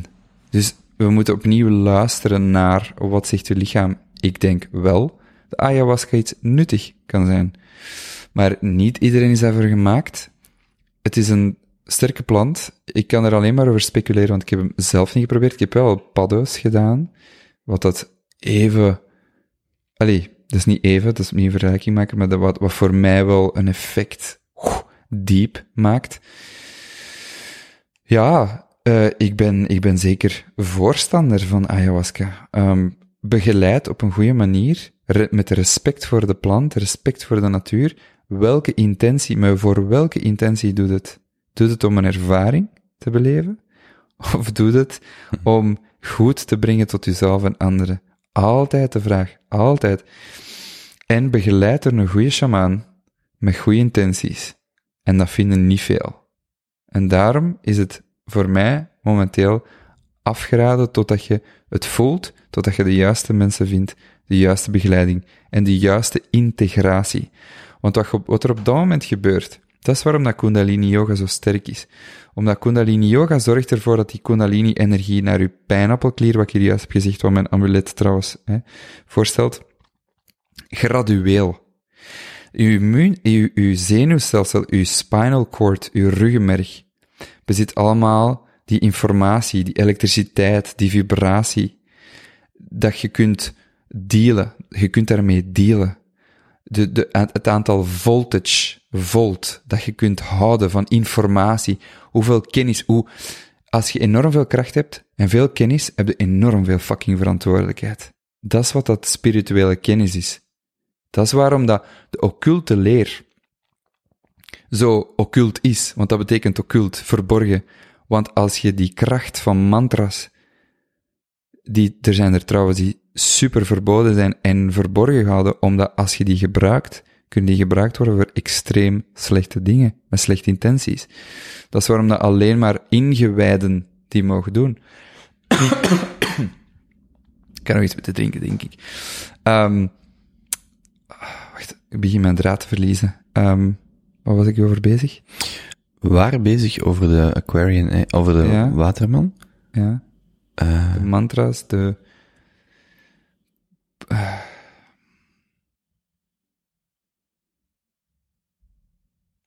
en nu ben ik zelf ook niet, want ik had nog een paar linkjes in mijn hoofd waar ik, waar ik aan was aan het denken. Ik was, ik was bezig... Dat ging over ayahuasca. Ja, ayahuasca en het kunnen proberen, het mogen proberen. Ah ja, ik heb het terug. Dus de informatie dat je dan door een ayahuasca-ceremonie zou kunnen, dat is niet altijd beloofd, maar ineens worden gecatapulteerd in verschillende dimensies. En je moet er klaar voor zijn. Hm, mhm. En wat je dan moet integreren van emotionele shit en ehm, dingen dat je hebt gezien, mensen worden letterlijk echt zot ervan, omdat ze er niet mee kunnen dealen. Omdat de planten tegen hun spreken, omdat er eindelijk andere dimensies zijn geopend, die er zijn, waarin andere wezens met je communiceren, die er zijn, maar waar je fucking zot van wordt, Mhm. omdat je in een wereld leeft die zegt dat je dan zot zijt, et cetera. Gelijk als je begint te mediteren met een uur, dat is heel heftig. Begin met 10 minuten, gradueel, net gelijk ayahuasca bijvoorbeeld, voor een beginner, of wat ook de omstandigheden zijn, een Mhm. zeer, ehm, eh, eh, een zwaar effect kan hebben. Ja, Hm. zeker en vast. En ook gewoon alleen al een uur mediteren gaat niet, kan, maar zal waarschijnlijk niet hetzelfde effect hebben als ayahuasca, maar het kan. Mhm. Maar fysiek gezien, zeiden daar ook, we zijn niet gemaakt om een uur stil te zitten. Daarom raad ik ook af om te beginnen met stille meditatie. Begin met een yoga, begin met een dansende meditatie, met een shaking meditatie, met een mantras, met... Er zijn zoveel, letterlijk, duizenden vormen van meditatie. U afwas doen, kunt je meditatie maken, dat heet mindfulness. Dat je bewustheid van alle acties dat je neemt. Dat is mindfulness. Maar inderdaad, zoals dat jij zegt, begin met 10 minuten. Als je stille meditatie doet, begint dat met 10 minuten. Of eender welke meditatie, begint met 10 minuten. Want dat is een small, dat is een kleine barrière dat je dan doorbreekt. Als je echt discipline hebt, fuck, go ahead, 1 Hmm. uur. The benefits are there. Maar het heeft geen nut om 59 minuten en 59 seconden tegen jezelf te zeggen, godverdomme, dat doet pijn, want dan mis je de essentie van Mhm. meditatie. Ja, opnieuw weer niet de ervaring die je najaagt, maar de staat waarin je je bevindt. Exact. Hm. Ik zag al een paar keer ehm, hoesten, Ja. draad kwijtraken, Ja, dus... min of meer. Begint het laat te worden. ja, ik weet niet, hoe laat is het? Eh, kwart voor twaalf. Meen je dat? Ja, we zijn drie uur 35 aan het opnemen. What the fuck? Hm. Frederik gaat boos zijn, want we zijn twee minuten langer bezig dan zijn opname en dat was veruit de langste. Van Greutel? Ja. In your face, bitch. Ehm, maar ehm, nee, normaal lig ik al eh, zeker pff, een uur en een half in mijn bed. Hm. Ja, maar nee, again, dit is wat je hier juist ook zei. Het, dit- dit is de passie, dit is ook zo... Als, als je kunt de tijd verliezen, daar gaat het toch ook Hmm. gewoon om. Dus I don't care. Maar inderdaad, het zijn wel verschijnselen van vermoeidheid. Ja. Maar ik kan nog uren blijven verbabbelen, ben ik 100% van Ja, want dat, dat zei ik ook tegen Frederik. Ik heb liever dat eh, er eh, wordt afgerond op een goede noot, Ja, als dat we denken, ah wacht, er zijn nog vijf thema's die we kunnen behandelen. We gaan die nu allemaal een kwartier de, erdoor jassen, ja nee, nee. gewoon om verder te blijven. Zo, nee, nee. Het fijne aan een podcast is dat je zo vaak kunt terugkomen, zo lang kunt babbelen als je wilt. En eender wie dat het moet horen, zal het wel horen. Exact. En de, de, de, de, de, lei- de, de, de leidraad die je kunt gebruiken is hoeveel energie heb ik, voel ik, is Mhm. het juiste moment. Ja, Dan denk ik, naar mijn gevoel, yes. we hebben een eh, goed gesprek gehad. En mine. vlot. Ja, P. En eh, Nice. ja, en ik zou zeggen, eender wanneer je denkt, ik wil nog een nummer brengen, een mantra zingen, Ja, eh, een thema behandelen, met plezier. een boek promoten, uitleggen, toelichten, Hint. Eh, ja, nee, ik- ik- eh, altijd welkom. Ja. Want ik zeg, we kunnen daarover, want dat is wat je net bijvoorbeeld zei van, hè, die, die, het verlaten van, ehm tijdperk van de vissen naar de waterman. Ik denk dan Mm. direct, ah ja, individualisering van de maatschappij is dan een seculiere interpretatie. Als jij zegt, think globally, act locally, dan denk ik, ah ja, dat is, eh weet dat, de compara van eh, Immanuel Kant, de, ehm, de, de, de, de filosofische ehm, benadering van gedraag u zoals goed is voor de hele, voor, voor iedereen. Gedraag op een manier die goed is Mhm. voor, ik- wat ik wil zeggen is, er zijn nog heel veel thema's die Ja, we ja, kunnen ja. aansnijden en denken van, ah ja, er zijn heel wat, heel wat linken om te leggen of om te exploreren. Mhm. Dan zou ik zeggen, als jij, eh eender wanneer je wilt terugkomen, laat maar weten. Met Plezier, jongen. En gewoon ook zonder podcast. Sowieso, sowieso. Ja. Dat is, ehm ja, dat is, ik vind dat soms wel moeilijk, eh, als, als het, ehm als ik met mensen spreek die een job doen, dan denk ik, ja, maar dit, dit is iets wat ik on the record even graag doe als off the record. Het is Ja. niet dat ik mij moet opladen om babbel te doen. Het enige verschil is, als ik, zeker mijn vrienden zal nog iets anders, maar als ik uh, onbekenden uitnodig, als een gasten die ik voor de eerste keer spreek, is er wel een verwachting dat ik meer de rol van interviewer heb. Ja. De persoon die de conversatie in de gang moet houden. Maar als ik met maten ben of zo, en zeker die Junto-opnames ook, met, dat is echt voor mij gewoon, oké, we gaan er samen iets van maken. En dat is, dat is super chill. En dat is, voor mij komt dat heel dicht bij de gesprekken die ik heb met mensen off, the, allez, off en on Ja, record. ja. Daar is geen verschil tussen. Uh, idealiter, dus uh, dat vraagt weinig, vraagt, vraagt weinig moeite. Um, dus ja, ja. Hey, merci man. Echt fucking nice. Vond je het aangenaam? Echt wel. ik doe deze echt heel graag. Mm. Ja. Wel, dan uh, gaan we dat binnenkort nog eens doen. Mm. Um, en dan uh, zullen we zien hoe dat die tijdslijn met Valencia en zo, hoe dat, dat eruit ziet. Ik ben ook wel benieuwd naar wat de toekomst brengt. Mm -hmm. En of we ons binnenkort, uh, wanneer dat ook is, op een piramide in. Bosnië-Herzegovina bevinden. Alright. Al dan niet. Looking forward. Uh, maar uh, merci om tot hier te komen. Merci om voor de eerste keer een instrument mee te brengen. Graag gedaan. Zeer charmant. Ik zag u binnenkomen. Ik dacht, yes. uh, dit, is, dit is exact wat ik apprecieer. En ik hoop dat iedereen dat tot nu geluisterd heeft, zich ook zo voelt. Satnam